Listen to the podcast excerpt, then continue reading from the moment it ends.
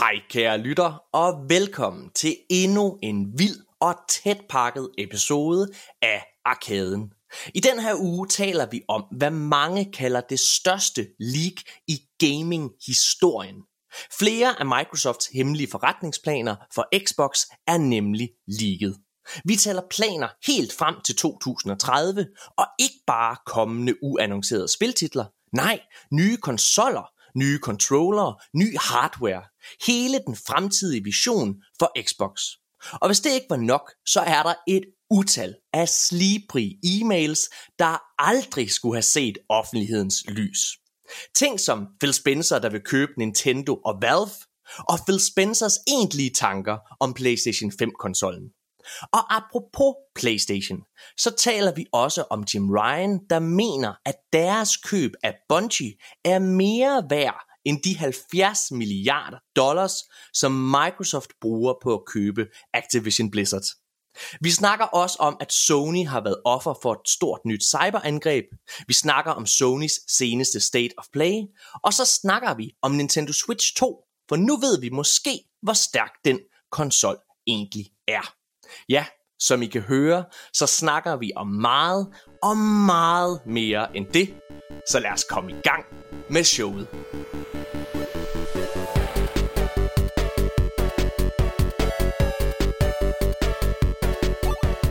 Hej alle sammen og velkommen til Arkaden episode 128. Arkaden er en podcast, hvor hver eneste uge taler om de største og de nyeste nyheder inden for gamingverdenen. Og så er vi Danmarks største gaming podcast. Og med os i dag, der har vi den fantastiske Nikolaj Jyde. Goddag Nikolaj.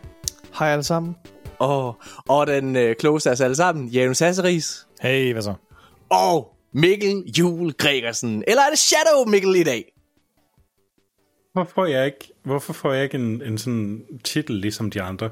Hvad, du, du, Shadow Mikkel er jo din titel, Mikkel. Jeg, jeg føler ikke rigtigt, altså det er sådan, den altid gode Janus. Der er en klogeste af os den, alle sammen. Den klogeste Janus. Ja. Okay. Og, og dejligste, Og smukkeste. smu, smukkeste, smukkeste Nikolaj. Og så den Så, person, og så er der Mikkel. og så den person, som i hvert fald er en person, der hedder Mikkel. En, en af de Du personer er et nogensinde. menneske. Du findes. En organisme, der forbruger ilt og laver CO2. oh my god, drenge, jeg har glædet mig så meget til at optage podcast. I fatter det ikke. Du skal Jeg ikke lade nogen fortælle dig, at du ikke har noget formål i livet. Du genererer masser af CO2. jeg. Lad os Jeg- med at snakke om mig. jeg har været... Øh, i, sidste episode, den optog vi lidt før. Og jeg tænkte, kan der no, hvor meget kan der Fordi jeg skulle på ferie i Grækenland. Jeg kom hjem Ja. i går aftes. Og jeg tænkte, altså, hvor galt kan det gå? Hvor meget kan der nå at ske? Jeg vidste, der kom den her øh, PlayStation Showcase, og blev meget, meget glad, da jeg tænkte, okay, der skete ikke rigtig noget. Faktisk så blev jeg meget øh, stolt af mig selv, fordi det spil, der blev annonceret, som var nyt nyt til det her, det var Helldivers 2. Og i selv samme podcast, der sagde jeg, hey, jeg tror, at Helldivers 2 er øh, PlayStations næste øh, titel. Og det viser, hey, hashtag Morten was right. Så jeg havde det rigtig, rigtig fedt med at tage på ferie. Og så kommer det største leak i gaming-historien. Xbox, den her kæmpe store kurv af leaks fra Microsoft. Og jeg, jeg, jeg, ved ikke, jeg ved ikke, hvad jeg skal gøre mig selv. Jeg har aldrig, jeg har aldrig oplevet så meget FOMO. Jeg har lyst til at snakke med Nikolaj og alle jer andre omkring det. Men jeg ved også, af samme årsag til, at, at vi ikke snakker med hinanden, før vi laver en anmeldelse af et Vi har snakket så meget uden dig, Morten. Du er virkelig gået glip af alle Er det de rigtigt? Okay, det er så fint. Det er så fint, fordi så er der i det mindste ikke noget af min energi, der går tabt af den her samtale. For det har, det har lagt og boblet ind i mig. Der er ikke noget at snakke om. Er det? Ej, Shit, man. Shit, jeg har, så jeg har virkelig glædet mig til at vende tilbage og, og så snakke omkring det her. Og så må jeg bare. Ja. sige, jeg har sagt det mange gange før, men nu er det helt sikkert bekræftet. Jeg kan ikke lide at tage på ferie. jeg hader, Jeg skulle lige så spørge, hvordan har din ferie været? ja, men Hvordan det, var, jeg, hvordan var Grækenland, Morten? jeg, jeg hader det. Jeg hader det. Jeg, jeg, jeg, jeg, kan simpelthen ikke, jeg kan simpelthen ikke fortælle noget, jeg synes, der er værd. Jeg vil gerne love lytterne nu. Det her det er en løfte. Arkaden går aldrig nogensinde på ferie. Det kan godt være, at de andre går på ferie. Det kan godt være, at Nikolaj, hey, vortende far, du går på ferie snart. På noget barsel måske, hvis du mm. får lov. Hvad? Jeg har, nu har jeg to arbejdsgiver. Fuck. Men, men jeg, jeg, jeg kan godt... øh, Hold kæft, hvor jeg bare ikke gider. Jeg synes det der med... Det, med, det min øh, kæreste og mine børn gerne vil, det er, de vil gerne tage på stranden hver dag, og så vil de gerne bade. Og det synes jeg er rigtig fint. Fint, ikke godt. Fint. Første gang, man er dernede. Men syv dage, hvad er det, I laver? Det er jo kedeligt. Det er jo fucking røvsygt. Er det bare det, vi skal fordrive tiden på? Heldigvis, så havde jeg taget min øh, datters Xbox Series S med ned, oh hvor jeg har God. gennemført Armored Core, så det har jeg brugt min tid på. Jeg sidder for at gennemført Sea of Stars. Rigtig, rigtig dejligt. At få, Det har været en produktiv ferie. Du har, du har arbejdet. Morten. men jeg hader det. Jeg hader det. Jeg hader at bruge tid sammen. Altså, det var, man er fanget, og min, jeg, var, jeg er jo nede sammen med mine svigerforældre også. De er der også. Og min svigerfar, han er en, han, han er en, øh, han er en gammel militærmand. Ham har jeg ikke det bedste forhold til i hele verden. Og så er han, han, han har de vildeste quirks. Og jeg kan godt mærke, at der er mange ting, der der bare bobler ind i mig, for at komme ud. Men for eksempel, så insisterer han på at skide med åben dør. Nej. Det er, altså, det er asserting dominance. Det Og, er det. og jeg må Nu skal bare du bare sige, høre, Morten. Ja, han, er, han insisterer på at skide med åben dør. Han er også Og jeg- typen, når han tisser, ikke også? Det er sådan mænd, når de, nogle mænd, når de tisser også, så skal de også assert dominance ved bare at tage den, skyde den stærkeste stråle, og så bare fyre den lige ned i vandet, så det bare lyder som fucking, altså, uh, Niagara Falls. Bare, altså, Og jeg må bare sige, ja, det, altså for det første, jeg synes, det er mærkeligt at skide med åben dør. Jeg vil gerne bare lukke den dør. Jeg, da jeg hørte det første gang, så sagde jeg, ej, det er jo en joke, Dan. Det gør du jo ikke. Luk nu den dør.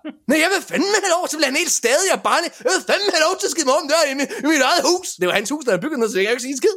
Jeg går ned og spiller Sea of Stars. Fint nok. Skider med lukket dør. Og så er det også mega mærkeligt, når vi sidder og snakker om at skide. Grækenlands, altså, øh, hvad kloaksystem er jo så dårligt. Man må ikke smide toiletpapir åh oh, gud. ned i toilettet. Oh. Det er det klammeste, jeg nogensinde har oplevet. Altså, hvad, hvad, hvad, hvad, hvad fanden er der foregår? Jeg skal godt forstå, at alle vil ned og bade hele tiden, fordi de vil gerne vaske sig rene hele tiden. Fuck, hvor er det klamt. Havde et, et uh, BD? Nej. Eller Virkelig klamt. altså, det er noget. Der står en spand ved siden af Nikolaj. Der, der, er en, der er en dedikeret spand. Altså, hvis man ikke kan bruge toiletpapir, og man skal så trække ud, mens man sidder på lokummet og får, får plask. Nej, nej, nej. Altså, du bruger toiletpapir. I stedet for at Rebound. smide det ned i toilettet, så smider Nej. du ned i en spand ved En siden spand ved siden af. Nej, så vil jeg hellere ud og skide i et hul. det kan gøre. hvad? Så, så skal du bare være sikker på, at du uh, booker et hotel tæt på stranden, fordi så kan du altid bare rette derned og skide. Ja. Jeg, ja, altså, det er virkelig, virkelig, det er fucked up. Nå, men hey, jeg har virkelig, som sagt, jeg har glædet mig til at vende tilbage. Og mm. øh, hvor, hvor vil jeg bare lige starte ud med at sige, hvor er det fedt at se, hvor, øh, hvor, hvor, hvor, hvor godt det fortsat går for arkaden, og hvor, hvor meget jeg glæder mig til, til fremtiden. Mikkel, du stopper på dit arbejde på fredag. Ja, det gør jeg. For start fast ved os. Ja, det gør jeg. Er det, hvordan har du det med det? Det bliver, det bliver fucking vildt. Du, skal, Altså, du skal det er, Ja. det, det er jo... øh, Det, det er fucking crazy. Du, øh, hvis, man, øh, hvis man leder under en sten, så øh, vi starter jo øh, en konkret YouTube-kanal. Og Mikkel, du bliver hyret ind som fast klipper. Så du skal Sådan. lave alt vores content. Planen Ja, er at altså, starte... det, det, er jo, det, er jo næsten, det er jo næsten sådan en producer-rolle, fordi jeg kommer også til ligesom at skulle koordinere det behind the scenes og så Ja. videre. Ja, Ja. Det bliver, det bliver rigtig fedt. Øh, Må jeg ja, lave en dokumentarserie om uh, Microsoft Flight Simulator? Jamen Ja, altså, hvis du- eftersom jeg står for, øh, for YouTube-kanalen nu, ja. så ja, selvfølgelig. Ja! Sådan. Okay, Mikkel, der Hvis skal du, lige... hvis, hvis du filmer og researcher og, øh, og selv betaler for flyene og så videre og så videre, så skal jeg nok så skal jeg nok give dig feedback på klippet. Når jeg har lavet det, så, når jeg, Ja, præcis. så når jeg har lagt en, når jeg har lagt en uges arbejde i at klippe noget, Uh, du tror, du kan lave en dokumentar om Microsoft Flight, Flight Simulator på en uge? I've been prepping for this my whole life. Ja, fair nok. Mikkel, jeg bliver bare lige nødt til lige sådan at slå fast. Det der hierarkisystem, det tror jeg lige, vi skal... Der er noget, I lige skulle have vendt der. det skal vi lige er- have vendt også, tror Det er mig, der har bukserne på nu. nej, nej, det er det ikke, Mikkel. Det er det ikke. Er? Okay, prøv at høre. Jeg glæder mig rigtig meget. Der er også mange ting. øh, Jeg vil ikke afsløre, hvem vi har med. Vi har en meget spændende gæst med i næste uge. Og fuck det, jeg siger det med det samme. Vi har en fyr, der hedder Jakob Schmidt, Jakob Schmidt med. Det siger sikkert ingenting. Jakob Schmidt er en af dem, der øh, har lavet Cocoon, det her nye danske spil. Han er Jeppe Carlsens samarbejdspartner, og de kommer øh, begge to fra, øh, hvad fuck hedder Playdead Studios, og har lavet ja. deres eget, og lavet deres eget nye spil her, Cocoon, som kommer om lidt, og øh, han er med som gæst, efter spillet er udkommet. Uh-huh. Så alt efter, hvordan det her spil bliver modtaget, så kan det enten blive en rigtig glad og dejlig samtale, eller en rigtig ærgerlig, rigtig, rigtig akavet. akavet samtale. Nå, Jacob, hvorfor var det ikke tog jeg mere sammen? Så vil den jo aldrig gå. Hvorfor var det, I valgte at lave et dårligt spil? Hvorfor kan I ikke lide jeres fangruppe? Hvad? Nej, Nej jeg, jeg, er helt, jeg vil bare lige sige, jeg, jeg øh, har snakket øh, med nogen, der har prøvet det her spil, og det skulle efter sigende være rigtig godt. Så jeg tror, man kan roligt glæde sig til Cocoon. Ja. Det, det Ja, er altså, spændende. Altså, jeg ved ikke, jeg synes, du kommer lidt hen, hurtigt hen over det der Playdead. Altså, det, mm. det, det er jo, hvad hedder det, Limbo og... ikke andet- Og. Inside, altså det er jo dem, der lavede det, og øh, Jeppe Carlsen er, var, var, var jo ligesom sådan, hvad hedder sådan en game designer på de to spil, og har også lavet et uh, solospil, som er, sådan, er blevet okay med- modtaget, så vidt jeg ved, og nu, og nu har han så lavet det her sammen med, mm-hmm. Jeppe, øh, med Jakob? Jakob. Yes, Ja. alle de J-navne der, det kender jeg ikke noget til. Øh, så jeg tænker da, det, det kan man da godt være hyped over. Det burde man være hyped over. 100%. Jeg glæder mig i hvert fald rigtig, rigtig meget. Øh, og så jeg synes, det bliver jeg, spændende at lave sammenligningen også med, med hvad hedder det, Sommerville. med Somerville. Ja. Ja. Mm-hmm. Det er lidt spændende, altså, for jeg, jeg elsker det her, jeg elsker den her, den, lige netop den her indie-genre her. Øh, jeg synes, øh, jeg synes, det er rigtig fedt. Så ja, at holde, holde de her ting op mod hinanden og se, fordi der er jo ligesom afbrækker, flere afbrækker fra øh, en, hvad hedder det, Playdead til Sydland, som har gået ud og lave deres egne projekter. Ja. Jeg øh, kan også fortælle, at øh, Nikolaj og mig, vi, øh, vi spiller Cyberpunk. Eller jeg har faktisk ikke startet nu, men Nikolaj har Og jeg er færdig. Du er færdig. Hvad Så hedder der er det? ingen, der spiller Cyberpunk. Så vi kommer med vores anmeldelse af Cyberpunk Phantom Liberty her i næste uge, øh, hvor vi har en fyr, der hedder Lav Eskelsen med, som er øh, skriver og anmelder på Hardwire. Hallo! Shout out ud Shout til out til alle Lav. dem, der Og skriver på fucking Hardwire, som vi jo fucking styrer nu, mine damer og herrer. Hardwire is ours. We have taken Hardwire. Jeg glæder mig til at høre, hvad jeg har at sige om Cyberpunk, og jeg glæder mig også til at spille det selv. Det er jeg 100% sikker på, at jeg skal, faktisk. Ja. Jeg, øh, jeg har smugkigget i, øh, hvad du? hedder det, Lav, som er med i hans anmeldelse. Jeg vil ikke sige, hvad han har givet den score. Det kan man jo lige gå ind og lige give et lille klik derinde på Hardwire, og så se, hvad han har givet den. Øhm, ja. I øvrigt en, øh, en rigtig, rigtig god anmeldelse, skrevet. Alle, der fucking skriver derinde. Helt seriøst, jeg er, det var det, jeg prøvede at sige, der er et kæmpe shout-out til alle de mennesker, der sidder og skriver. Jeg er så fucking stolt af det content, der er lavet. Jeg er helt legit her i dag. Mm-hmm. Jeg har, jeg har taget, jeg tror, jeg har fire artikler med i manus, hvor jeg har valgt Hardwire som kilde, fordi det er virkelig, virkelig godt. Øh, og vi laver jo altså opsøgende journalistik. Der er en dejlig mand, der hedder Anders Fri, som har joinet teamet, som har lavet en, øh, en hvad hedder det, en, en historie, hvor han har hævet fat i Emil Hammer, som jo øh, vi faktisk havde med som gæst en gang. Så han er uddannet på det, uddannet, han har en Ph.D. i gaming. Og han har udtalt sig lidt omkring Microsofts cloud-fremtid, som han er en lille smule usikker på. Fucking fed piece, altså. Det, ja. det er virkelig nice. Ja. Så gode ting i vente. Og det har vi også i den her episode, fordi vi skal snakke omkring det her lige. Der er så mange nyheder, mine damer og herrer, at jeg, vi bliver nødt til bare at hoppe direkte ud i det. Vi kan ikke bare soppe. Vi bliver nødt til at hoppe direkte ud i bølgerne. Det er en metafor, jeg kan relatere til, fordi jeg lige har været på badeferie. Jeg skulle til at spørge, hvad, har du været inspireret af nogle hændelser, der er for nylig, der er sket i dit Jeg har været inspireret af min svigerfar, der insisterer på at kigge mig i øjnene, mens han laver lort. Så du kunne høre Kick! bølge, bølgerne stå højt nede i kummen. Wow, Mikkel, hvor er du god. Ja, Oh, shit. Nå, okay. Uh, lad os hoppe direkte ud i det.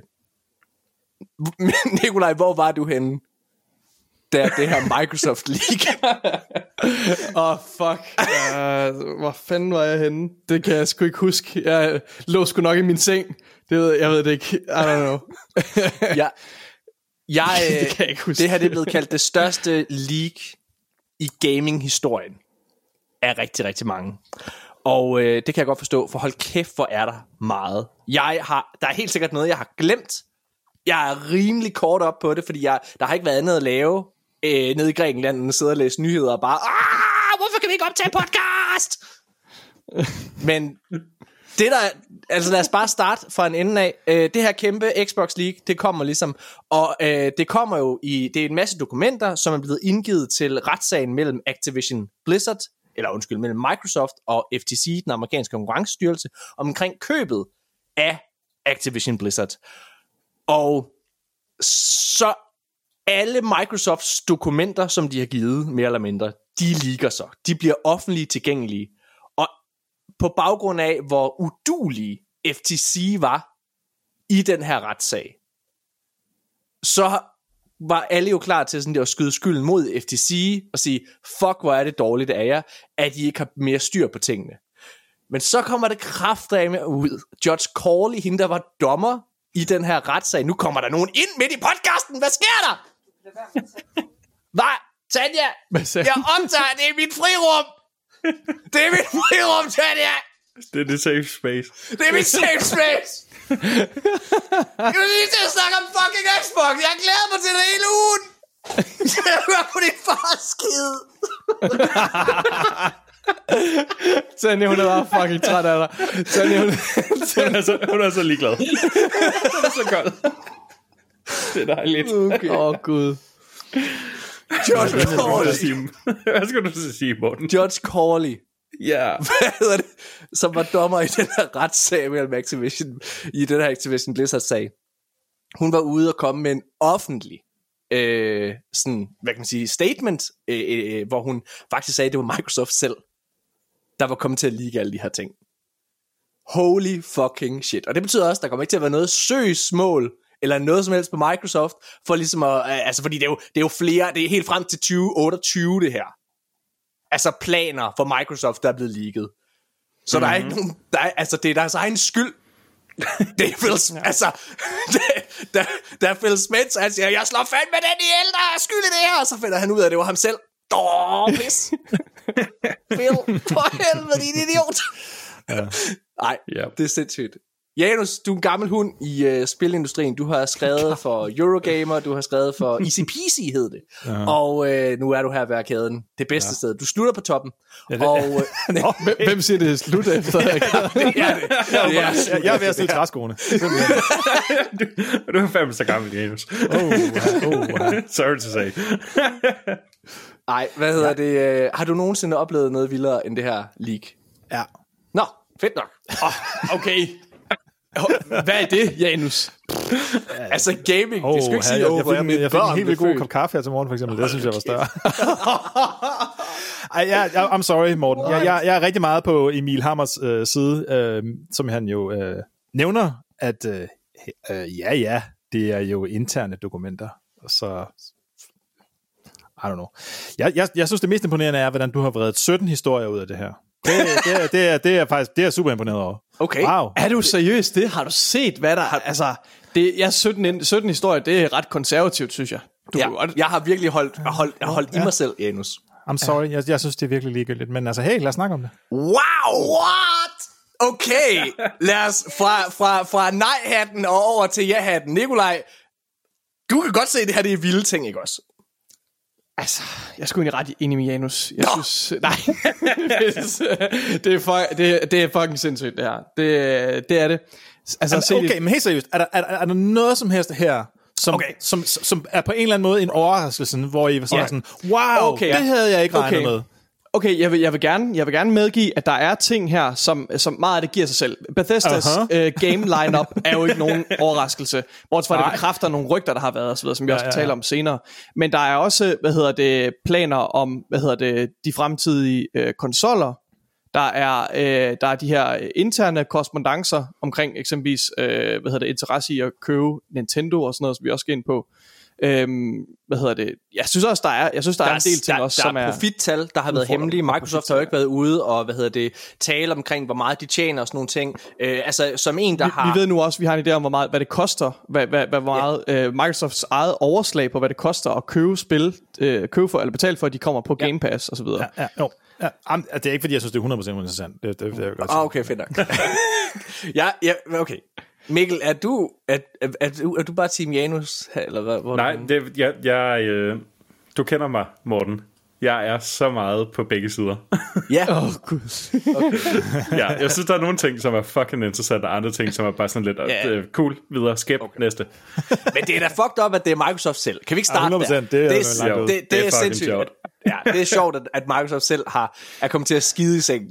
Det, er, det, Ja. det svarer lidt til Phil Spencer, der, der vågner op, og så er der lort i sengen, og han går fuldstændig amok på hans kone, ikke? Har du fucking... Bette! Har du fucking skidt i sengen? Nej, det har jeg ikke. Skidt i Har du fucking skidt i sengen? Nej, det er dig, Phil, der har skidt i sengen. Jeg har ikke skidt i sengen. Jeg har jo sagt flere gange, Bane. Jeg har han på lort hele vejen op skide med åben dør og kigge dig i øjnene imens, Bane. Så jeg kan ikke skide i sengen, så kommer han til at kigge i skængen, og så er det fucking lort. det hele Ud af røv.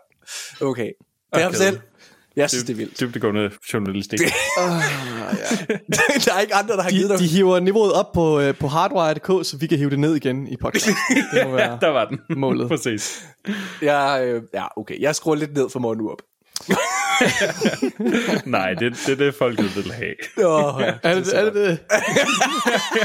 Ja, der, Okay, der må være en grund til, at vores lyttertal er så højt. Det Der er en ikke være balance. Jamen, det er rigtigt, men der er en balance. Alle være skal mig. være glade. Vi skal også kunne holde ud og, være, og, være, og lave podcasten, Mikkel. True, true. Og, Okay, prøv at høre, mine damer og herrer. Lad os, uh, lad os hoppe ud i det, i, i det største, eller det første league. Um, og det er ligesom, at Xbox kommer med en mid-gen refresh her mm. i slutningen af 2024. Uh, den går under kodenavnet, det er en refresh af, hvad hedder det, Xbox Series X blandt andet. Uh, og der kommer en ny Den, den store controller. kraftfulde. Den store, ja, den store, den store kraftfulde Xbox. Øh, og den går under kodenavnet. Jeg kan altid godt lide deres kodenavn. Den her, den hedder øh, Codename Brooklyn. Ligesom The Brooklyn Bridge. Jeg, jeg, jeg elsker, jeg elsker Xbox's kodenavn. Det er, så ma- det er så tit, at jeg vil ønske, at konsollerne... okay, hvad med hed- kodenavnet på controlleren, Morten? Prøv at sige det. Okay, hvad er det, hvad er det kode, øh, det der med S, ikke? Hvad fuck er den hedder? Sibyl. Du nok sige. Sibyl, tror jeg, det er. Det er Brooklyn med I. Det er lidt mærkeligt. Ja. Sibyl. Jeg, øh, men okay, så jeg er ikke en stor fan af øh, console øh, refresh-delen. No. Jeg, øh, jeg har jo før også skældt PlayStation ud, fordi at de angiveligt arbejder på, og angiveligt, altså Tom Henderson, han har lavet ret pålidelig dækning af, at der kommer en PlayStation 5 Pro. Og det har jeg skældt dem ud for, PlayStation, fordi jeg synes, at det er for tidligt. Jeg synes, vi er i en konsolgeneration, hvor der er mange, der først lige er begyndt at få fingrene i de her, i gåsøjne, nye konsoller. og så det, at der allerede kommer noget nyere, noget nyere og noget bedre, når man lige har købt noget. Det svarer til, at du går ned, og så køber du en ny bil, og dagen efter, så er der allerede kommet en ny model. Så hvorfor, så skulle man have ventet til dagen efter med at købe en bil? Ja. Ja, ja, okay, jeg, Jeg, synes... jeg, jeg, tror, jeg, jeg tror, den her den er en af dem, hvor jeg er på, i Camp Janus. Jeg, Hvor det er jeg, sådan altså- jeg, jeg er i Cambianus også for den her. Ja. Altså, selvfølgelig kommer der en refresh. Det, det eneste, der er med det, det er, ja, det, det er stadig for tidligt. Ja. De kan sagtens malke det hardware, de har lige nu. Det, der er interessant ja, ved det, det er, at det jo på en eller anden måde ikke er en refresh. Nej, lige præcis. Det står der jo nede i, nede i artiklen, ikke? At, at, at, at Phil Spencer har tidligere sagt, at han synes, at, at det er ikke noget, de prioriterer hos Microsoft, og han, han er faktisk ikke specielt meget fan af det. Øh, og så noterer de jo her i artiklen, at det ser ud som om, han har holdt sit ord, som de siger, fordi den har faktisk ikke bedre specs. Nej. Øh, ikke, altså ikke øh, til at afle, øh, øh, hvad hedder sådan noget, afvikle spillene bedre specs har den ikke. Den har en større harddisk, så vidt jeg kan se, og der er noget med noget wifi og sådan noget. To så den helt anderledes ud. Og strøm, strømforbrug er nok en af de store øh, Ja. ja. forbedringer i gåsøjne, kan man Og det sige. er også meget cool nok, men den, Ja. ja. den, den kommer altså ikke til at kunne køre dine Xbox-spil bedre. Nej, og det jeg- synes men- jeg er fucking kedeligt for at være ærlig. Jeg synes, jeg, synes jeg, altså jeg, jeg ved ikke, jeg kan godt være for mid-gen refresh, hvis de rent faktisk giver, ligesom PS4 Pro'en, altså giver noget ekstra horsepower. Så det tror jeg, ja. det tror jeg godt, jeg potentielt kunne være lidt solgt på igen. Altså der, der, jeg, jeg vil jo ikke selv gå ud og bruge penge på en mid-gen refresh på en mm. konsol. Det vil jeg ikke. Jeg synes, det er dumme penge. Øh, for, mit, mit vedkommende. Hvis nu jeg, det ved jeg ikke, ja. Ja. Det her er fuldstændig uinteressant for mig. Altså, og jeg synes, Der er to sider design- at se det på, ikke? fordi det andet, det, jeg, jeg synes jo også, i princippet har han jo også ret, Phil Spencer, det her med, at, at når det sker, så gør det jo, at der kommer ligesom sådan en A og B-hold, ikke? Mm. Altså så er der nogen, der sidder Ja. ja. stok med den gamle konsol, som så i princippet har udviklet spiludviklerne jo så lov til at lave spil, der ligesom er optimeret til den nye ting, ikke? Og så sidder det med den gamle konsol og er sådan lidt, Ja. okay, fuck os, eller hvad? Det er jo faktisk Så- en af årsagerne til, at de har været så meget for det her console parity, eller fuck det hedder, ja. Ja. med Xbox Console Series S, som jo, hvor der jo allerede er et A og B-hold, som du refererer lidt til her, Janus, på, Ja. på Xbox-fløjen. Jeg, jeg tror for mit vedkommende, jeg vil også sige, jeg hader ikke det her. Men det kommer, øh, hvad hedder det, det er fordi, jeg synes, der er, der hvor der kommer noget nyt her, det er på controllerfronten, og det vender vi tilbage til om lidt. Ja. Øh, men jeg synes, selve konsollen, det, den kommer ikke med noget nyt som sådan. Ja, den har mere harddisk, nogle ting, men jeg synes bare, det er, Den er rundt. jeg, jeg tror, der hvor jeg kan lide det, det er, at det her det bliver et salgsargument for at købe en ny Xbox for mange. Altså, øh, altså det, det er en grund til, og jeg bliver nødt til at eje det nyeste og det bedste. Jeg har det, Det det har- virkelig som om, at det ikke er. Ja, men det er jo fordi, det, det er. Fordi der ikke er nogen opgradering. Men det er der jo. Der er jo altså i forbrugerens øjne, øh, hvad kan man sige, så er der jo så er der jo mere øh, tilarbejder. Der kommer nok også en ny controller med i, ja. i, i, i Jeg tror det, i pakken. simpelthen ikke, at det er nok. For mig så vil den nye controller at- måske være altså interessant nok Men, til at men få. den at vil du købe købe separat. konsol? Ja. Vil du ikke købe den separat? Jeg håber, den er solgt, bliver solgt separat. Og det gør den helt sikkert. Ja, det er 100%. Men- men lad os prøve at jeg, synes, jeg synes næsten, det mest interessante, det er, at de, sådan, de kalder den now adorably all digital. Det er så klamt. det er bare sådan, men igen, altså, jeg, jeg har været, jeg gik all digital, digital fem år siden, ikke også? Så det, det, men jeg er godt klar over, at jeg er ikke alle forbrugere, og der er stadig mange, der godt kan lide, mm. altså physical øh, copies. Jeg har bare efterladt det stød for, har for længst, så I couldn't give a fuck. Det, Altså, det, har, det har lidt samme ordlyd som Apples. Vi var så, øh, vi var så øh, modige, at vi fjernede. Ja. Øh, Vi har Ja. fundet på den her helt nye teknologi. Apple, dine redninger her på jorden har fundet en ny teknologi. Den hedder USB-C. Jeg, øh, jeg, vil bare gerne, jeg vil bare gerne lige sige, Det lad, det lad, lad os lige prøve at tale et par, et par stats omkring den her konsol. Fordi det er, de siger Kom nemlig, øh, de, Brooklyn, det her det er i Microsofts interne marketingspapirer, øh, hvor der står Brooklyn Xbox Series X Refresh. Uh, the most powerful Xbox ever, now adorably all digital, som I siger. Brooklyn will deliver 4K Gen 9 console gaming with more inter- internal storage, faster Wi-Fi. Jeg ved ikke, hvordan fanden de laver det hurtigere Wi-Fi. Uh, det det er ud- standarder. Nå, okay. Som Reduced power hurtigere. and more uh, immersive controller and a beautiful redesign that elevates the, uh, the all-digital experience of the Xbox ecosystem. Jeg synes, det er... Jeg synes, jeg, jeg hader det. Jeg hader det en lille smule. Det må jeg bare sige. Så lad os gå videre. Lad, lad os gå videre. Okay, kan, kan vi snakke om, der, for der, er- der er en, en konsol mere på tidslinjen, Ja. øh, og det er den her med codename Elwood, som er opgraderingen til Series S-udgaven. Ja, og husk, når vi, korrekt. når vi snakker om de her ting, og det er bare for forbrugere, eller for lytteren hedder det, Mhm. mm-hmm. øh, lad os huske lige at snakke omkring, når vi nævner noget med en tidslinje, hvad er det så, vi snakker om, for eksempel? Når det er, du, Okay, Nikolaj, nævner jeg en tids- refererer til den tidslinje, som fremgår i de her dokumenter. Øh, et slide, om du vil, noget grafik, der viser en tidslinje, hvor den her, øh, den her Elwood, som den hedder, det øh, kodenavnet for opdateringen til Series S-udgaven, mm-hmm. den udkommer i slut august fiscal year 25, hvor at Brooklyn er sat til at udkomme slut oktober fiscal year 25. Financial. Financial year. Tak. ja. tak Og det betyder, at den her er- tidslinje, den er, det, hele den her PowerPoint, hele den her præsentation, ja. den ligger i en stor lang tidslinje, som går frem til 2028, eller 2030 tror jeg faktisk, den der er. Øhm, og i hvert fald frem til den næste konsol, der nogle gange kommer, og den kommer vi også til at snakke om senere.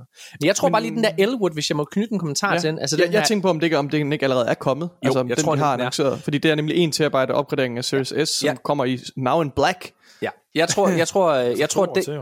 Jeg tror, den her, jeg tror, den her Elwood, Ja. lige præcis som du siger, Nicolaj, jeg tror, den er allerede udkommet. Det er vigtigt at understrege, alle de her dokumenter, som vi sidder og kigger på, det er dokumenter, som er fra 2020. Det er ja. rigtig, rigtig gamle papirer, og hvad kan man sige, planer, strategier og sådan nogle ting. Der er meget, der kan nå at ændre sig på tre år. Der er garanteret allerede meget, der har. Der er Tidslinjer, meget. tidslinjer har det med at ændre sig især, Yes. tænker jeg. Men, men, men det, der, det der gør, at jeg, at jeg føler, for det er rigtigt, hvad du, jeg ved ikke, om, jeg, jeg, ved ikke, jeg har ikke set 2020 eksplicit stak nogen steder, men det, det lyder plausibelt, altså givet hvor, Det, øh, det hvornår ligger release. i... Øh, Jeg, jeg kan ikke huske, hvor jeg har fundet Okay, det, men det, men, det, men, men på et tidspunkt ja. kommer vi også til at tale om game release schedule, og det er tydeligt, at der er spil, øh, som skulle være udkommet i 2022, som ja. stod på den der gamle schedule. Så den er, den er gammel, den er flere år gammel. Mm-hmm. Men jeg tror stadigvæk, den er relevant, øh, baseret på, at det her, det, de her planer tager jo lang tid at søsætte. Den, den her maskine her, det er jo en fucking kæmpe tanker. Mm. Den kan ikke bare lige, øh, hvad hedder det, lave en, øh, en 180'er vel. Så, så de her planer, de går mange, mange år forud, ikke også?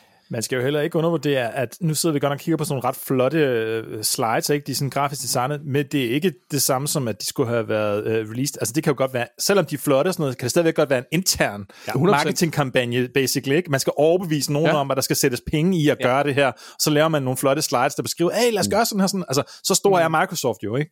At, Ja. at, at, at Ja. det her, det er jo sandsynligvis faktisk interne slides, ikke? Det er ikke det er noget, interne, og jeg 100%. tror, hvis, hvis Men jeg må tror, vi- jeg tror, vi er længere end- Hvis jeg, jeg må sætte længere- perspektiv, ja. Nikolaj, ja. det her, så tror jeg, at den måde, vi kan se på alt det, vi snakker om i dag, vi kan se det som, som øh, eksisterende ting. Det vil sige, jeg tror ikke, vi kan bruge datorerne, der står noget sted, fordi. Nej. det er estimater. Altså når for eksempel, øh, når der bliver snakket 2028, jamen det kan da godt være, at den næste konsol først kommer i 2029. Der er også nogle spiludgivelser, som vi snakker om, som er blevet sat øh, blandt andet øh, Indiana Jones, som skulle Ja. være udkommet øh, i 2022. Sidste år, ja. Altså, hvor det jo også tydeligvis er rykket fremad i processen, ikke også? Så jeg, jeg, jeg tror, vi kan kigge på alle de her produkter, og så kan vi se på det som ting, der eksisterer, to, ting, vi kan forvente kommer i fremtiden, eller måske allerede er kommet, som den her Series S-model her, som jeg tror altså, det er den, der er udkommet. Øhm, men, men, men alle tider og, og, og, og planer, tidsestimater og sådan nogle ting, det skal vi tage med et grænsalt. Alright. Lad os uh, snakke om den her nye controller, fordi det er faktisk her, hvor jeg synes, det begynder at være interessant. yeah. Sibbles, uh, the next Xbox controller, the world's best controller, now playing on a screen near you. Den, øh, det, det, det, det mest interessante ved den her controller, det er, at den kommer til at have haptic feedback. Og det er jo det, som PlayStations øh, DualSense Edge, eller ikke bare ikke DualSense Edge, DualSense controlleren, den havde med sig blandt andet. Så det, at de implementerer noget af det i deres Xbox controller, det synes jeg lyder helt fantastisk. Det er også noget, Phil Spencer faktisk allerede sagde, øh, da PlayStation 5 var udkommet, det var, at han synes, det, det som DualSense controlleren gjorde, det var virkelig spændende, og det kunne vi forvente komme over mm-hmm. i Xbox-land også. Nikolaj, du, er, du var ret op at køre over controlleren, tror jeg. Uh, hun er helt sikkert, og nu har jeg lige uh, haft, uh, hvad hedder det, Spider-Man 2 i hænderne jo for ikke ret lang siden, uh, hvor jeg igen har mærket den her, uh, hvad hedder det, haptic feedback i controller, og jeg må bare sige, jeg synes bestemt ikke, at det er en gimmick. Så det er en feature, jeg ser rigtig meget frem til. Men en uh, bemærkelsesværdig, uh, hvad hedder det, mangel her, synes jeg desværre, baseret på den her plan, det er jo adaptive triggers. Fordi jeg er en trigger-happy motherfucker. Jeg kan godt lide weighted uh, adaptive triggers, som man kan bruge til at simulere øh, hvad hedder det, aftrækker på, på forskellige våbentyper og sådan noget. Det synes jeg er mega fedt. Øh, og igen, Spider-Man, øh, hvad hedder det, Insomniac og de forskellige first party øh, hvad hedder det, Sony-titler er jo fucking gode til at bruge de her features. Så det, det ærger mig, at der ikke er adaptive triggers, fordi jeg tror, for mit vedkommende er det nok den feature, jeg helst vil have, hvis jeg Okay. fik valget mellem de to. Se, det er sjovt, Men, fordi men, jeg, jeg, har det. men jeg anerkender, og jeg har før været mere, øh, hvad skal man sige, øh, hvad hedder det, været mere været meget mindre interesseret i hapt, haptic feedback, end jeg er nu. Altså, så. Jeg, øh, jeg har det modsat dig. Hvis jeg skulle vælge mellem, at, hvilken af de her to features, jeg helst vil have, så er det helt sikkert øh, ikke den her, øh, hvad hedder det, ha, hvad hedder det trigger-ting her. Hvad du kaldte det? Undskyld. Hvad fanden er det? Øh, hedder? adaptive triggers. Adaptive triggers, lige præcis. Ja. Ja. Det er ikke det, jeg vil have. Jeg vil have haptic feedback. Øh, ha- haptic øh, feedback. Fordi okay. jeg, jeg synes, ideen om adaptive, adaptive triggers er rigtig fed. Og jeg synes også, der er steder, hvor det er implementeret i Playstation-spil virkelig godt. Problemet for mig, det er, at det er ald- men der er aldrig nogen udvikler, der indtil nu, i min optik, har været helt committed på det her.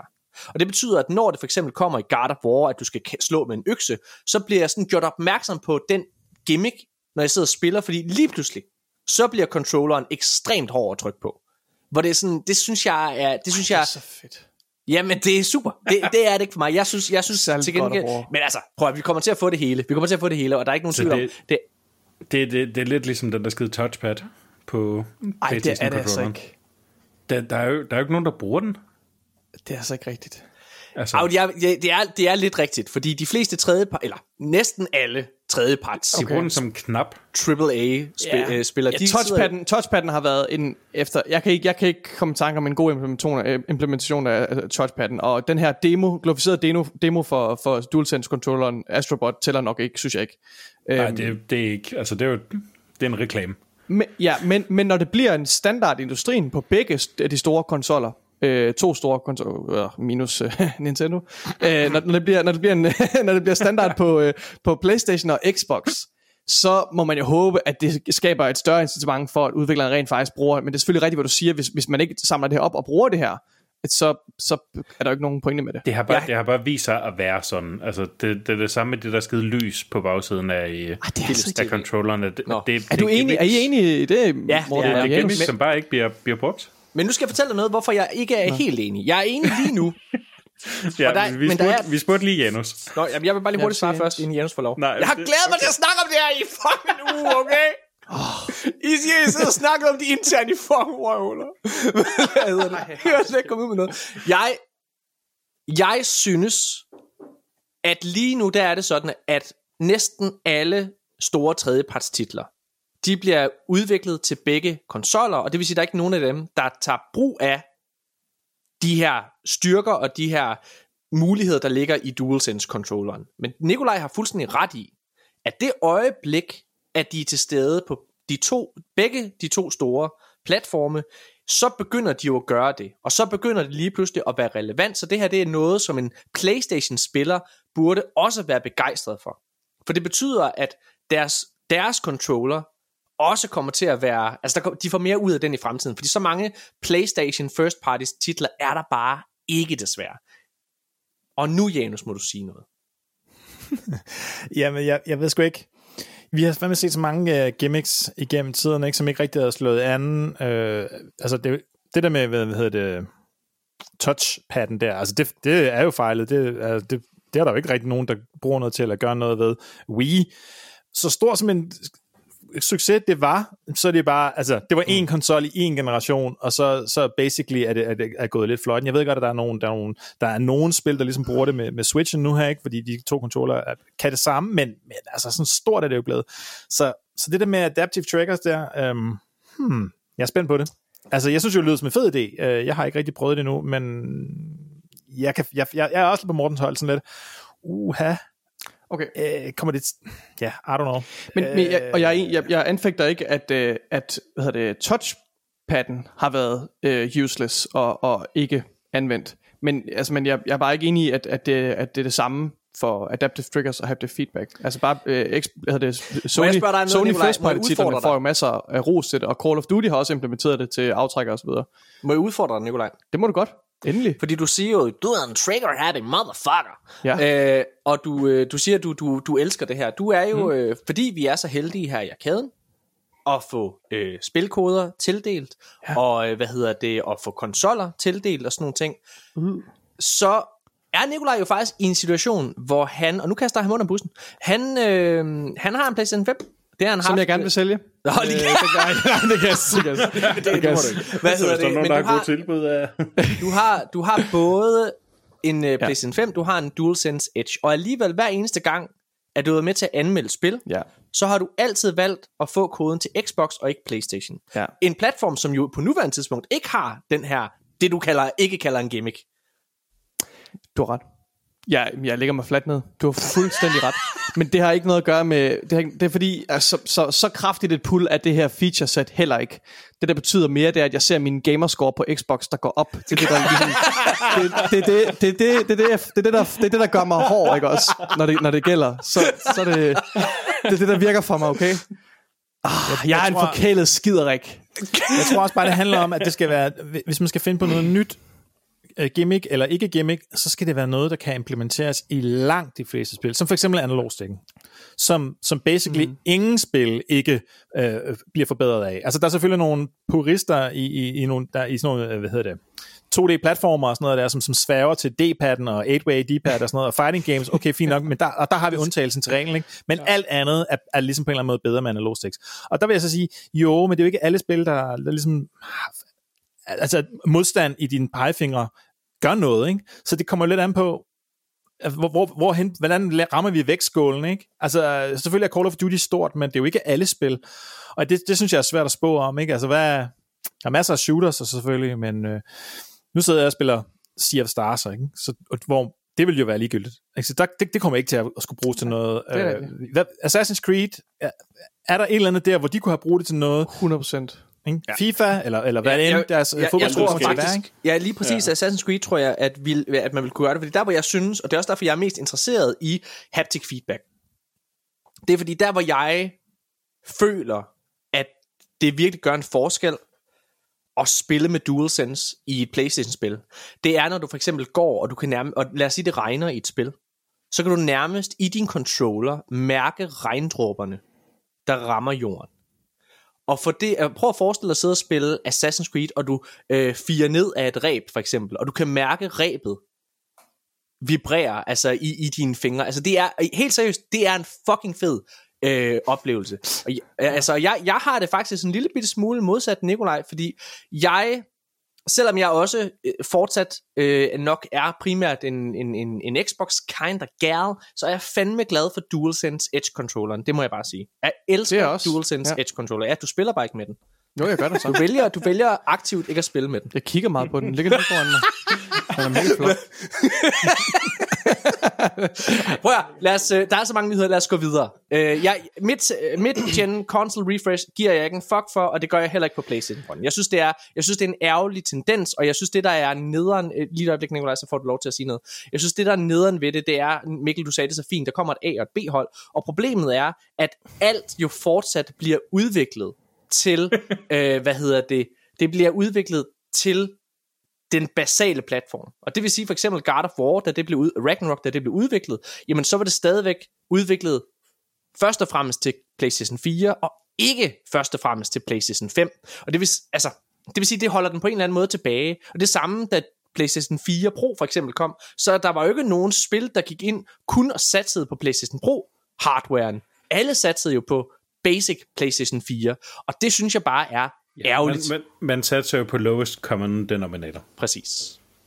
Og Nikolaj, du rækte hånden op forsigtigt. Hvad vil du sige? Det er fordi, jeg synes ikke, vi er færdige med at snakke om controlleren. Må jeg, må jeg bare lige, vi behøver ikke at diskutere de sidste Jeg vil gerne lige sige de her feature set højt, fordi det, det, altså, haptic feedback er ikke den største feature, der er på den her controller.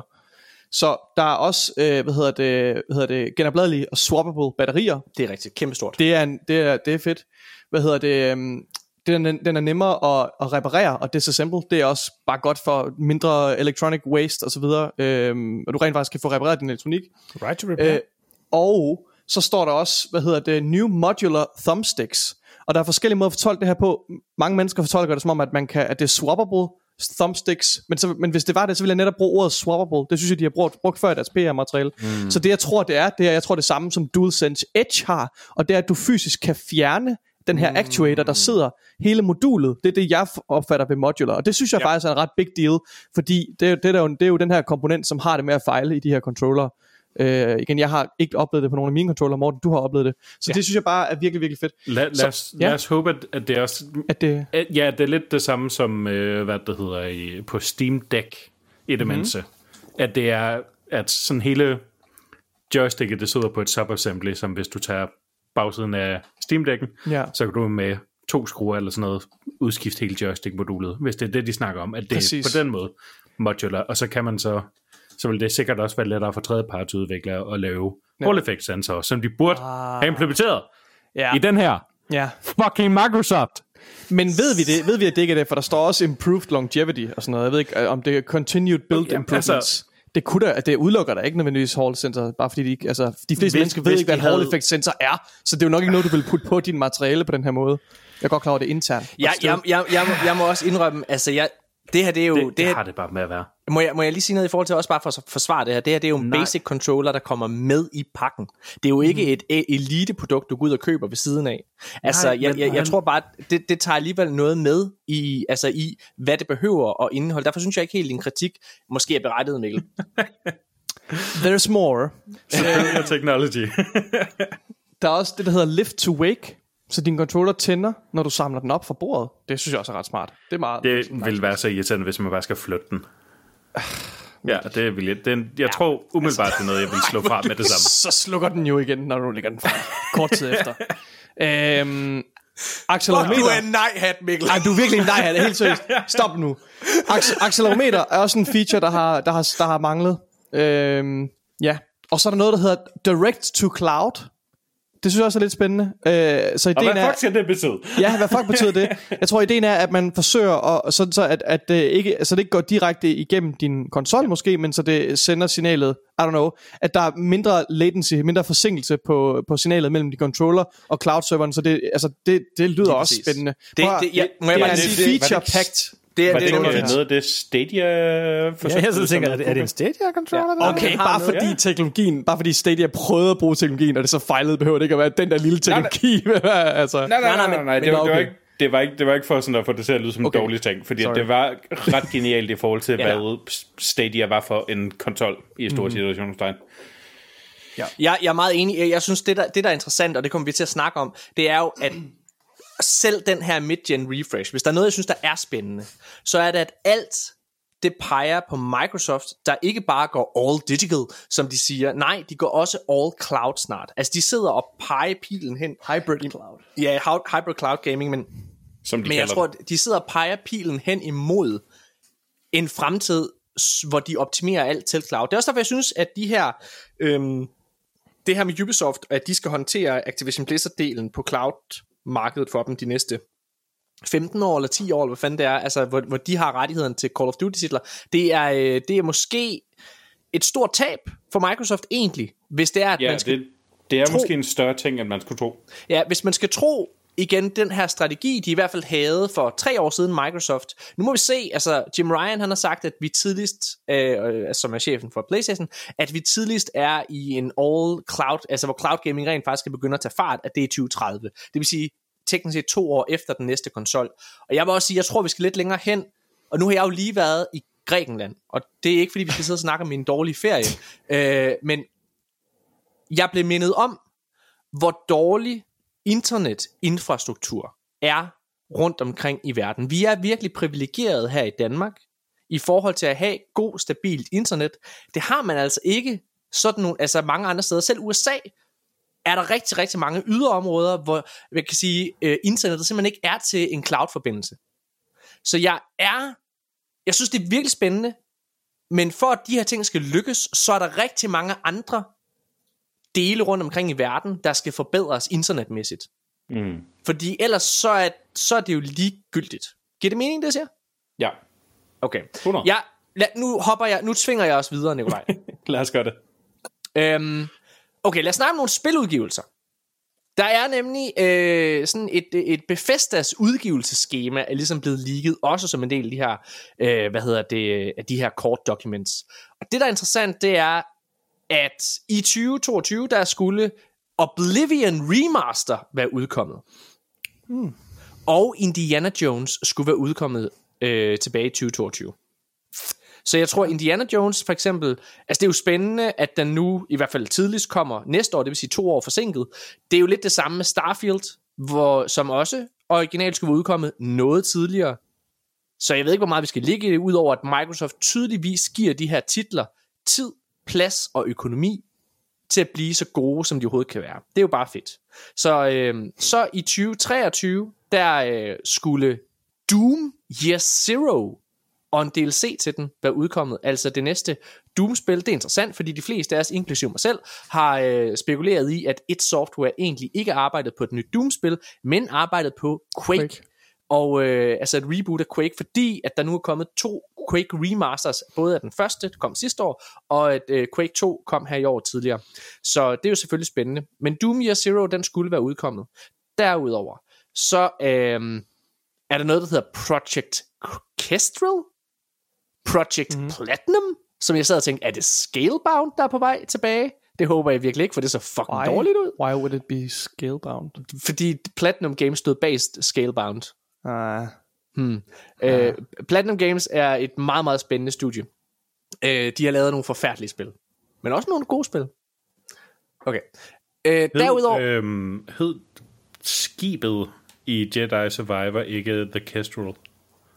Det kan jeg ikke huske, men der er jo, hvis vi skal tælle ind i de der rygter, så har der i ret lang tid gået, været, spe- og igen, jeg understreger lige det her, det er spekulationer, det er rygter ude på nettet, men der har været rygter om, at Microsoft har en eksklusiv Star Wars titel, og det er The Coalition, der har arbejdet på det, øh, som er udviklerne bag Gears of War øh, rebootet. Øh, så det er selvfølgelig spændende. Men ja, der har været, der har været rygter omkring at et Star Wars spil til Xbox. Nu må vi se. Så skulle øh, så i 2024 skulle The Elder Scrolls 6 være udkommet. Og Ja. Project Kestrel Expansion skulle være udkommet. En licensed IP, det er der, hvor jeg tror måske Star Wars i højere grad kunne komme i spil, altså en, en, Ja. en IP. Og så Fallout 3 remaster, en Ghostwire Spændende. 2, øh, en Ghostwire Tokyo øh, efterfølger, du, øh, Dishonored 3, og så Doom Year øh, Zero DLC. Er der ja. nogen af de her titler, som øh, falder jer i øjnene, hvor I sidder og tænker, fuck, hvor er det fedt? Jeg har nu Under fundet tre, ud af- helt klart, ikke? Ja. Hvad, hvad siger jeg, du, jeg, har, jeg har nu fundet ud af, at The Kestrel var, var et skib i uh, FTL, Faster Than Light. Så ikke noget Star Wars. Okay. Hvad siger du, øh, hvad siger du Jens? Altså, Dishonored 3, det er jo det, er jo, det, er, det, er det jeg sidder og tænker, yes, yes, yes, yes. Uh, man kan sige... Og ja, ja. Nu var jeg sådan en uh, sort til at begynde med. At jeg, jeg er glad for at se, at det trods alt er på tapetet, kan man sige. Det, det vidste man jo så ikke, ikke. Man kunne håbe på det, og det virker jo oplagt, men man ved sgu aldrig. Altså nogle gange, så, så, så udgiver spilstudier nogle, uh, nogle gode spil, og så gider de aldrig nogensinde at, at vende tilbage til det. Ikke? Så det er da bare fedt at se, Nå, okay, Dishonored 3 er, er til synligheden i hvert fald noget, de, de, de tager seriøst nok. Ikke? Så det, det er cool nok. Altså man kan sige, Elder Scrolls 6, det vidste vi jo godt, det er jo, det er jo ja, blevet annonceret og så videre og så videre. Mm. Og de andre ting, jeg, jeg er jo altid sådan et Project Crystal, Project Platinum, vi ved ikke, hvad det er. Der vil, jeg vil bare gerne, okay, spol frem til, I fortæller mig, hvad det er. Ja, I mellemtiden, ja, så er jeg sådan lidt, ja, ja, ja, præcis. Hvad med dig, Nikolaj? Jeg tænker mest øh, helt sikkert Fallout 3, og øh, hvad hedder det... Øh, Oblivion. Elder Scrolls Oblivion ja. remaster. Det, det tror jeg er nok de to titler, jeg vil være mest excited. Jamen, jeg er enig med Janus, at Dishonored 3, det er rart at se, at få en bekræftelse trods alt af, at det er den, de arbejder på. Øhm, men, men jeg, og jeg er samtidig også sådan lidt du ved, med de her remasters. Jeg har lidt dårligt smag i munden efter det her, hvad hedder det, horrible øh, GTA remaster eksempelvis. Så jeg tror bare, øh, altså, jeg håber, at de, at de tager sig sammen og bruger deres nyeste game engine og, og giver den en, en skalle Ja, nu her, hvor, hvor Starfield jo virkelig, sådan, virkelig flyttede uh, Bethesdas uh, game engine. det, hvor de virkelig sådan havde... hvor de Klip det sådan. Okay, undskyld, undskyld. Ja, ja Janus, kan man se udgive det samme spil? Jeg, synes, jeg synes, det er et væsentligt spring fra... Fordi jeg synes, Fallout 4 var nærmest unplayable. Altså, sådan, vanilla Fallout 4 er fucking unplayable for mig. Og det samme kan jeg i hvert fald ikke sige om Starfield. Jeg synes at sågar Starfield i nogle situationer kan være virkelig smukt, og hvor jeg er enig i, at der er andre, andre situationer, hvor det ikke ser særlig godt ud. Jeg, jeg, jeg, vil være, jeg vil være rigtig glad for, hvis de brugte deres, den engine, de har brugt til Starfield, til at lave remaster af de her øhm, Oblivion og Fallout 3, fordi det er nogle titler, jeg har hørt rigtig godt om. engine, det er derfor, jeg ikke forstår Åh, oh, Janus. Din motherfucker. Ja, Janus, øh, der er noget, jeg har undret mig over, fordi vi havde jo en... Øh, vi var alle sammen en del af den her Starfield-anmeldelse. Mm-hmm. Og øh, jeg... Det undrede mig bagefter, fordi mig og Nikolaj var jo meget begejstret for det her spil, og det var øh, Jørgen Bjørn slet ikke. Øh, og Mikkel, du var, sådan, du var meget med omkring det. Men ja, jeg Janus, synes, det var du, et meget kedeligt spil. Ja, ja mig, mig og Nikolaj gætter begge øh, to øh, 6 ud af 6 stjerner, og det 6 tal står jeg i den grad ved. Ne, men Janus, der er noget, der har undret mig ved dig, fordi du endte faktisk med at komme med en ret positiv karakter. Du gav det 5 stjerner, og du brugte... Ja. Du, du elsker brugte, det her spil, Janus. Du, du brugte hele din tid på at svine det til. Vil du ikke prøve at fortælle, hvad det er? Du fortæller aldrig, hvad du godt kunne lide ved Starfield. Bare, virkelig? Nu, ja. i, den her, I den her episode, Morten, jeg vil gerne have den her samtale, men Ja, okay. okay. Nej, jeg skal, ikke, skal også i seng på et eller andet tidspunkt. Ja, ja, ej, men prøv at høre, det, det var, jeg, jeg, jeg, ej, jeg sagde det, det der med, jeg synes, at det sætter en stemning super fedt, og man får mm. virkelig sådan en Russia Adventure og rumskine letter og sådan noget, og der er en masse ting, der, der, der er super flot lavet, og ja, ja, altså, det der Zero G Casino, det synes jeg var en fed oplevelse. Jeg havde en super fed øh, oplevelse med at skyde en masse banditter på en eller anden forladt øh, rig. Så, så der, der, der er der helt klart nogle momenter i Starfield, som jeg synes er rigtig fede, men altså jeg vil sige, Ja, yeah, jeg ved ikke, om jeg vender tilbage til det nu her. Altså, det, nu, nu spiller ja, jeg Sea of Stars i stedet for. Men må og... jeg sige noget? Det der, det synes jeg bare, at vi, og det er ikke en kritik af dig, det er kritik af nogle øh, andre, jeg har set øh, snakke omkring Starfield. Bare fordi, at du ikke får lyst til at vende tilbage til et spil, efter at have lagt, og nu er jeg med på, at du har siddet og anmeldt det, så du er i en anden situation, Janus. Men hvad hedder det? Bare, hvis man har lagt hvad ved jeg, 40 timer, 20 timer endda, i et spil, og i de 20 timer har haft en god oplevelse, så kan jeg ikke forstå, hvorfor man overhovedet kan mene, at et spil har fejlet, hvis det er, at man så efter at have haft en lille pause fra det, ikke har lyst til at vende tilbage til det, fordi at man er gået i gang med noget andet, fordi man har fået interessen for et andet spil. For der er jo bare rigtig mange spil lige nu. Det synes jeg virkelig er mærkeligt. Men altså, det forstår jeg godt, hvad du mener med. Et eller andet sted hen, så synes jeg også, at, at, at, at 20 timer, 30 timer, 40 timer, man, så, så har man jo fået sin værdi. Men omvendt, så har jeg også bare sådan et, jo jo, men hvis det er et spil, der er lagt op til, at der er 300 timers øh, content i, og jeg, jeg kun lige tager øh, altså en, en brøkdel af det, så synes jeg, så er det jo lidt som at sige, jamen, jeg, jeg så de to første afsnit af Ahsoka, og de sidste fire, dem gad jeg ikke at se. Og så kan det godt være, at jeg var underholdt i de to første afsnit, men det er da et problem, at jeg ikke har set de fire, altså sidste, ikke? Så det, i don't know, jeg kan godt lide Ahsoka i øvrigt. Men, jeg elsker Ahsoka. Så, så, så jeg, jeg, altså, jeg forstår godt, hvad du mener. Og, og, og har man haft det sjovt i 20 timer, er det så godt nok? Jo, det er det. Og så er Game Pass, hey, men så er, det jo, så er jeg jo ikke engang betalt for det. men, men, men ja, jeg ved det ikke. Altså, det, okay. Det, det, lad, os, det øh, lad os fortsætte. Mikkel, er der nogle af de her titler, Bethesda-titler, som øh, der er blevet ligget, som falder i dine øjne og falder i din smag? Øhm, der er helt sikkert det, der falder i mine øjne, og det er øh, remasteren af Oblivion.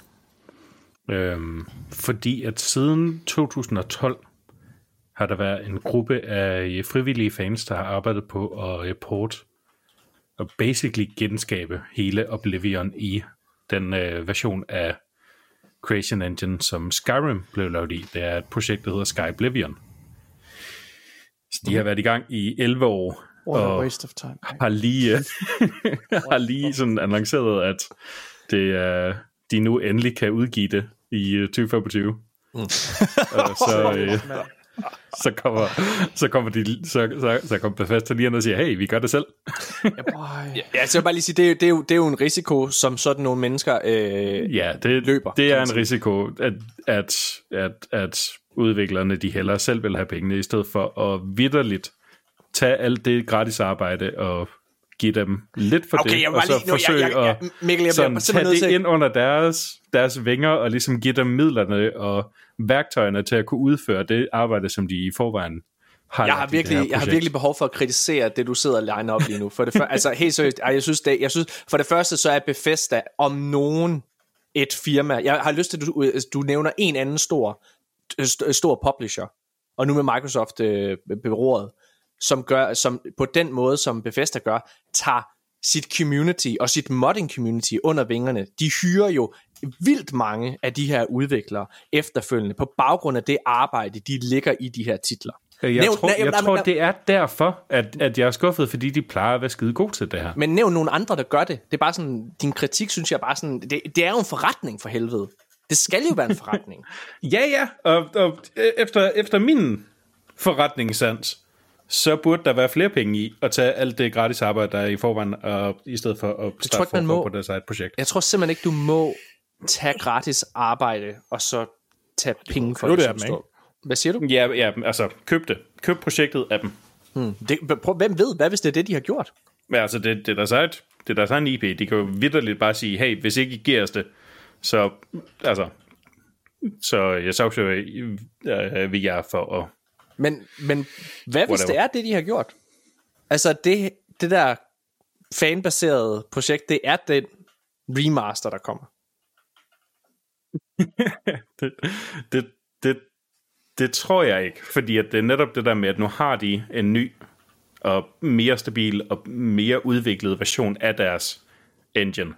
Det har de her fans højst sandsynligvis ikke. De arbejder stadig med den som Skyrim. Mm, fordi okay. det, er, det er specifikt det, projektet mm. er. Tag Oblivion og implementere det i Skyrim mm. øh, engine.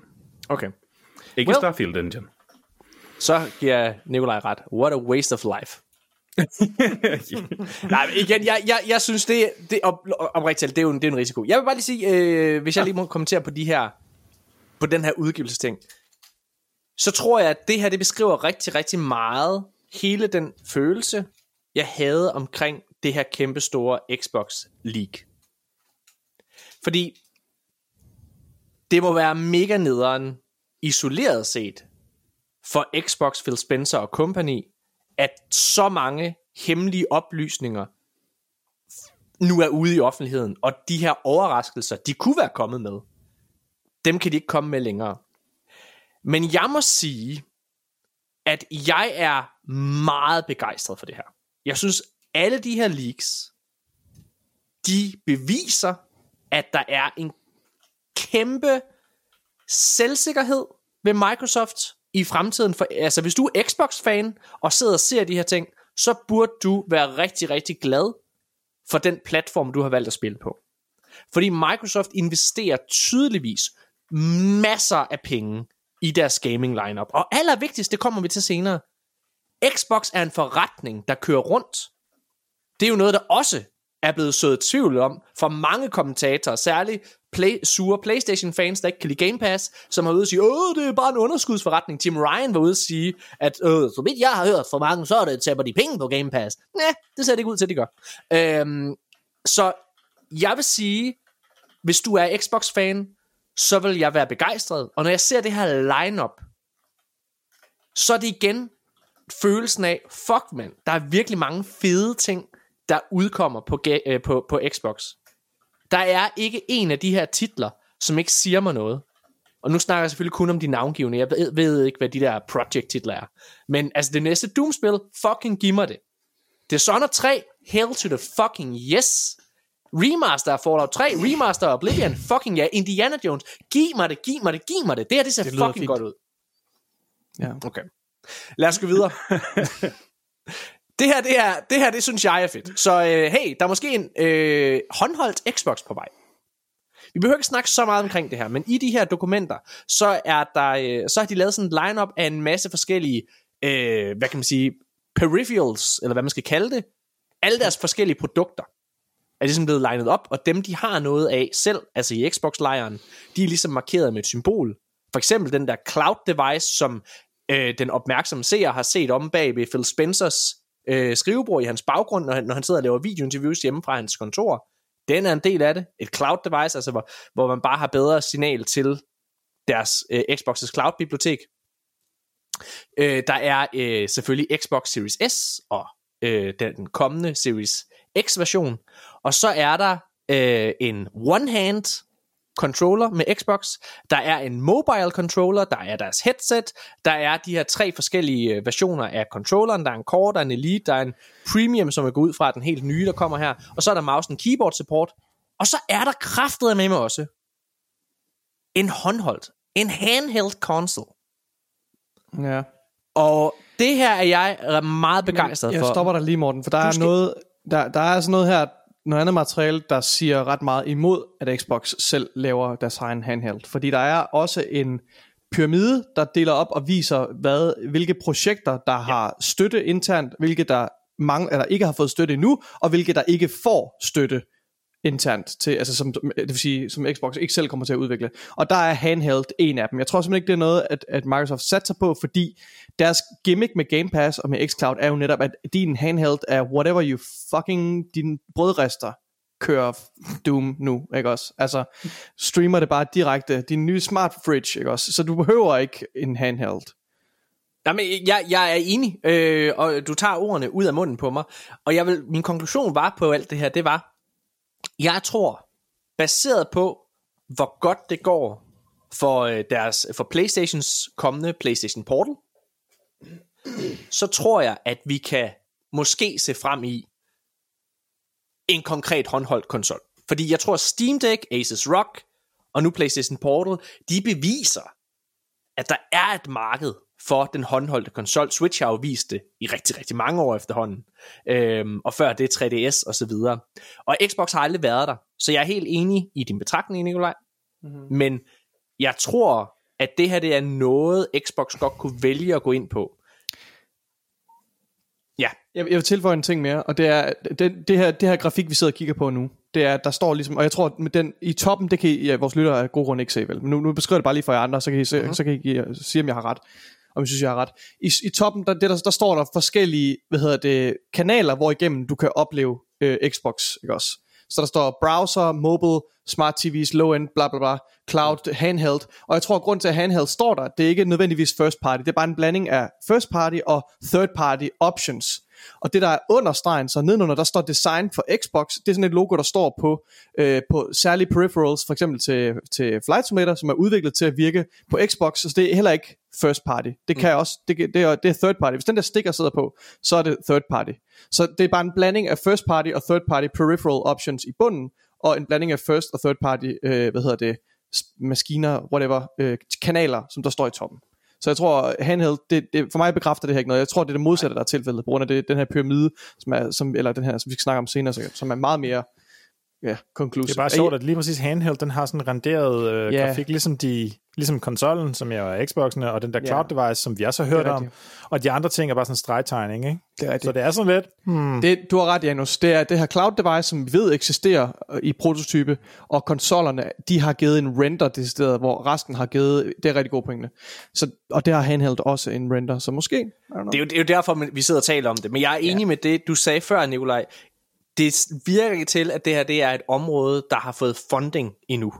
Så lad os se, øh, og det kan, jo, kan jo også være, at hvad kan man sige, at Microsoft, de tager deres samarbejde med Logitech, deres øh, øh, håndholdte, øh, hvad hedder det, ting, ind i den her med, ja, hvem ved? Mhm. Anyways. Der, der er simpelthen nogen, og jeg, jeg ved ikke, hvordan det tilfælde, det bliver ved med at ske, men de tre sidste gange, jeg har været i podcasten, så har der været en af mine enten under- eller overbrugere, som klokken, nu hvor vi optager 20 over 20, så man vælger, nu skal jeg fandme bruge af væggen. Ja. Men det gør de, det gør de hver tirsdag aften, Mikkel. Det er det bedste tidspunkt at bruge. Men Det det, det, det kan simpelthen ikke passe. Det, det, de tre det, sidste gange. Det er Shawshank Redemption. Det er nu vagterne sover. Han, han, han er fucking bor sig ud igennem. Det er fucking Okay. crazy. Jeg forstår ikke, hvordan det kan Okay. blive ved med at ske. Lad os tage det sidste hardware øh, leak, der nogle gange har været, og det, det er det, jeg personligt synes er mest spændende, og det er derfor, jeg virkelig er begejstret for fremtiden, fordi det er nemlig Xbox's konkrete nye konsol, som der lige nu er sat til at udkomme i 2028. Øh, de kalder den en, øh, hvad fuck hedder det, en hybrid console, hybrid console gaming kalder de det, eller sådan noget. Fuck ja. Yeah. Fuck. Yeah. Øh, og der står her om det, om deres vision. Cohesive Hybrid Compute står der på deres slide. Og så ja. står der, Our vision. Develop a next generation hybrid game platform capable of leveraging the combined power of the client and cloud to deliver deeper immersion and entirely new classes of game experiences. Det er fucking spændende, det her. Optimized for Jeg vil, real... bare, jeg vil bare gerne lige sige, du er blevet så god til at læse engelsk. Nå, tak. Uh, Er optimized... det Gamescom, eller hvad, Morten? Jeg ved sgu ikke, hvad der er sket. Er det Grækenland? Grækenland. Give me internet now, Uh, please. hello, please uh, fix the internet. Okay. Optimized for, og jeg læser videre i det her slide nu. Optimized for real-time gameplay and creators. We will enable new levels of performance beyond the capabilities of the client hardware alone. Det er fucking spændende. Det er, det er fucking spændende, det her. Jeg, altså igen, det, det er sjovt med PlayStation og Xbox. PlayStation og Sony, de er så tydelige hardware udviklere. Og det er også derfor, at man kan sige, hvad man vil om PlayStation, og man kan sige, hvad man vil om deres virksomhedsstrategi, og tro os, vi siger meget i den her podcast. Men PlayStations hardware, der er de fucking innovative. DualSense er en, i min optik en gamebreaker, altså øh, en game changer, hedder, øh, undskyld. Øh, og, og, og det er en unik, fed controlleroplevelse, der er over ved PlayStation. Og de har bevist, hvor meget de har fået ud af deres konsol. Man snakkede meget om teraflops og så videre, inden Xbox Series X og PlayStation 5 udkom. Og Xbox Series X har egentlig flere teraflops, men den her, øh, hvad hedder det, øh, den her, hvad hedder den, SDU, øh, den hedder CDU, hvad hedder det? Hjælp mig. SKU. S, den her, hvad, hvad hedder den der, der gør, at det loader hurtigere, Nikolaj? Hjælp mig. Nå. Uh, SSD. SSD, der var den. Det var noget med S. Okay. Den har altså gjort, at man, øh, at man virkelig altså ikke har mærket den forskel, og faktisk ofte over ved PlayStation har en hurtigere bedre oplevelse. Altså minimal, ikke? Vi snakker sådan en halv sekund eller to sekunder. Men hvis man virkelig går op i det, Minimalt. Ja, ja, det er super minimalt. det svinger jo afhængig af, hvilken titel det er. Jeg ved det ikke. gør det helt sikkert, men man kan jo ikke komme udenom, at den er der. Og det er vildt, på trods af, at der er te- flere teraflops. Og det er min pointe med det her, det var egentlig bare, jeg synes, det der er fedt at se ved det her, fordi de er så meget softwareudviklere Microsoft. Og det er også derfor, de er så hurtige og gode til at gå ind på for eksempel cloud og smide en masse penge i det, og lave Game Pass og alle de her ting, hvor de tænker ud af boksen. Og jeg synes, når jeg kigger på det her, så ligner det, at nu for første gang, vi ved ikke, hvad PlayStation arbejder på, men for første gang, der sidder jeg og, og ser, at de finder en måde at kombinere Ja. det bedste fra begge verdener. Jeg er Præcis. fucking spændt. Janus, du efterspurgte noget, som var interessant og spændende for den her, øh, hvad hedder det, det her leak her. Jeg synes, det her er noget af det allermest spændende, og det er det fordi, at det her, det er ikke bare en, det her, det er en, en, op, en konsolopdatering, en generation, som rent faktisk tager et, et tør jeg sige, et, et, et større spring, leapfrogging i forhold til de andre. Fordi det her er ikke bare, at du går ind og siger, okay, nu er teknologien blevet så hurtigere, så meget hurtigere her. Det her, det er rent faktisk, at du laver om på hele øh, paradigmet omkring, hvordan din konsol fungerer. Altså så, så det her hy- hybrid compute, bare lige så alle, alle er med, måden jeg forstår det på, det, og det, og det, jeg, jeg hæfter mig ved, at de skriver hybrid compute, så det vil sige, det er både, altså det, det du ser på din skærm, det kommer både fra øh, ting, som din konsol har, har regnet på med dens, øh, hvad hedder det, indmad, men også ting, også indhold, som bliver streamet ind fra clouden, som den har regnet på dine vegne. Sådan så noget af den her byrde i at for eksempel at, at render omgivelserne i et spil, at den bliver outsourcet til din, øh, din hvad hedder det, hvad hedder det, din cloud. Og det er jo noget, og hvordan, ja, det lykkes mig altid at få Flight Simulator ind her i alle mulige mærkelige vinkler, men her der er det rent faktisk mega relevant, fordi Flight Simulator har jo, de har jo committed sig til med den nye, den nye kommende Flight Simulator, har de committed sig til, at de vil gøre klienten meget, meget mindre, så den kommer til at fylde mindre end den nuværende Flight Simulator, betydeligt mindre faktisk, fordi de øh, flytter endnu mere indhold fra klienten over på clouden, og den måde det fungerer lige nu i Flight Simulator, det er jo selvfølgelig, du kan jo ikke gemme hele kloden i alle dens øh, prægtige detaljer på, på alle menneskers konsoller. Så måden de eksekverer det, det er, at de, du simpelthen streamer omgivelserne ind i real time fra Xbox Cloud, og det fungerer pissegodt. Øh, så så ja, de har allerede meget den her infrastruktur på plads. Jeg tror, at Microsoft Flight Simulator er det spil, som lige nu baner vejen og skubber grænserne mest for den her nye tilgang. Og jeg tror, at det næste logiske spring er, at du ikke bare streamer assets ind i real time, men at du også konsollen, at konsollen siger til serveren, nu skal du beregne, hvordan det her område ser ud i, de her, øh, omgiv, i, det her, i den her belysning, eller whatever. Så går den ind og regner det meget hurtigere, end konsollen kan, outsourcer noget af den byrde, og sender det tilbage igen til konsollen. Det er i hvert fald sådan, jeg forestiller mig, bare for et eksempel ikke også. Det her, det er potentielt revolutionerende, og det kunne være sådan en stor milepæl, inden vi går all cloud, tænker jeg. Og det, det er et, et virkelig et generational leap, det her. That's my Janus, sales pitch. Janus Hasseris. Janus, hvad siger du? Janus Hasseris. Are you not entertained? Are you not, are you not entertained? Nå, men altså, det har du fuldstændig ret i. Altså, når jeg sidder... Jeg, lige først så tænker jeg, ah, deeper immersion, hvad fuck betyder det? Det er jo stadig bare en skærm. Men, men jeg kan selvfølgelig godt se, at... at øh, Nå, du ved, ja, men, men, men, men ingen loading tid.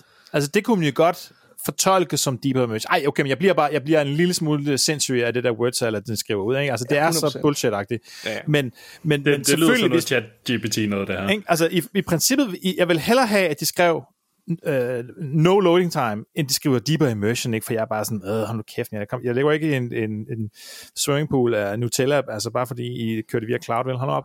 Men altså, så det er interessant. Men, jeg vil godt lige komme med et sjov, eller et shout-out til Jørgen Bjørn. Fordi jeg synes egentlig, at han måske har sået kilden til det mest spændende det, yep. i det, som jeg lige læser lige nu her. Og jeg ved ikke, om I lagde mærke til det, han skrev lige den anden dag i vores jo. fælles chat. Der snakker han om iPhone 15, og hvad den kan, mm. og den kan køre og spille native og sådan noget der. Og det er egentlig ikke sådan specielt op at køre over. Brugeren, det, helt, sikkert, helt specifikt. Ja. Men det, der er interessant, det er, at den her ARM-processor, som de jo benytter sig af mm. Apple, den er meget, meget mere øh, hvad hedder sådan noget, energieffektiv end mm. det, som C, øh, PC'erne typisk er baseret på, den der hedder x86-struktur. Det vil sige, at de kan få mindre ressourcer, færre ressourcer, kan de reagere det samme spil, øh, som, som, som de kan. Ikke? Hvad siger du? X64. X64. Hvad sagde jeg? Du sagde x86. Men, Nå, ja, okay, sorry. Okay. Um, så det vil sige, altså, og det kan jo så ligesom gå to veje. Enten kan man benytte den samme type processor til at køre noget bedre, eller så kan man, øh, man kan bruge processoren til at bruge mindre strøm til at køre det samme. Mm. Og det, der står her ved den her ting, vi sidder og kigger på, er jo CPU yes. ARM 64 ja. versus x64. Good, så det kunne jo, up. så det kunne jo være, at Apple faktisk oh, er CPU-leverandør, og det sagde ja. jeg faktisk i vores chat. Det sagde du. Øh, det kunne være så interessant. Så har jeg slet ikke set, ja, okay, men det, men, okay, men, men det er så stadigvæk AMD, de arbejder sammen med her. Nej, men det er så GP, GPU'en. Det er jo forskellige altså, komponenter. Det, der er interessant, Ej, det er fucking interessant det her. Ja. Det er virkelig godt fanget. Jeg synes, det der er spændende, det er, fordi vi står... Ej, undskyld, må jeg lige sige, der står Zen 6. Zen 6, Zen, det er sgu da, det er sgu da hvad hedder det, uh, brand Ja, men de taler om, de taler om, at, at nogle af deres beslutninger, det, det er, at de skal vælge... Og versus... Åh, oh, sorry, det var ja. jeg kan læse. Ja. Um, jeg, øh, eller jeg, jeg sy- send. Ja. Ja, jeg synes, det der er spændende, det er, lige nu der står vi måske øh, over for, hvad kan man sige, en potentiel, øh, hvad kan man sige, vi, vi, har, vi har virkelig lidt under chips her det sidste, og ikke dem man spiser, men dem man putter i computer og al teknologi faktisk. Og vi har lidt under, at det har været bundet op under, øh, hvad hedder det, det Kina, rigtig, rigtig meget her de sidste mange år. Det, der er interessant, som Jørgen Bjørn også gjorde opmærksom på i vores chat, det var faktisk, at den her øh, chip ARM-processoren, den er lavet i Taiwan. Og nu skal det ikke begynde at blive politisk og alle mulige ting.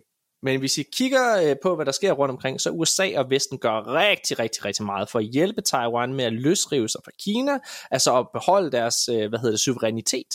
Øh, og Kina gør meget det modsatte, kan man sige, ikke også? Kina så det, sådan 100 kampfly over, bare for at harasse lidt. det, vi vil bare gerne, vi vil bare rigtig, rigtig gerne have de her chips for Taiwan. Det er derfor, vi gerne vil være venner med dem. Mm. Og det her, det er interessant. Det betyder måske, at Vesten i hvert fald ikke kommer til at være i den samme chipmangel i Men, fremtiden, hvis det er, at det her det går igennem. Det er Har chipmangel noget at gøre med Kina kontra Taiwan? Altså, det er Taiwan, der producerer langt størstedelen af chipsene. Det er deres foundries, der producerer langt størstedelen. Jeg tror ikke, Kina producerer sådan sønderligt meget. Jeg, jeg tror, Kina måske, producerer det, sindssygt meget jeg tror, jeg tror, det, jeg tror, det er sådan noget... Er det ikke mere sådan... Jeg tror, det er mere et spørgsmål om mangel på, på de metaller, man skal bruge til at lave øh, hvad hedder det, silicon. Det kommer Yes. også til at påvirke... Øh, Ja, jamen, det, det, ja, et, fordi metallerne bliver sikkert mineret i Kina. Jo, men, men det, det var også fordi, at der netop var en, så vidt jeg forstod på hele den her chip shortage Ja. situation, så var det også fordi, at øh, råstofferne skulle ind i Kina, Ja. og, noget, og så skulle de ud fra nogle lande, som, som egentlig var ramt af nogle sanktioner fra USA tidligere, mm. så det er sådan en, det, det har været sådan en dominoeffekt, som, Så giver det mening. Ja. som har været en masse ting. du er så det er- meget bedre til at forklare det, end jeg, Mikkel. Så det er, det er, med, det er, og- med, det er, og det er metallerne, garanteret forkert. Mangler. Ja. Nej, men det skal du ikke sige der. Det skal du ikke sige Det er der, fordi hvis du tager fejl, så er jeg fejl, og jeg hader Det lyder mere rigtigt. Ja. Før vi går videre, jeg er simpelthen bare lige nødt til at pointere, der er, der er så mange gode buzzwords på det her slide, som vi sidder og kigger det er på. forfærdeligt. Det er forfærdeligt. altså. fucking... Altså, der, der er nogle virkelig gode, som Next Gen DirectX Ray Tracing, Dynamic Global Illumination, men min absolut favorit er Micro Polygon Rendering Optimizations. Hvad fuck betyder det? betyder det? Har I prøvet at google det? Okay, men helt seriøst. Micro Polygon Rendering Optimizations. Jeg tror ikke, man må google det. Altså, ja, der står også Machine Learning Based Super Resolution. Det er jo bare det, vi har nu. Altså, det er jo. Nvidias ja, ja. uh, DLSS DLSS. 3, 3,0 og 3,5 og så videre. Det, har jo, det er jo Machine Learning Based Super Resolution. Men det er jo en feature, der allerede er ubiquitous nu på, på hvad hedder det, PC. Så det, der er ikke, altså den der Graphics Innovation tab, der er jo ikke rigtig noget at snakke om. Di- Direct, uh, DirectX altså Next Gen DirectX Ray Tracing, nå, okay, så den bruger ikke den gamle uh, DirectX, eller hvad? Det giver jo heller, vil ikke give nogen mening. Så jeg Så tror bare, en, ja. en Micro Polygon, det er en meget lille poly- polygon. Ah, okay. Det giver mening. Tak, Google. Pisse fedt. Lad os, øh, lad os gå videre. Ja, ja, lad, os, lad, os, lad os gå videre. Det er mega spændende. Jeg, jeg er, Det er fucking spændende. Godt fanget det. med Jeg arm, elsker og så at læse Micro Polygon Rendering Optimizations. Lad, gå, lad os gå videre. Jeg, øh, lad os gå videre til noget, det som andre måske også synes Må- er må jeg sige, spændende. der er- må- bare- bare lige- undskyld, Inden da, bare lige- så skal vi lige høre den lige sidste ting her. 5 sekunder. Der, der er også til det her med konsollen. Det synes jeg var lidt spændende. Jeg ved godt, de andre synes, det er fucking kedeligt. Men, øh, men der er også Kan man en... spille Flight Simulator på den, Nicolaj? Hold nu kæft. der er en decideret schedule for udvikling af Next Gen konsollen, Ja. som strækker sig fra, øh, hvad hedder det, CY, hvad betyder det, Janus? ja. Hvad betyder det, Janus?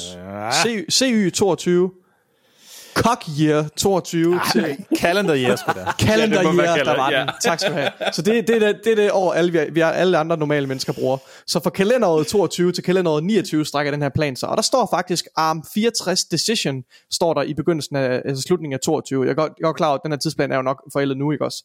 Men, men man kan faktisk få en idé om, på den her tidslinje, hvad det indebærer at lave en ny konsol. Så hvis man er sådan lidt nysgerrig, ligesom jeg selv har været sådan, okay, det da lidt spændende, hvordan de laver sådan noget øh, research internt. Det her det er sådan en grov plan for, hvordan sådan noget ser ud. Altså, mm. hvor der er forskellige beslutninger, der bliver taget undervejs, og deadline for, her der skal platformen øh, holde ligesom være færdig, og så videre. Der, her der har vi vores endelige, hvad hedder det, hvad hedder det hardware design, og så videre. Det er ret sejt, synes jeg. Undskyld. Undskyld. Det er sejt. Det Undskyld. er sejt. Lad os gå videre. Lad os gå videre. Og her, det er fucking fedt, det her. Lad os, gå, fedt. lad os gå videre til noget af det, som, øh, som jeg virkelig, virkelig synes er uh. spændende. Og det er nogle af alle de her leaks som med, med konkrete spil, hvor folk de sidder og sviner hinanden til, og så videre der. Altså, jeg synes, det er fucking fedt. Jeg lapper det i mig. Lapper, lapper, lapper, lapper. Du elsker dramaet. Jeg elsker dramaet. Øh, det første, det er, det er ikke sikkert, det er så stort et drama, men Red Dead Redemption 2 Next Gen versionen er blevet set i en Xbox e-mail. Og øh, jeg ved sgu ikke helt, om jeg tør få forhåbningerne op omkring en Red Dead 2 remaster, efter at have set, hvordan altså hvad man kan sige, hvordan Rockstar har behandlet deres tidligere i gåseøjne remasters. Der er også lige i dag, jeg har ikke taget nyheden med, med, men der er også lige i dag blevet leaget, at Red Dead Redemption 2 måske kommer til Switch. Hvordan de får det til at køre på en fucking Switch, det aner jeg ikke. Så måske er det det, der er next gen versionen, remasteren. Altså, hvem ved. Men jeg må sige, med mindre den her remaster har en fucking, er en reel remaster, hvad hele verden, det som hele verden forbinder med en remaster, og har inkluderet Red Dead 1, eller Red Dead Redemption, ikke den originale etter, uh, Red Dead Revolver, så er det desværre et virkelig, virkelig uinteressant remaster, fordi Red Dead Redemption 2 er stadigvæk så fucking flot, at jeg ikke helt kan... Jeg, altså, jeg, jeg har ikke behov for at vende tilbage til Red Dead 2. På samme måde, som jeg rigtig gerne vil vende tilbage til Red Dead 1. Det er jo lidt interessant, altså, når Microsoft de har det der Play Anywhere, mm. og, og for eksempel, altså, min Cyberpunk er der af Xbox One-versionen, øh, men det er jo ikke noget problem, altså. Jeg sætter bare øh, disken i, og... Nej, det passer ikke. Hvad fanden er jeg siger? Ja, men, men de har det der Play Anywhere-system, ikke? Mm-hmm. hvor at man i princippet får den nyeste uh, upgrade helt gratis. Ikke? Altså, der er ikke, mm. man skal bare, ja. Jeg har købt det her spil en gang, ja. og så, så kører det bare videre, som jo er en super fed ting for consumers, og, og alt andet lige er det modsatte. Det der med, at man skal betale for det næste, er jo er jo egentlig, er jo, det er jo money grab på en eller anden måde. Altså, især jo kortere tid, der er gået. Ikke? Det er klart, at, at på nogle tilfælde, ikke? Øh, hvad, lad os nævne, øh, ja, nogle af de remasters, der er kommet i år, som har været gode, Nintendos med Metroid Prime, eller, eller øh, Dead Space og sådan noget, okay, det er måske fair nok at snakke om, det, det er på en eller anden måde et, et nyt spil, der er noget ny udvikling i det og sådan noget. Men det der med, at der, der kommer bare et nyt uh, Code of Paint til Red Dead Redemption 2, det synes jeg er strengt, hvis man skal betale fuld pris for ja. en gang til, ikke? Agreed.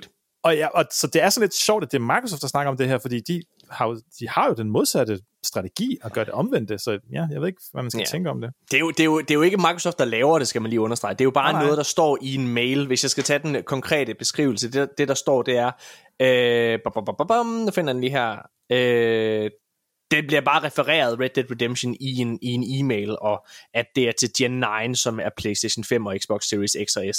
Så altså, ja, jeg ved ikke, det, det, det, og, og Rockstar heller ikke ved at ville kommentere til IGN, der har videre og, og, og bede om citaterne, som så jeg ved ikke. Men jeg, jeg, man har jo lov at håbe, jeg vil bare gerne have den der fulde pakke, ligesom dig, Nikolaj, og så vil jeg have Red Dead Online tilbage.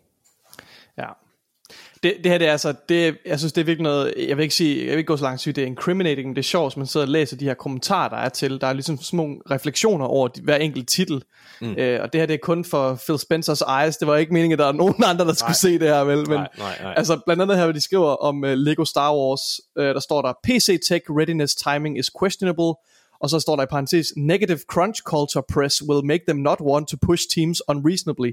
Så sådan, øh, åh, ja. du ved, øh, det er bare så cut and dry business talk, ja. det her. Altså, øhm, og også om en anden, der står der her, om Dying Light 2, der står der, can they land PC in time? Uh, have been historically slow at responding slash moving.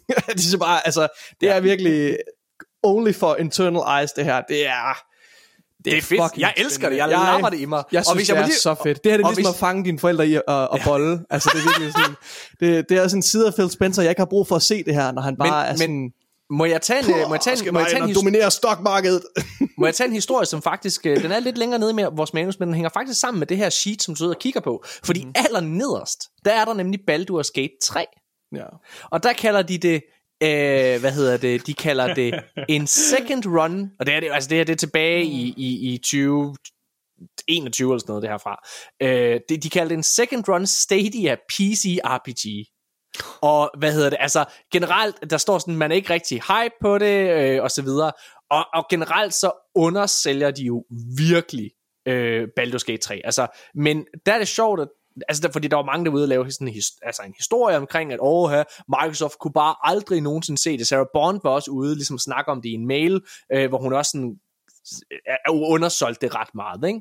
Det, der er interessant, det er, at øh, Larian Studios øh, communication manager, som hedder Very AFK øh, på, på, på, på X, eller Twitter, eller hvad man kalder det nu, har været ude at forsvare Microsoft med ikke ligesom at se noget lys i Baldur's Gate 3 dengang. Og han siger sådan, uh, in that defense, so did everyone else, altså undervurderet uh, Baldur's Gate 3. Same mm. with DOS 20, som jeg ikke aner hvad er. Divinity kom... Original Sin 2, deres tidligere spil, som også var ekstremt populært. Og du spurgte, hvorfor er du med i den her episode, spurgte du tidligere i dag, Mikkel. Derfor. Den der lille grund. Uh, jeg tager hans uh, citat forfra. ja, cool. Ses. Nej. In that defense, so did everyone else. Same with DOS 2020, som er øh, deres tidligere spil. Øh, hvad hed det nu? Nej, jeg vil lige spille smart. det, det, det er cool, nu kan du klippe mig ud. Nej. Co- uh, comes with the genre and uh, the way we ap- uh, approach things and the way we execute things. There just isn't any exi- uh, existing data that could have told anyone how BG3 was going to perform. We just had to take a giant spooky leaps.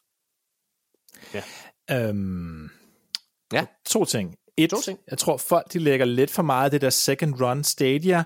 Øh, Okay. Jeg tror ikke, at det skal ikke, det skal ikke forstås som en, som en negativ kommentar. Det betyder, mm. øh, Baldur's Gate 3 var jo en Stadia exclusive. Ja. Ikke? Så det betyder jo bare, ligesom, at, at efter den eksklusivitetsrun er kørt, så er der mulighed for, at det kommer til konsoller. Ja. Altså, altså det er ikke, det, der ligger ikke noget negativt i det. Det er mere bare sådan en konstatering af, at det, mm. det er ligesom lavet til Stadia, som jo altså, hey, det er lukket i mellemtiden, ikke? Så mm. mener, det, jeg kan godt forstå, hvis det er sådan lidt, nå, ja, ja, det kommer til Stadia, og så kommer, får, får, får Xbox ligesom muligheden for at have det bagefter. Det er den ene side af det. Og den anden side er, at, at jeg kan godt være sådan lidt, men hey, og Divinity Original Sin, som Mikkel måske vil være enig med mig i, var jo kæmpe stort. Alle folk synes, det var herre fedt, ikke? Uh, så det, det, på den måde har de helt klart undervurderet det. Omvendt, ingen kunne jo vide, uanset hvor stort at, at RPGs er lige for tiden, og at sidde og spille Dungeons and Dragons på Twitch er stort, og alt sådan noget, hvilket man burde vide, hvis man var Microsoft, så er det jo umuligt for nogen at forudse det der med at slå concurrent players. Altså, men det kan man jo aldrig nogensinde forudsige. Ja, det, det, det, altså, der, var, der var helt sikkert, altså, folk, folk som kendte til Larian, folk som kendte til D&D, Ja. kunne se, hvor stort det var, at de fik det her. It was going to be huge. Der var Ja. ingen, der havde forventet, at det var gigantisk. Nej, nej. Altså, altså, jeg mener, jeg, jeg, jeg, jeg er nemlig ikke så overrasket over, fordi jeg var sådan, hey, Baldur's Gate, det, det, det er en, en kult klassiker, det er min barndom, om så må sige, eller ungdom, altså, ja. så jeg var da bare sådan helt klar, mand, og, og det spil, det studie, der fik lov til, der var rigtig god til at lave Divinity, har nu fået lov til at lave det her, ikke? Altså, basically, først så laver de en hyldest til Baldur's Gate, og så får de lov til at lave det næste Baldur's Gate-spil, det kan kun blive godt, og det var der altså millioner af mennesker i verden, der tænkte, ligesom mig, ved jeg, altså, det kunne man jo se, men, men ja, så det er sådan lidt sjovt, ikke, hvordan de har underestimeret det, men også ikke kunne gøre andet, og ja, ja. Og For og, folk, og hvad jeg synes om Baldur's Gate 3, det er... det må du ikke sige, Mikkel. Nej, jeg, jeg, skulle jeg, havde, jeg havde håbet, at det var sådan Jamen, jeg skulle faktisk lige til, og, og, jeg og skulle lige faktisk, ind. Og, jeg skulle lige til at sige det, fordi hvis øh, folk sidder og undrer, jamen, kommer arkaden med en anmeldelse af Baldur's Gate 3? Ja, det gør vi.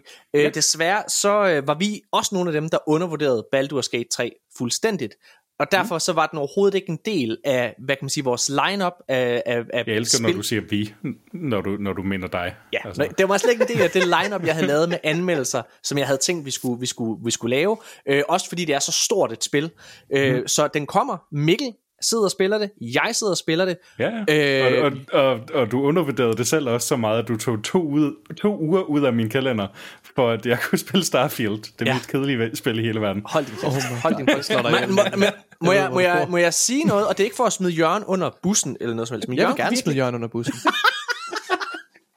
Nej, men det, jeg, jeg, jeg, jeg, jeg gjorde det ikke af en eller anden årsag. Jeg, jeg glemte det nok, da vi sad og, og diskuterede hæftigt. Du havde, du, havde, du havde travlt. Jeg havde lidt travlt. Jeg skulle Du nå en flyver ret til. Grækenland. Men Du øh, skulle nå et fly. jeg, noget af det, som, øh, noget af det, som der undrede mig en lille smule, som, som Jørgen ikke selv berørte, det er, at jeg tror ikke, Jørgen Bjørn er en RPG-spiller. Fordi han fik faktisk også en kode til Baldur's Gate 3, og lagde det fra sig efter fire timer. Jeg Så- har, meget, jeg- jeg... jeg har fucking meget at sige til Jørgen, Jørgen Bjørn, men jeg synes, han, jeg, hvis vi skal gøre det, når, vi, når han selv kan forsvare sig i podcasten. Ja. Jeg vil Ja, ikke det sidde, ja, jeg. fordi jeg Det- har det jeg. meget... Okay. Baby, I've got... Altså, jeg, jeg har ligget tror- søvnløs i sengen og bare tænkt, fuck dig, Jørgen, din fucking skiderik, du slipper ikke godt for det her. Selvom, selvom så- Starfield var vores længste anmeldelse, så, så er den, den var ikke lang nok. Nej, det var den virkelig ikke. Det er, det er vidderligt. Og vi skal det have er, en spoiler talk også. Det vil jeg også sindssygt vi gerne se Ja, se på. altså der burde næsten komme en part 20 af den. Bare, bare med jer to. Ja, det er godt. Fordi I var tydeligvis ikke Ej, færdige der skal være nogen til at hive det i den anden retning også. Men, ja. Og dog, jeg har også nogle nye tekst på Starfield. Men ja, okay, ja. Oh, Stop. Okay. Hvad hedder this det? year. Jeg, Ja, ja det er sindssygt over. jeg, øh, men Baldur's Gate 3-anmeldelsen, den kan I i hvert fald glæde jer til. Og så må vi se, om Jørgen han skal med i den, fordi jeg frygter lidt, at han vil være så sur over det. Det er slut, fordi, Jørgen. Ja, ja, ja, Fucking jeg, jeg skider tror... Nej, nu kæft. Jeg, jeg vil elske det. Jeg vil elske det. øhm, Åh, ja, anyways. Anyways. Hey, lad os gå videre til næste nyhed. Right, Jeg kan godt, det jeg kan det, godt lide. RPG'er, Morten. Jeg, jeg kan også godt lide RPG'er. Øh, det er derfor, jeg gav Starfield 6 ud af 6 stjerner, fordi det er en af de bedste RPG'er, der er udkommet i rigtig mange år. Jeg, jeg Hold elsker kæft, RPG'er, hvilket ikke var derfor, at jeg gav Starfield 3, fordi det er det. en Nu af de stopper mest det. Stopper det. Hvad du ind? Det er det bedste Bethesda RPG, der udkom i september 2023. You're treading on some mighty thin ice. Hey, er der nogen af jer, der nogensinde har tænkt over, hvad tænkte Hvad Phil? Spencer og øh, resten af Microsoft egentlig dengang, at PlayStation annoncerede PlayStation 5? Hvis I gjorde, så har I svaret nu, fordi Ej. Phil Spencer, han har en af de, de mange mails, der er leaget, det er hans svar og hans holdninger til PlayStation 5-konsollen, da den blev udgivet. Og øh, ved du hvad? Øhm, Jeg, jeg, egentlig- jeg ved godt, jeg har Prøv, snakket meget. Nej, men Nicolaj, du får lov til at snakke, fordi, men, jeg, men det jeg vil have, du gør, det er, at jeg vil have, at du tager hele hans mail. Ikke gør bare jeg det også. Det også det, jeg fordi, jeg, jeg, fordi noget af det, jeg elsker allermest, det er hans giddiness. Så jeg vil bare lige sige, hvis man ikke ved det her. PlayStation 5 lancerer. Og jeg siger det højt, fordi jeg havde det lidt på samme måde, ikke som, hvad hedder det, øh, hvad hedder det, ikke som PlayStation, eller undskyld, ikke som Phil Spencer nødvendigvis har, men, men jeg havde glædet mig rigtig, rigtig meget til PlayStation 5. Mig og Nikolaj ved, eller undskyld, mig, I ved mig og Nikolaj valgte at købe Xbox i stedet for. Det kom blandt andet på baggrund af den her showcase, som i min optik dengang var rigtig skuffende. Og så var der en masse kommunikationsproblemer fra Playstations side, som gjorde mig og Nikolaj, vi valgte at tage noget andet. Phil Spencer, han kommer... Jamen, ja, nej, Nikolaj, vil du ikke tage hele hans øh, mail her og læse den højt? Det kan du tro, jeg vil. Skal jeg finde det. Hvis du bare går ind på... på mit, I have it here. Okay, ja. så Phil Spencer, han sender den her e-mail til Satya Nadella, Microsoft CEO, og Amy Hood, som også er Chief Financial Officer, tror jeg. Øhm, godt. Han skriver, Even as I type this, I know I shouldn't, but I can't help myself. We've all lived with seven years of starting off a generation with a price and performance and messaging disadvantage to PS4 with Xbox One. I have to admit, this morning when I woke up knowing the PS5 re- reveal was today, that the stress level was higher than normal. Now, after almost 12 hours of soaking in their uh, unveil, taking apart their specs, and looking at the community responses, I just want to say that I'm proud of our team. We have a better product than Sony does, not just on hardware, but equally important on the software platform and services on top of the hardware. We have the ingredients of a winning plan. I felt the feedback from the board of directors discussion on being too confident, and maybe this uh, will just reinforce that per- perception. I get the need to be humbly confident, but today was a good day for us. We haven't won anything, and I know we have hard discussions about pricing, P&L investments, etc. This email uh, isn't trying to scoop any of that. Those discussions really matter, but we can take the confidence in our product truth here. Um, and I do believe any conversation needs to start with believing in that. That was this was a good day for Xbox. Thanks for indulging me, Phil. Og det er grund, grund til, at jeg er så excited, når jeg læser det her op, det slår mig, mens jeg læser det. Det er ikke fordi, jeg nødvendigvis er totalt on board på alt det her, Phil siger. Det her det er jo bare, altså, det er jo mandens perspektiv. Han er jo ja. mega biased. Det er bare virkelig, jeg synes, det er så fedt det her, fordi at vi får bare hans umiddelbare reaktion til en, en intern kommunikation, som aldrig skulle have set dagens lys andre elsker steder. det. Og jeg synes bare, det er mega fedt at få hans reaktion. Jeg, igen, jeg er ikke nødvendigvis enig i de ting, han siger. Øh, jeg, jeg, det øh, Øhm, jeg, jeg, jeg kan godt følge ham. Jeg havde det jo lidt på samme måde. Det var det, jeg sagde, inden du læste øh, mailen op. Men mm. hvis man skal prøve at kigge lidt med altså retrospekt, øh, retrospektivt på det, så det, som Phil Spencer tydeligvis undervurderer, det er jo loyaliteten til PlayStation-brandet. Fordi jeg, jeg er fuldstændig enig. Jeg synes, hvis man kiggede på det dengang, og man kigger på Game Pass og alle de her ting, så synes jeg, og det synes jeg også den dag i dag, jeg synes lige nu har Xbox et bedre produkt end PlayStation. Men man kan bare ikke undervurdere, og det har salgstallene jo vist til PlayStation 5, man kan ikke undervurdere og affeje den loyalitet til det økosystem. Den loyalitet til din gamerstore. Du snakkede, altså, din gamerscore, Nicolai, du snakkede selv om det. Hvor afhængig du er blevet af at se din Xbox-score stige, ikke også? Det er jo det samme, som rigtig, rigtig mange PlayStation-fans har. Og det er årsagen til, Det er og jeg synes meget fortjent, Hmm. at PlayStation gennem tre gode konsol, fire hvis man tager den første med også jo, øh, altså fire virkelig, virkelig gode konsolgenerationer, har opbygget en troværdighed, som Jim Ryan er ved at pisse på lige nu, men en troværdighed, som man bare ikke kan, ikke andet end anerkende. Jeg synes i hvert fald, der er noget sandhed i, at de træder ud af skyggerne for den her periode, mm. hvor at de har været, har, altså hvor Playstation har kørt, gjort alting bedre end Xbox, og så for en gang skyld kommer ud og, og har et solidt produkt, og man så synes, det er et bedre produkt, end det Playstation er tilbyder, det er jo op til den enkelte, men jeg synes i hvert fald, det er jeg totalt on board med, og den excitement over, at det her, det, vi har lavet noget, vi kan være stolte af, mm. og særligt for Spil- Phil Spencer selv, som er en af hovedarkitekterne bag mm. hele den her bevægelse, det må være vildt tilfredsstillende for ham, så jeg synes bare, det er sådan mega fedt at få det her indblik i hans, ja, nu har jeg snakket meget. Hvad, hvad siger du, Jens? Janus, vil du sige noget? Hmm. Nej, men altså, øh, hvis som jeg lige husker det, ikke, så, så, så Xboxen, den, har, den er ikke blevet annonceret på det tidspunkt her. Så, så det vil sige, at de ved jo ligesom, hvad deres hardware er, Det er rigtigt. og, og, og det er nok også derfor, han er nervøs, ikke det der med, har, er Sony på en eller anden måde lykkedes med at få fat i en eller anden form for hardware, der er bare sådan undeniably bedre, end det vi ligesom har i pipeline på det her tidspunkt. Ikke? Den, den er jo i produktion, den eksisterer, den kommer ikke til at være dobbelt så god til launch, det, det ligger fast. Ikke? Så, og selvfølgelig må man sige, jamen det kan jo ikke lade sig gøre, hvor skulle det komme fra? Men man må stadigvæk være nervøs. Ikke? Hvad nu, hvis de har fundet på et eller andet smart, hvor, hvor det bare er sådan, wow, de har dobbelt så mange teraflops som os, mm. og der er dobbelt så stor harddisk. Ups, hvad gør vi nu? Så det han siger er jo lidt sådan noget, ah, vi har, vores, vores tech er ligesom com- comparable, ikke? som vi jo ved nu, at de er sådan, give or take, nogenlunde det samme. Og det det, det, det, det, det, jeg læser i det, det der med, ah, nu har I annonceret, hvad jeres maskine kan, jeg ved, at vores maskine kan mere eller mindre det samme. Det kommer ikke til at være den store forskel, og det er jo også det, vi ser den dag i dag, at altså, så multiplatform titler er jo ikke sådan bare absurd meget bedre på PlayStation 5, end det er på Xbox Series X. Det er de jo ikke. Um, så det er jo så det kan, godt, eller det, det kan man ligesom fornemme, eller det er i hvert fald det, jeg læser i det. Og så synes jeg, det er meget cool, det der med, at vi har ikke vundet noget, og vi skal, vi skal, vi skal diskutere, hvad den skal koste og sådan noget, ikke? fordi det, det, det, det er jo sådan en del af konkurrencen og sådan noget. Og vi Men skal der, være hvor han jo, ja, men der, hvor han måske øh, tager fejl, kan man sige, og han, som han jo heller ikke kunne vide, det er jo mellem, altså fra den her e-mail blev skrevet, og til nu, der har der faktisk været relativt mange øh, cancellations ja. på Microsofts side. Så når han skriver det her, det er jo, hvis jeg tager, husker rigtigt, så er det jo i en periode, hvor de må have regnet med, at Scalebound for eksempel Ja. udkom, og nogle, der var jo en to- to-tre spil i den der sådan øh, lige under øh, AAA, eller, eller lille AAA-ting, som var på vej, og som man ligesom kunne, ville have været rigtig fede for Xbox, og de blev bare ligesom sådan cancelled drink, cancelled drink, cancelled drink, ikke? Ja. Øhm, så, så, så hvis, her har han nok troet, at de kom, og de gjorde de så ikke, som jeg også jeg, jeg ved ikke, om Xbox havde haft 40 millioner solgte konsoller på noget tidspunkt, men det, men ja, det har nok gjort en eller anden forskel, ikke? Ja, ja, det er bare interessant. Mikkel, det er sikkert. har du noget at sige?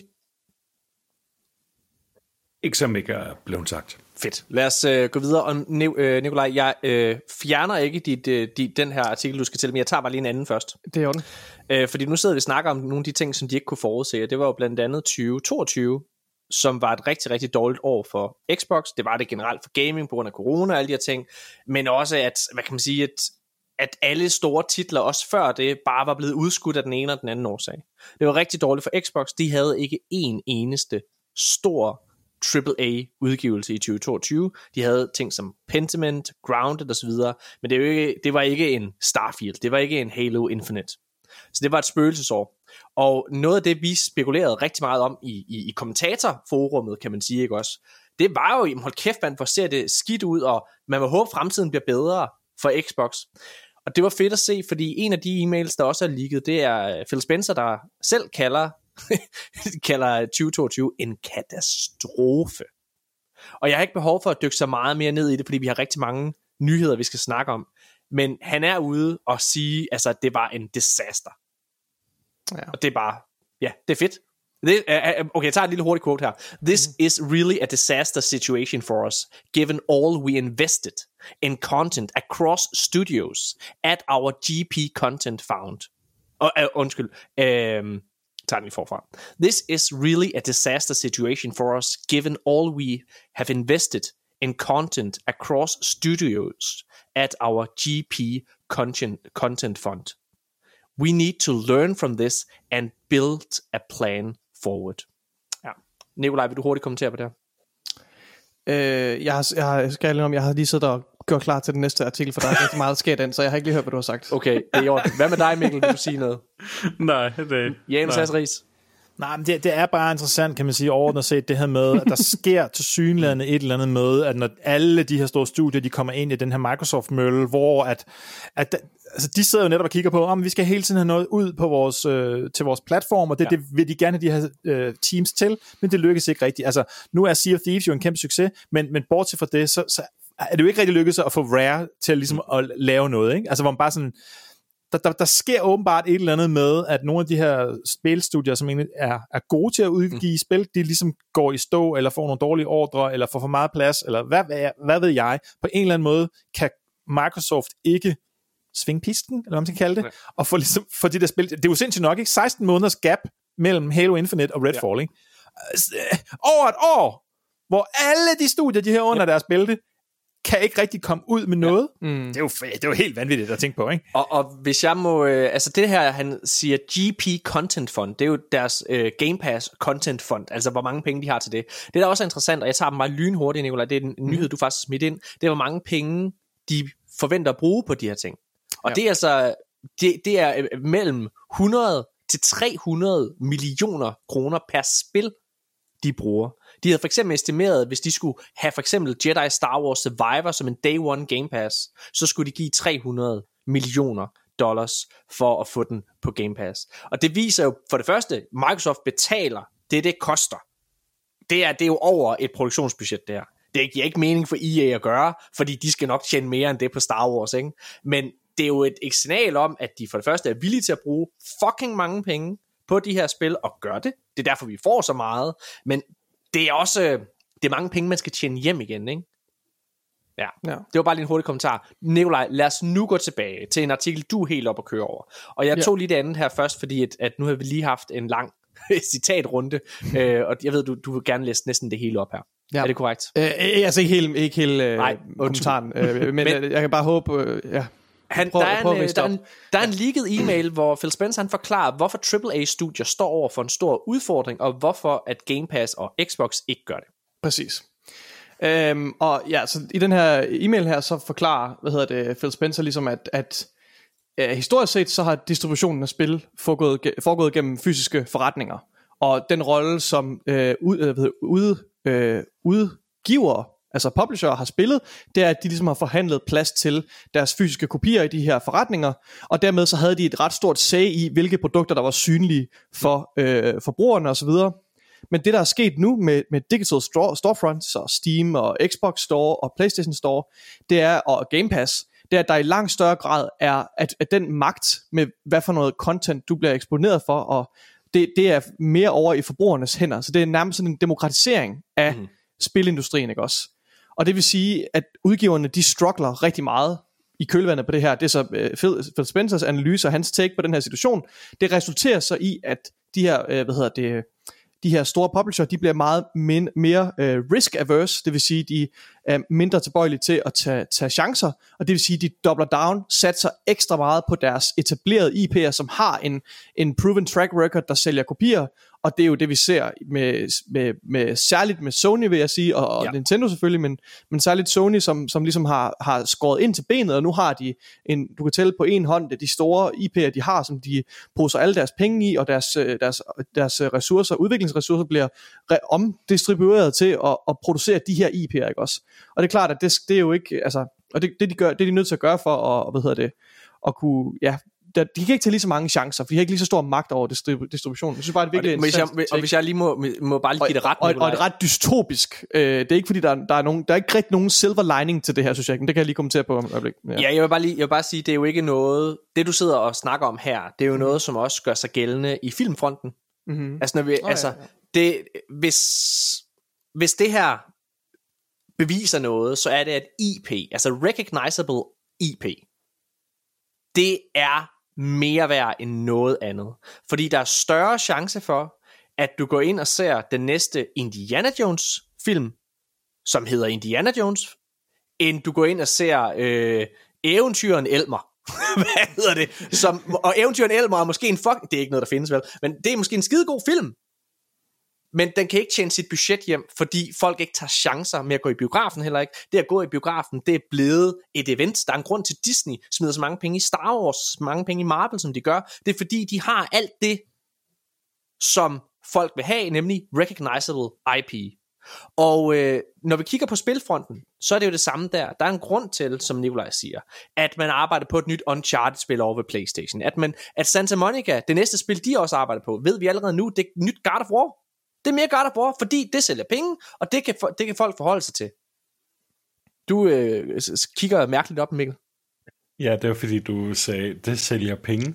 Nå ja, undskyld. Det sælger penge. Det, det, man, det, man tjener penge på det. Æh, hvad hedder det? Så altså, øh, og, og der er en grund til, at alle de store IP'er, vi ser, det er gamle franchises, der vender tilbage, som har en nostalgisk faktor, eller en efterfølger til det sidste års helt store smash hit. Øhm, fordi man kan ikke tage chancer. Det koster så mange penge at udvikle et spil. Vi kunne se det for PlayStation. Det at lave, og derfor kan man godt forstå, at PlayStation ikke tager chancer. Fordi det koster 200 millioner dollars at lave The Last of Us. Det koster 200 millioner dollars at lave Horizon Forbidden West. Det er gigantiske summer for et spil. Og øh, jeg er rigtig, rigtig meget imod for eksempel, at PlayStation gør så meget for at gøre Horizon til en franchise. For jeg synes egentlig ikke, Horizon er en fed franchise. Men jeg kan godt forstå, at de gør det. Jeg kan godt forstå, at de begynder at lave en tv-serie til det, for at give det noget mere opmærksomhed. Jeg kan godt forstå, at de går all in på at lave en MMO sat i det univers. Fordi det er noget, de kan skabe, det er noget, de kan bygge op. Og Nikolaj, nu må du så fortælle, hvad Phil Spencer har at sige omkring det her, og hvorfor Xbox står i en helt anden situation end ja. de andre. Ja, så jeg vil gerne komme til, hvorfor, hvad hedder det, Game Pass, Øh, hvor, hvor Game Pass passer ind i det her, og hvorfor jeg ikke tænker, at der er noget positivt ved det her overhovedet.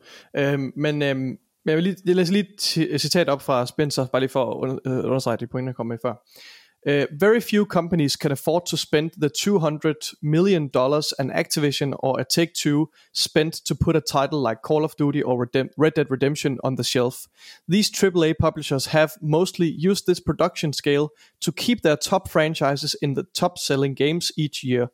The issue these publishers have run into is the same uh, production scale slash cost approach hurts their ability to create new IP. The hurdle uh, rate of a new IP at these high production levels have led to a risk aversion by big publishers on new IP.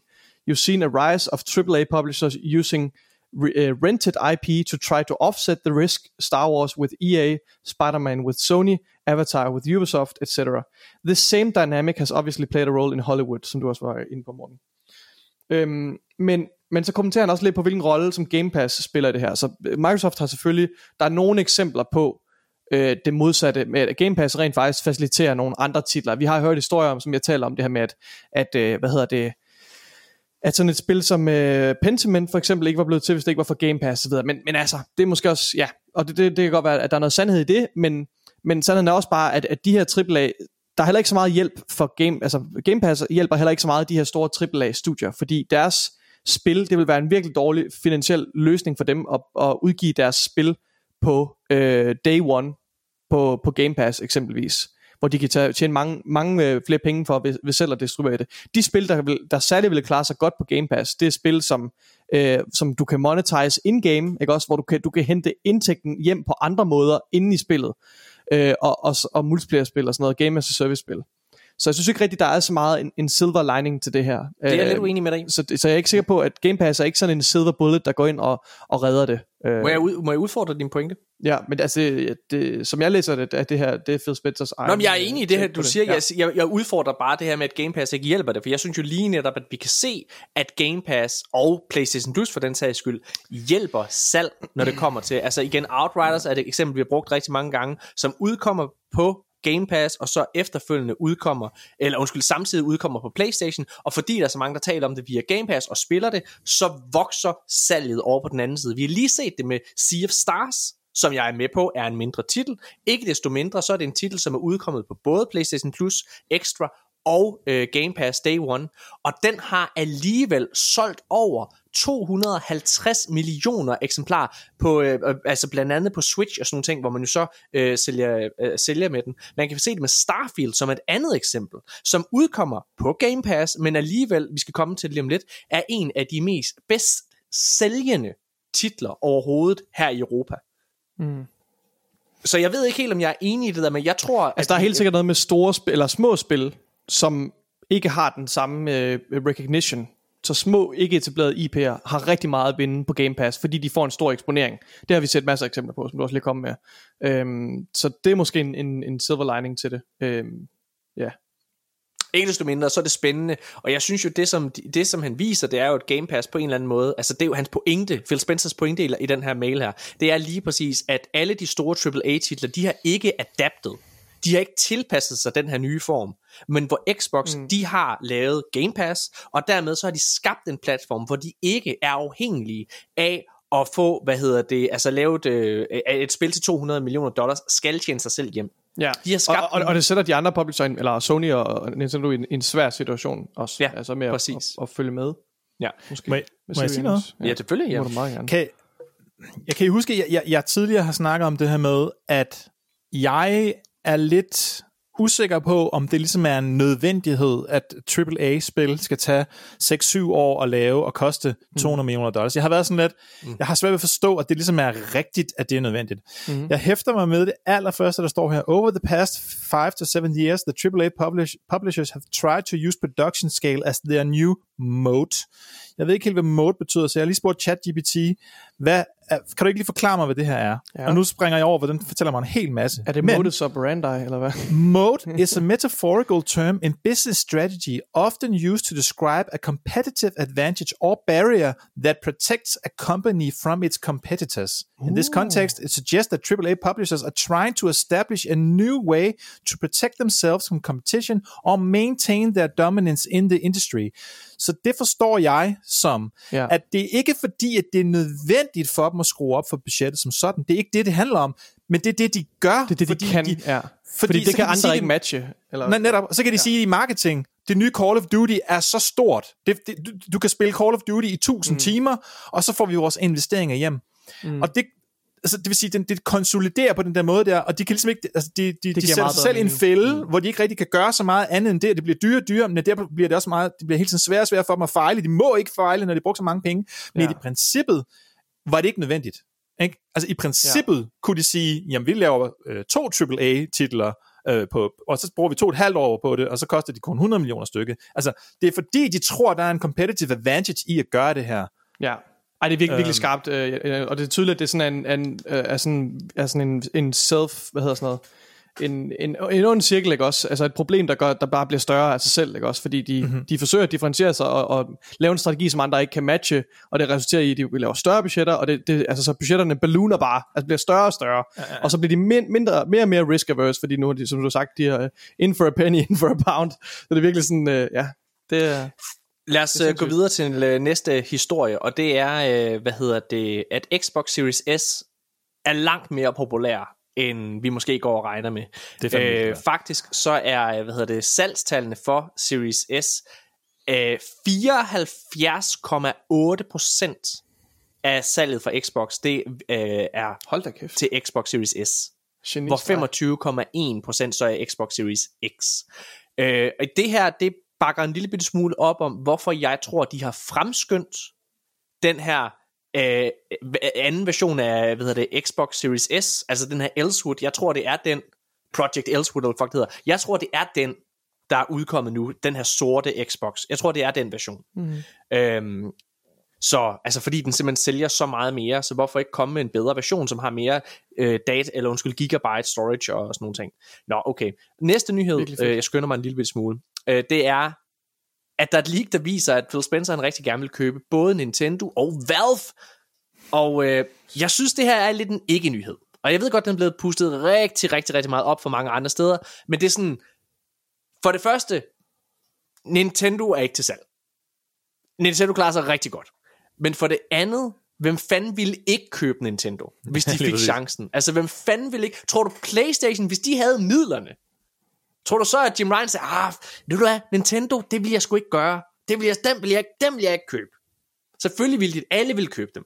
Hvor, og jeg tror, at den mest interessante her, det er Valve, men jeg er imod, hvis selv hvis det skulle komme på tale, så er jeg mega meget imod, at Microsoft skulle købe både Valve og Nintendo. Og det er fordi, fordi I sidder så måske, den faste lytter sidder og tænker, men Morten, du har da bakket op omkring Activision Blizzard-købet. Ja, fordi jeg føler ikke, at Activision Blizzard-købet forringer konkurrencen på verdensplan, på, altså på gamingfronten. Jeg synes, det laver et even playing field. Det giver Microsoft en, altså en, en, en nødvendig håndsudrækning til ligesom at komme frem. Men et køb af for eksempel Nintendo, det vil jo fjerne den tredje kons- øh, spiller på konsolmarkedet fra brættet. Og aller værst med Valve, så ville det give dem nærmest et monopol Microsoft på PC-fronten. Så det vil jeg være kæmpe meget imod. Jeg er kæmpe modstander af den her tanke overhovedet. Og jeg tror heller aldrig nogensinde, det vil ske. Altså hvis man kigger på, hvor svært det har været for Microsoft at købe Activision Blizzard, så vil det aldrig gå igennem det her. På trods af, hvis jeg lige skal lege djævelens advokat. Så FTC, CMA og alle de andre store konkurrencestyrelser, de har med vilje i deres argumentation imod Activision Blizzard-handlen, der har de faktisk øh, sagt, at Nintendo ikke er en del af deres definition af konsolmarkedet. Og det vil sige, lad os sige i en hypotetisk verden, at Microsoft og Phil Spencer, de giver 200 milliarder kroner til, hvad hedder det, til, til Nintendo, og så køber de dem. Så ville Microsoft jo nok være i stand til at bruge FTC, CMA's egne argumenter mod dem, til hvorfor de skulle købe Nintendo. Men jeg, igen, jeg håber aldrig, det kommer til at ske. Må jeg fortsætte, eller har I noget at sige til det her? Ej, jeg, jeg synes du har ret, det er, det er en ikke. Altså, det er jo hans job at sidde ja. og undersøge, hvordan det ville være. Ja. Altså, basically. Ja. Spil scenariet igennem. Hvad, hvad koster det at købe Nintendo? Hvad der. Ja. ske ved det, ikke? Altså, det, der til gengæld er interessant, det er, at i det her league, og det her det er via Tweaktown, øh, Derek Strickland, der sidder derinde, der er det også kommet frem top 10 over de bedst indtjenende, altså ikke, øh, undskyld, øh, med, øh, med omsætning og sådan noget, ting, det vil sige ikke penge, man nødvendigvis tjener til sig selv, men i omsætning. Hvem, hvem omsætter for mest? Og det her, det er fra 2021, og der var 10. pladsen, overraskende for mig, det er faktisk Valve med Steam. 9. pladsen er EA. Valve de øh, omsatte for øh, 9 øh, milliarder dollars, tror jeg det er. Ja, mm. milliarder. Øh, hvad hedder det? Jeg troede, Valve var større. Jeg troede også Valve var større. Men EA overrasker mig ikke, at den ligger der, fordi EA er ligesom den største af de sådan lidt mindre udviklere, også fordi de har alt det her EA Sports og... Men at de alligevel tjener mere ja. end Valve med Steam? Nå, ja okay. Det giver i hvert fald mening for står mig, at de er større ikke, end øh, Ubisoft, men Ja, der står 7, 7, 7 milliarder. Ja, 7 milliarder. Ja. Øh, så de tjente øh, 7 milliarder i 2021, EA 7 milliarder. Activision Blizzard er på 8. pladsen med 8 milliarder dollars. NetEase, kinesiske NetEase, er på, øh, hvad hedder det, øh, 6. pladsen med 10 Hvad milliarder. laver NetEase? NetEase, ja, det sidder jeg også lige og tænker, hvad fanden er det nu NetEase laver? NetEase De har, laver meget øh, mobilspil. og i hvert fald. Bungie. Ja, Bungie øh, er de også laver noget for dem, også? Øh, fem, femtepladsen, eller hvad? Øh, 10, 9, 8, 7, undskyld, 7. pladsen er NetEase. 6. pladsen er Nintendo med 15 milli- øh, milliarder dollars. Apple er på 5. pladsen. Microsoft er på 4. pladsen med 16 milliarder dollars. Google er på 18 øh, milliarder dollars, og dermed med tredje, på 3. pladsen. Sony er på anden pladsen med 25 milliarder dollars, der er altså noget at springe der. Og så den allerstørste er kinesiske Tencent med 33 milliarder dollars. Holy fucking shit. Ja. Det er um, fordelen ved at have et kommunistisk styre. Okay, Good for business. Derek Strickland, han har også lavet en anden lille undersøgelse, fordi han er rigtig god til tal, og han har så siddet og hvad hedder det, regnet alle de her ting sammen, alt det vi nogle gange ved fra. Øh, hvad vil du sige, Mikkel? Det skal bare lige siges, at, at, at det her det er ikke officielle tal. Mm-mm. Det er ifølge Microsofts analytikere. Jo jo, men dermed også altså sådan rimelig. Jo, jo, jo Legitime. men altså, Helt sikkert. selvfølgelig. Det næste, det er, hvad hedder det, det er Derek Strickland, som sagt, der har siddet og regnet alt det her sammen på baggrund af, hvad der er blevet ligget i de her kort documents, men også på baggrund af det, han ved fra Playstation med Sony og sådan nogle ting, øh, og så videre. Og der er han faktisk ude og vise Playstation, Nintendo og Xbox i forhold til omsætning og indtjening. Og der skal man lige huske på, indtjening, det er det, du rent faktisk tjener, og omsætning, det er bare det, du sælger for. Det vil sige, indtjeningen er jo det, der betyder noget i sidste ende. Og det er ret interessant det her, fordi den, der tjener mest, det er Nintendo. de omsætter for mindst og tjener mest. Det, altså, de har en rigtig smart forretningsplan her. De har øh, omsætter for øh, 11,8 øh, 800, øh, 11, 1826 milliarder dollars, og de indtjener næsten 3 milliarder dollars i indtjening. Men der hvor det begynder at være interessant, særligt hvis der man har fulgt med i hele den her kæmpe store debat om hvorvidt Xbox og Game Pass særligt er profitable, det er det her, fordi Xbox er ifølge Derek Strickland her mere indtjenende. Altså de har en større indtjening end PlayStation har, på trods af at de har en mindre omsætning. Øh, det er ikke meget, men en lille smule. PlayStation har, hvad hedder det, øh, helt specifikt, øh, hvad hedder det, fjor, øh, en, men Nicolaj, vil du lige sige de her tal? Jeg øh, sidder, øh, vil du sige det? Nicolaj? Mm, Åh. Ui. Okay. ej, Det er den der graf, der er Nikolaj et billede af sad den. tydeligvis. Du- sad og læste noget andet. Ej, det var godt. Åh, oh, Nikolaj. Ej, du skal I ikke sidde... always got your back, Morten. Ja, det kan jeg se. Ej, hvor er det fedt. Hvor, hvad, I andre, I har den vel også åben? Så? det kan jeg. Jeg sad og lavede noget helt andet. Jeg var totalt distraheret af, at hey, Weta Workshop arbejder Okay, på fint et, nok. Jeg et tager spil i den, Ringens assholes. Herre-universet. Jeg det er- her. det var lige det, som, som jeg lige blev distraheret af. Okay. Xbox. Jeg sidder og ser kattevideo. Ej, det kan du holder det gas, det gas. det gas. Okay. Nikolaj, det er midt, altså et kæmpe billede midt på dit fucking manus. Hvilket manus? Hold nu kæft. Hvad er der sker? jeg ved ikke, hvad vi snakker om. Du, jeg snakker om, hvor meget Playstation de tjener. Og Xbox de tjener. Altså Kan i regel faktisk. Hvad? Nå, altså, er det, okay, er det bare den der biggest game, game company, så den vi stadig snakker Fuck dig i helvede, altså. om? 25 dollars? Nej, stop! Hvad? Det er om? det her. Big Free Profits. PlayStation, Xbox, Nintendo. Ja. Okay, Janus, vil du tage den? Vil du redde Ja, den? der, jeg er bare lidt i tvivl om det. Altså, er det 18,7 milliarder dollars, eller er det 18.743? 18 milliarder. Ja, Okay. Ja, 18,743 milliarder Ja, ja, ja, dollars ja. øh, er omsætning for PlayStation med en indtjening på øh, 1,419 øh, milliarder dollars, hvor Xbox så har 12,775 milliarder dollars i omsætning og en indtjening på 1,500 øh, milliarder dollars. Tak, Janus. Og 1,4 og 1,5 er jo tæt på hinanden, men 18,7 og 12,7 er ikke så tæt på hinanden. Og det man så, hvis man ikke kan regne den ja. slags ud i hovedet, så kan man jo kigge ved det, der hedder maven. Og det er jo det, der hedder profitmaven. Og det er jo selvfølgelig, det er jo det, man altid aller, aller helst vil have. Øh, I princippet er at det, det, der så er de grønne tal her, er, er næsten ligegyldigt. Pointen er, hvor, hvor, hvor stor en, en margin, profitmargin har man, og der er det så 25% for, for, for Nintendos vedkommende, men 12% for Xbox's vedkommende, og her er en forskel 7% for, for Playstations vedkommende. Så det er jo en kæmpe forskel. Altså fra 7 til 12, det er rimelig meget. Altså 25 er selvfølgelig endnu mere, men, men, men altså, forskellen i 7 og 12 procent profitmargin, det er ret meget. Altså, og det betyder jo basically, at øh, PlayStation-maskinen er så dyr, at de, Ja. at, det, at de ikke tjener, altså det er det, de sætter til på den, basically, ja. mens at for, fordi vi ved jo, at, at øh, Nintendos maskiner altid er i overskud, yep. mens de to andre satser på, at, at maskinerne giver underskud, mens så spillene giver overskud. Fordi det er selvfølgelig, altså Microsoft kan jo ikke tjene absurd meget mere på at sælge deres AAA-spil end Sony. Det, det er jo nogenlunde det samme øh, til, øh, ballgame, og så selvfølgelig Game Pass, som også kommer ind i her. Og det, Man, der er man kan i hvert fald godt se, at Nintendo ikke øh, tager et underskud på deres hardware, for der er, det hardware, det er 10 år gammel hardware, de putter ind i den der Switch mm-hmm. der. Men det, jeg gerne vil tage med her i var den her store samtale, og det er altså også det, som... øh, Altså, det er ikke mig Det selv. er det rigtigt. Er det rigtigt? Ja, fedt. Jeg kan også det, rigtigt. det her det er, ikke, det er ikke noget, jeg selv har, øh, altså, har, har fundet på, eller hvad man kan sige. Der, der er mange andre kommentatorer, der, der har regnet det her ud, kan man sige. Men, men det, der er interessant, det er, at vi ved, Xbox sælger ikke specielt mange spil på deres platform. Og det vil sige, at en stor del af den her indtjening, det kommer jo altså via Game Pass. Altså, så må Game Pass jo være profitabel. Og det er jo interessant, fordi det har, igen, Phil Spencer har sagt det et utal af gange i interviews, at de tjener penge på Game Pass, hvor alle kommentatorer, altså inklusive os selv, Nikolaj, har siddet og sat lidt spørgsmålstegn til, hvor meget kan de tjene.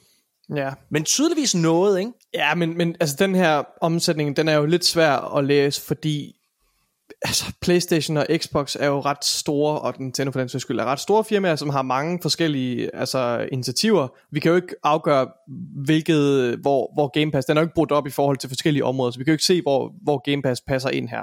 Men det er Ej, nok ikke hardware. Du kan lave det er udelukkelsesmetoden, nok ikke, det er nok ikke, ja, ja, jeg er med på det, men det er nok ikke hardware, der giver et kæmpe overskud, det ved vi, Nej. altså, så, så er der Game Pass, og Jamen, du ja, har, du hvad, det være, det er bare det, det er de to ting. Hardware Jamen, du har jo tre muligheder, du kan tjene penge på. Du kan tjene penge på at sælge dine spil via din store, hvor du tager et cut, og så kan mm. du tjene penge på Game Pass, du kan tjene Ja. penge på din hardware. Det er de tre muligheder, der er. Ja. Og de tager, øh, tjener jo ikke specielt mange penge på hardwaren, hvis overhovedet noget. Øh, og så tjener de øh, også et begrænset antal, ved vi, via sal- solgte spil, fordi de er nærmest aldrig på det, der hedder øh, NPD Numbers Xbox. Nej, men, men vi har også, det er heller ikke ret længe siden, at vi talte om, at uh, Phil, Phil Spencer har kommenteret på, at Game Pass ikke rigtig er profitable endnu for alvor. At de Det, stadig er han har sagt, at det er profitable. Han har okay. sagt, at det er profitable. Okay. Han er, Men, han er, men, han, det, han, men, okay, men så han, var han sådan, now we're, du ved, nu er vi, nu er vi profitable, lige, vi er lige profitable. Helt sikkert. Altså, og undskyld, fjerde mulighed, man selvfølgelig kan tjene penge på, det er via microtransactions. Det er selvfølgelig vigtigt at understrege, og der har de selvfølgelig en pengemaskine via Minecraft og sådan nogle ting. Jeg prøver ikke at tage noget fra det. Jeg nej, siger bare, og jeg siger ikke, at Game Pass er deres primære indtjeningskilde. Jeg siger bare, Ja. Microsoft, med det de laver lige nu, ja. med de initiativer de tager, der tjener de lige nu, ifølge Derek Strickland, som er en ret pålidelig kilde, altså så tjener de flere penge end PlayStation, og det er interessant, når man tænker på, at PlayStations omsætning er så meget højere. Undskyld. Det er bare, Okay. ja, men det er mere, jeg, mere bare, jeg, jeg sætter bare helt lidt i forhold til det med, at det lige netop er Game Pass. For det er, ja. Jeg, Men siger, ja. jeg siger ikke, det er kun af det. Jeg siger bare, at den er jo tydeligvis ikke en underskudsforretning. Så vil, skal de i hvert fald tjene meget på de andre Det platforme. går lige op. Det, det gør de jo ikke. Okay. Janus, vil du sige noget, inden jeg går videre? Jeg sidder bare lige og spekulerer over det der. Vores næste øh, nyhed er det der med, Game Pass omsætter for 8 milliarder. Og så tænker jeg, Mhm. kan, kan Xbox's hele omsætning, kan den være 12 milliarder, og Game Pass er de 8? Det giver næsten ikke nogen mening. Det er vigtigt at understrege, at 8 milliarder er i 2030, Janus. Det er ikke nu. Nå! Nej, øh, øh, 8, det, er, det, det, det er Microsoft, det er igen Derek Strickland, der har været ude her, fordi de har leaget øh, kort documents.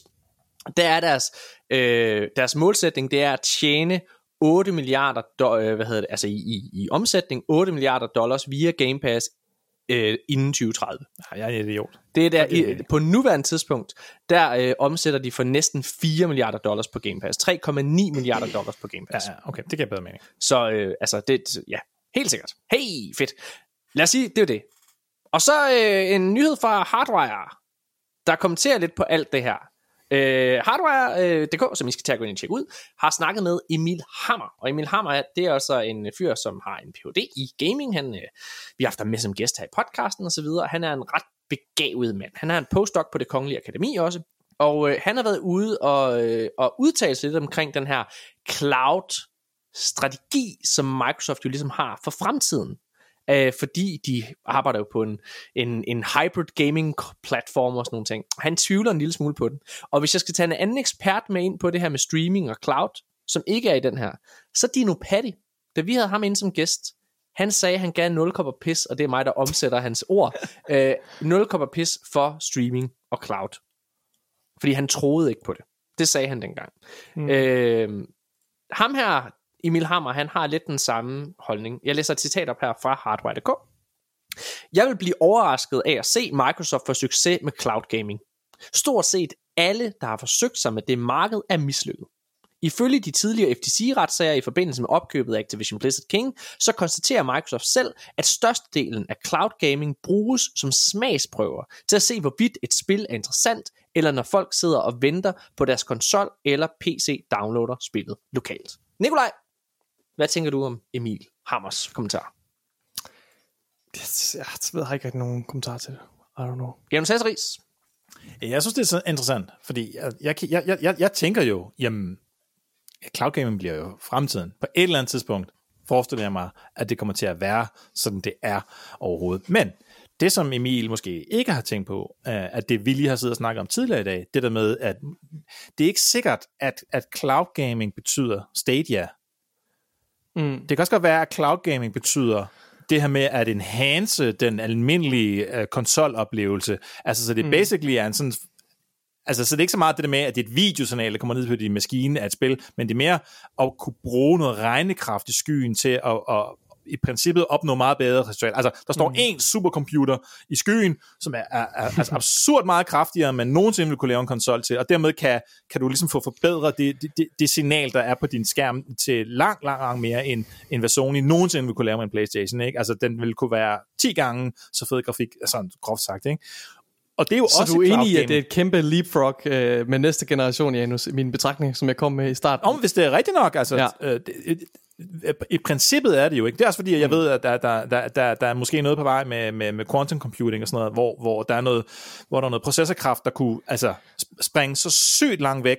Og det, altså, quantum computer ja. vil jo aldrig nogensinde blive til vores konsoller, men hvis der var en quantum computer, der stod og regnede på dit, på dit spil, altså, det ville være fuldstændig sindssygt. Altså, så ville den jo kunne lave basically film, eller altså øh, øh 100% realistisk, fotorealistisk grafik i spil. Det vil, det vil være som at spille en film, ikke? Øh, nu drømmer jeg lidt. Men, Så, så vidt jeg, det er ret meget, det er stadig ikke en drøm, så vidt jeg ved, så er der ingenting, der rent faktisk kan køre på en quantum computer. Vi kan simulere den og se, om programmer kan køre på en quantum computer, men der er ingen, der har realiseret en quantum computer rigtigt til at køre noget program endnu. Så, ah, og det er heller ikke alle mennesker, der, ej, det er selvfølgelig, hvis den står på en kloster et eller andet sted. Den er også lidt svær at vedligeholde. Ja, okay, anyway. Mikkel Jule Gregersen, du sidder og ryger en cigaret lige nu. Hvad hedder det? Tror, tror du på, du har simpelthen sat dig hen. Tror du på uh, cloud-fremtiden, og hvad synes du omkring uh, Emil Hammers, uh, hvad hedder det, postulater om, at cloud ikke nødvendigvis er fremtiden for Microsoft, eller for Jeg, spilindustrien jeg vil bare lige undskylde, jeg sidder og crasher super hårdt efter en lang arbejdsdag. Ja. Så, øh, så jeg, jeg var zonet lidt ud. Okay.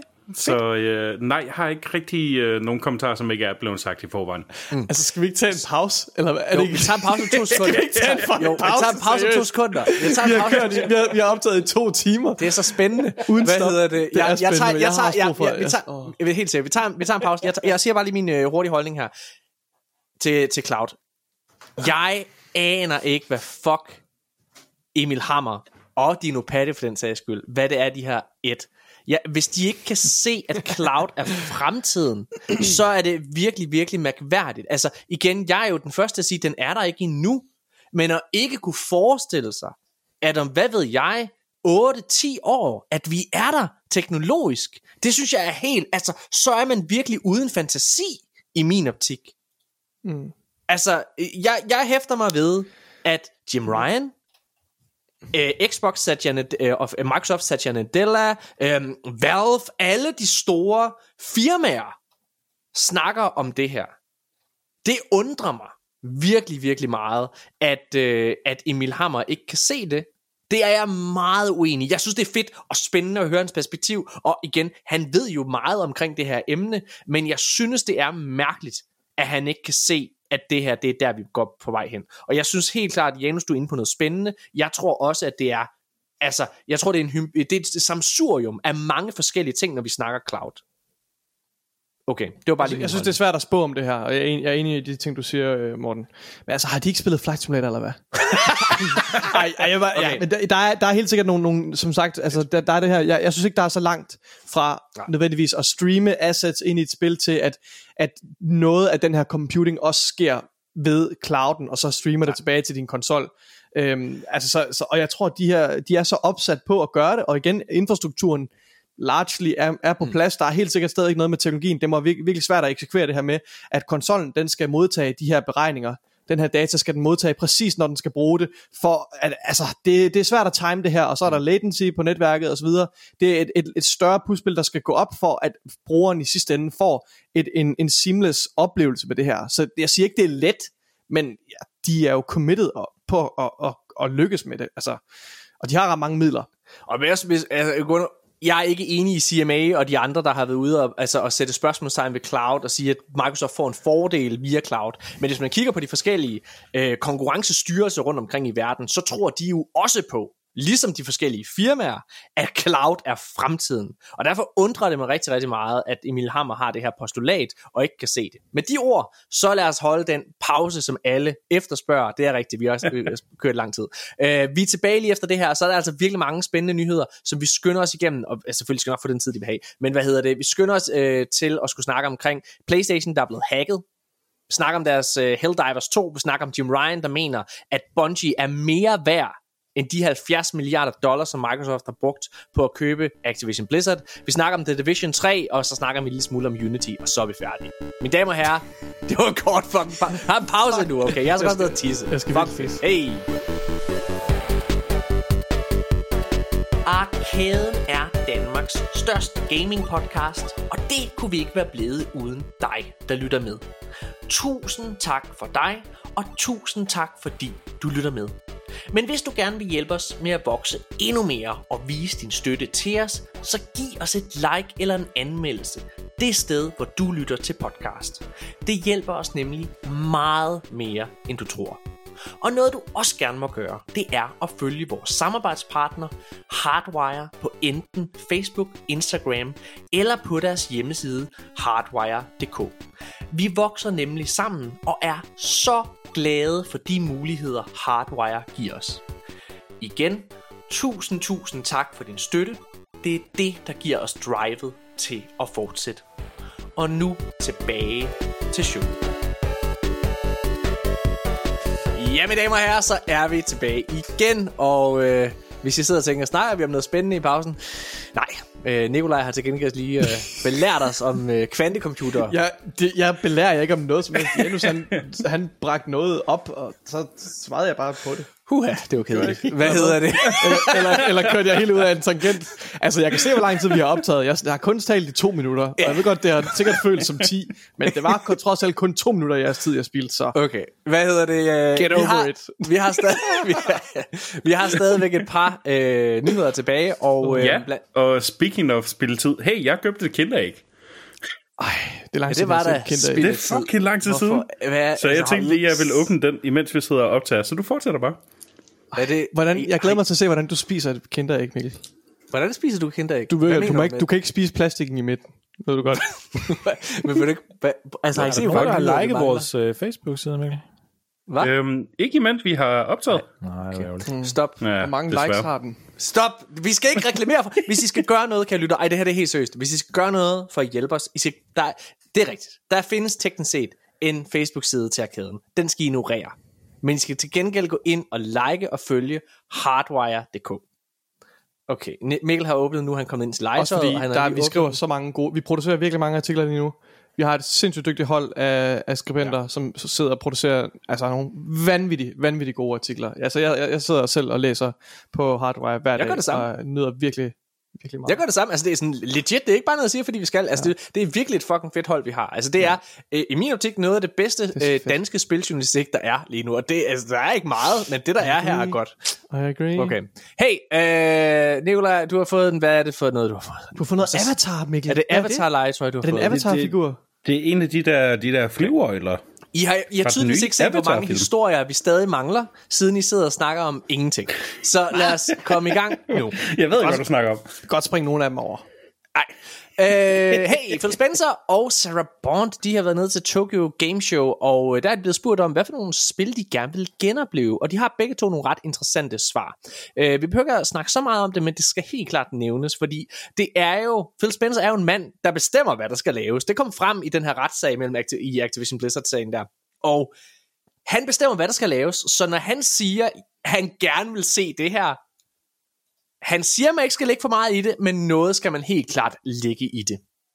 Og øh, Sarah Bond, hun starter med at svare, at hun gerne vil se StarCraft komme tilbage. Mm. Og de ejer jo altså Activision Blizzard om lidt. Så det er jo helt klart noget, jeg tror, vi kan godt regne med at se mere StarCraft. Så det er jo spændende. Spændende. Det vil jeg være rigtig glad ved. Er det rigtigt? Er du øh, Ja. StarCraft-fan? Ja. Jeg, jeg, jeg har aldrig været god til det, men jeg har spillet det rigtig meget. Ja. Derudover så... Øh, Phil Spencer han siger, at han vil elske at få noget, der hedder Mech Assault tilbage, som øh, var lanceret tilbage på den originale Xbox tilbage i 2002. Så det ved, jeg ved ikke, hvad Mech Assault er. Janus, du er den ældste af os. Ved du noget om Mech Assault? Jeg kan godt huske, at der var det der Macro uh, Mega Salt, men, men jeg tror ikke, jeg har spillet det. Jeg kan, jeg, jeg, jeg kan ikke huske helt, hvad det er, det går ud på egentlig. Nej. Noget, der er blevet spillet meget til gengæld, det er Starfield. Starfield har passeret 10 millioner spillere, og er ifølge Bethesda og Starfields egen Twitter-account den største launch i Bethesdas historie. På Twitters, øh, eller X, øh, profilen for, til Starfield, der har de skrevet, Thank you to more than 10 million Starfield explorers for creating the biggest launch in Bethesda history. Mega fedt. Godt gået. Og hvis vi lige bliver ja. i Starfield land et øjeblik, så øh, det her det er rigtig, rigtig spændende. Starfield er i Europa den femte bedst sælgende titel i år. Prøv lige at tykke lidt på det. På trods af, at Starfield er tilgængelig på Game Pass, hvor du ikke skal betale for det, så er Starfield stadigvæk den femte bedst sælgende titel i år. De fem bedste spil i Europa, det er, øh, hvad hedder det, Starfield, og så på fjerdepladsen Star Wars Jedi Survivor. Igen, prøv lige at sætte det, det er så, den er så fucking mange eksemplarer, ikke? Mhm. Øh, The Legend of Zelda på tredjepladsen, Diablo 4 på, på andenpladsen, og Hogwarts Legacy på førstepladsen. Det er ret sindssygt, at Starfield har solgt så meget, som den har, når den er på Game Pass. Og det siger også lidt omkring den her forretningsstrategi, Microsoft har. Jeg, havde, jeg, jeg må indrømme, det er først blevet klart for mig her med Starfield, men det her med, at du kan lave den her early access periode, hvor du kan få de mennesker, som slet ikke kan vente med at spille spillet, at de går ind og køber den, på trods af, at jeg kan få den via Genialt. Game Pass. Det er genialt. Jamen, det mener jeg faktisk. Det er genialt. Ja, okay. Mm-hmm. Apropos Game Pass, Like a Dragon Gaiden, The Man With No Name, det bliver en Day One Game Pass titel. Godt gået for dem. Fedt. Tillykke. Lad os gå videre cool. Og til måske Super noget, der i gamle, i gamle dage, så vil det her være den allerstørste nyhed overhovedet, men nu, den kommer her. CMA, Nej, den, den, kom, den kommer her. Den største nyhed, det er, hold kæft, kinder, det smager af helvede til. what? Det er virkelig dårlig chokolade, ikke også? Hvad? Ja, det er helt ekstremt. Nej, Ja, det er bare Ja. dårligt. mener I det? Jeg elsker Yep. Kinder. Kinder, det er mit bedste chokolade overhovedet. Du, har, du virkelig, du elsker også, øh, altså det, det er Jørgens, øh, hvad hedder det, Jensens øh, bøfhus-analogi, det der igen. Hvad? Du, Prøv er at en, du er bare en sokker for det der. Kinder, Grillmad det er sgu da creme de la creme. Hvad snakker du om? Hvis jeg fik... Altså, prøv at, jeg, det, jeg vil overveje, hvis min kæreste sagde, vil du have blæs, eller vil du have noget kinderchokolade? Oh my god. Uh. Men det er lidt sjovt. Tanja. Det er, din, det er din tilgang til alle ting i livet. Det er bare... Det skal bare være hurtigt og nemt. og ulækkert.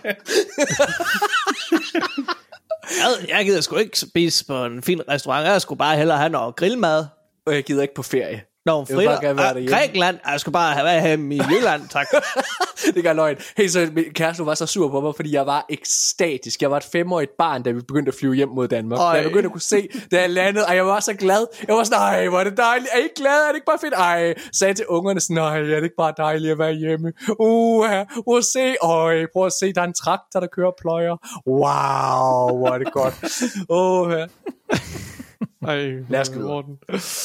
Det her, det Du siger burde... det som om det er jokes, men, men vi ved, Jeg at mener du det. mener det. Jeg ja, mener det. Ja, ja. Jamen, det er, Øh, for, for dem, som ikke kender Morten Jeg mener personligt, 140 han er, han er 100% ærlig, når han siger det. Ja. I gamle dage så ville det her være den største nyhed. Det er det ikke længere, men uh, CMA, den engelske konkurrencestyrelse, de har godkendt indtil videre Microsofts uh, køb af Activision Blizzard. De har lavet det, der hedder en uh, provisionally approving, eller de har provisionally approved Microsofts Activision acquisition. Og øh, det betyder, at øh, de nok godkender det. Det ville være mærkeligt, hvis de ikke gjorde det. Nu har FTC ligesom tabt deres retssag. Øhm, og det er jo spændende. Altså nu, øh, vi går, jeg er fandme spændt på, om øh, Call of Duty bliver en Game Pass title. Day one, altså øh, den næste Modern Warfare 3, om det bliver en Day one Game Pass title. Så Phil Spencer han sagde for noget tid siden, jeg har delt det her i chatten også. Phil Spencer han sagde for noget tid siden, at øh, folk regnede med, at lige så snart det her køb gik igennem, så kom alt bare, alle Activision Blizzard titler kom bare op på Game Pass, og han sagde, at det var en mere besværlig øh, ting, end folk skulle tro. Altså det tager noget, noget plads. Ja. Og derfor så såede folk, os selv inklusiv, tvivl om, hvorvidt Modern Warfare 3 ville øh, gå igennem. Al- Altså at blive en, da- blive en day one øh, mm. Xbox exclusive. Men det tror jeg, det bliver. Og nu skal jeg fortælle dig, hvorfor. Hvorfor, Morten? Det er fordi, hold din fucking kæft, Nikolaj. Det er jo mega spændende. Hvad? Det, Jeg er sgu da mega... Ja, undskyld. Jeg er Ja, okay. begejstret. Jeg, jeg, jeg, I modsætning til jer, så glæder jeg mig rent faktisk til Modern Warfare 3, så jeg vil fucking gerne høre, hvorfor det bliver Day One Game Pass. Go så, on. det der er sket, det er, at øh, jeg tror, det her det er en bug, men der er nogle Call of Duty titler. Jeg tror, det her var i Brasilien. Der er nogen, der, og det er screenshottet af flere øh, twit, på Twitter, det her, eller X. Når folk har været inde for eksempel for at købe Call of Duty Ghosts, som er en ældre titel, eller Black Ops 2, så når de går hen til at købe det, så står der, at øh, hey, ved du godt, det her det er en del af din subscription. Altså Game Pass subscription. Hmm. Så det vil sige, det er allerede ved at blive lavet det her. Det er allerede ved at blive klargjort.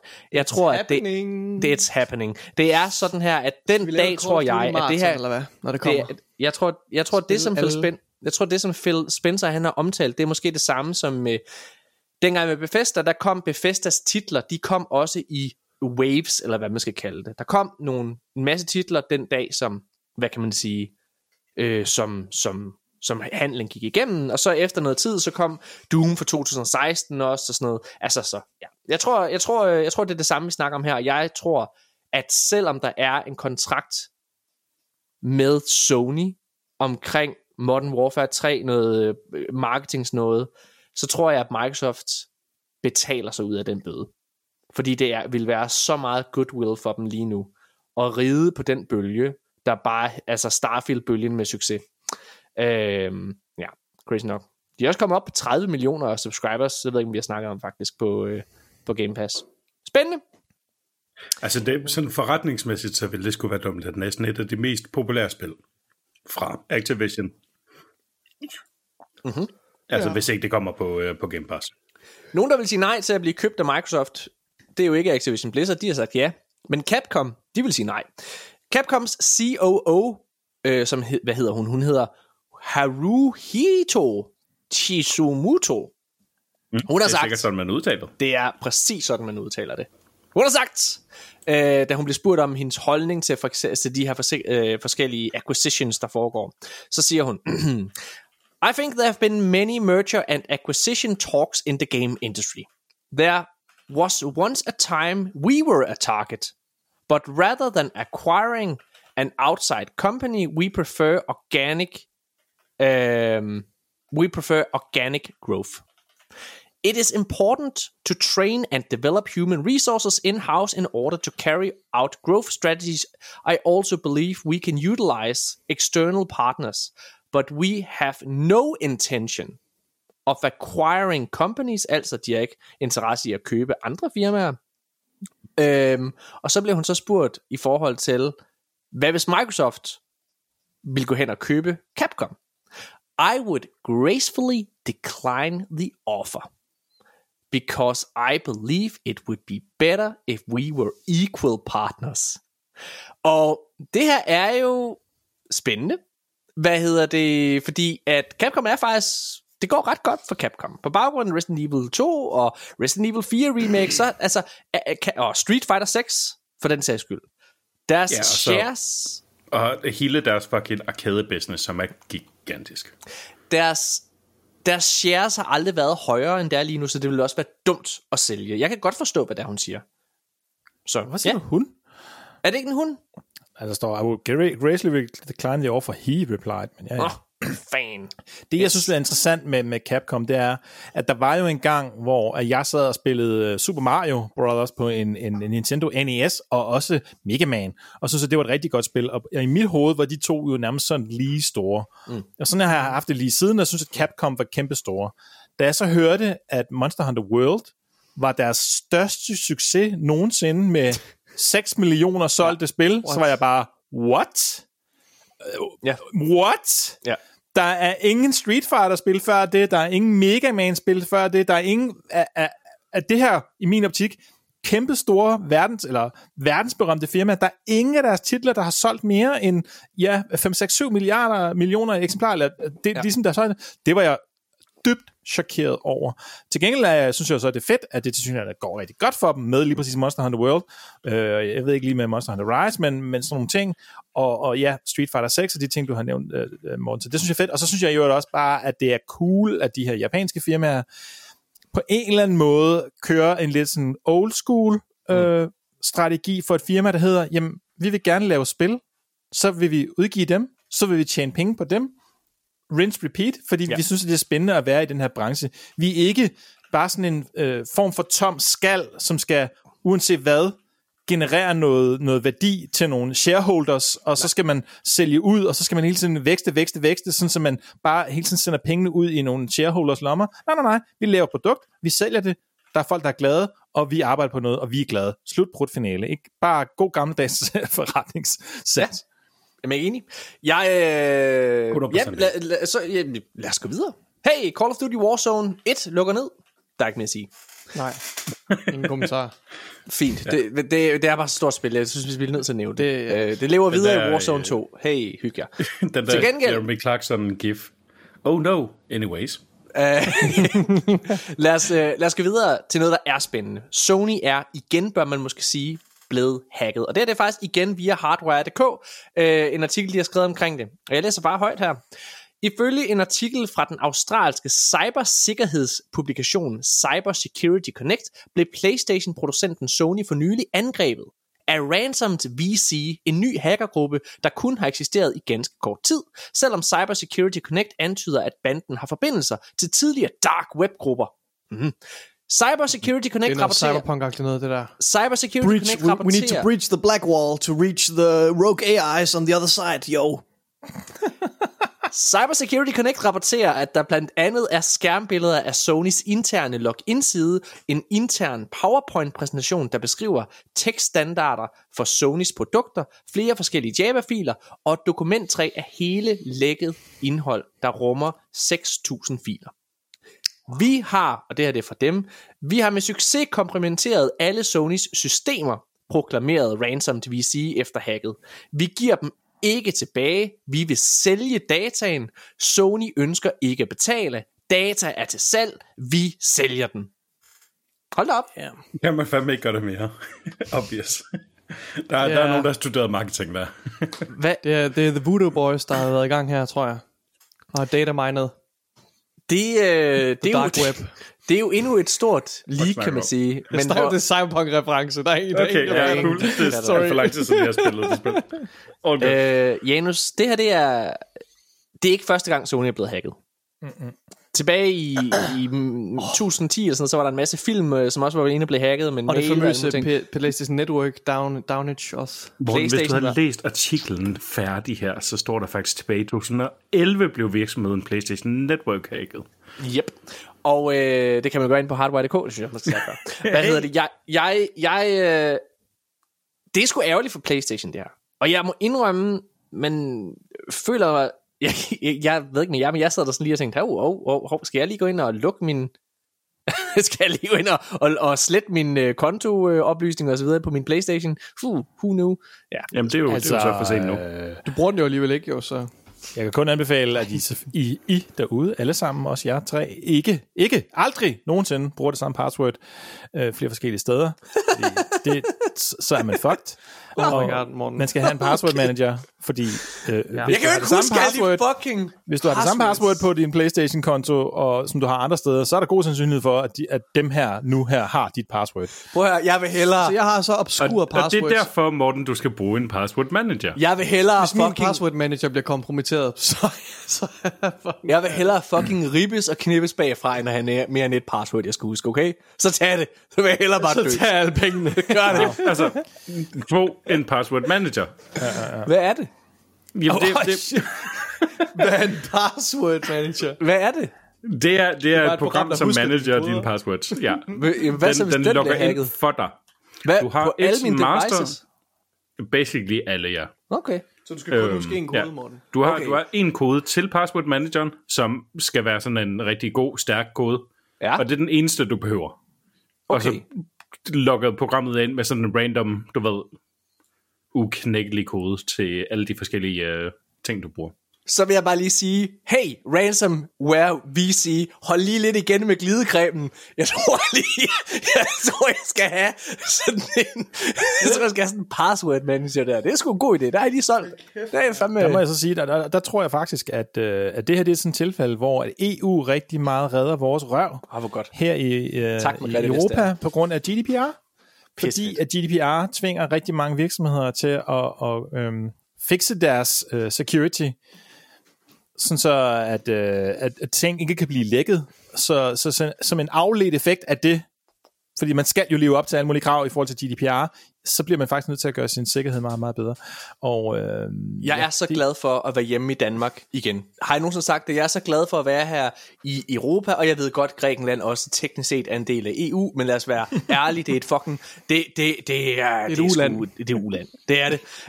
Øh, folk sidder dernede og skider Der er ikke noget åben- Jensens bøfhus. De skider med åben dør. De øh, bruger ikke... Øh, altså, man må ikke smide toiletpapir i, i kummen. Der er alt er galt, okay? Man Jeg har kan, ikke, man, kan ikke få en, man kan ikke få nogle pomfritter og en burger. Det er ikke løgn. Det er nogle fucking dårlige pomfritter, den laver. Det, hvad fanden sker der? Nå, hey. Og nogle dårlige pizzaer. Hvad sker der, Grækker? Los Grækkers. Hey, næste nyhed. Hvem, også fordi I ikke laver- Fik du noget moussaka, eller tzatziki, ja, eller et eller andet, de er rent faktisk laver i Grækenland? Der er fik en fucking lækker mad i. Grækenland. Ja, Morten. dårlig pizza. Ja. Og så har I bare Det er ikke Italien, der laver pizza. Været på stranden. Der er også alle mulige spændende øh, arkitektur og historie og sådan noget. Hvor vi ikke ud og opleve nogle ting. Nå, det gad de ikke. Jeg gad ikke. Jamen, Civilisationens vugge.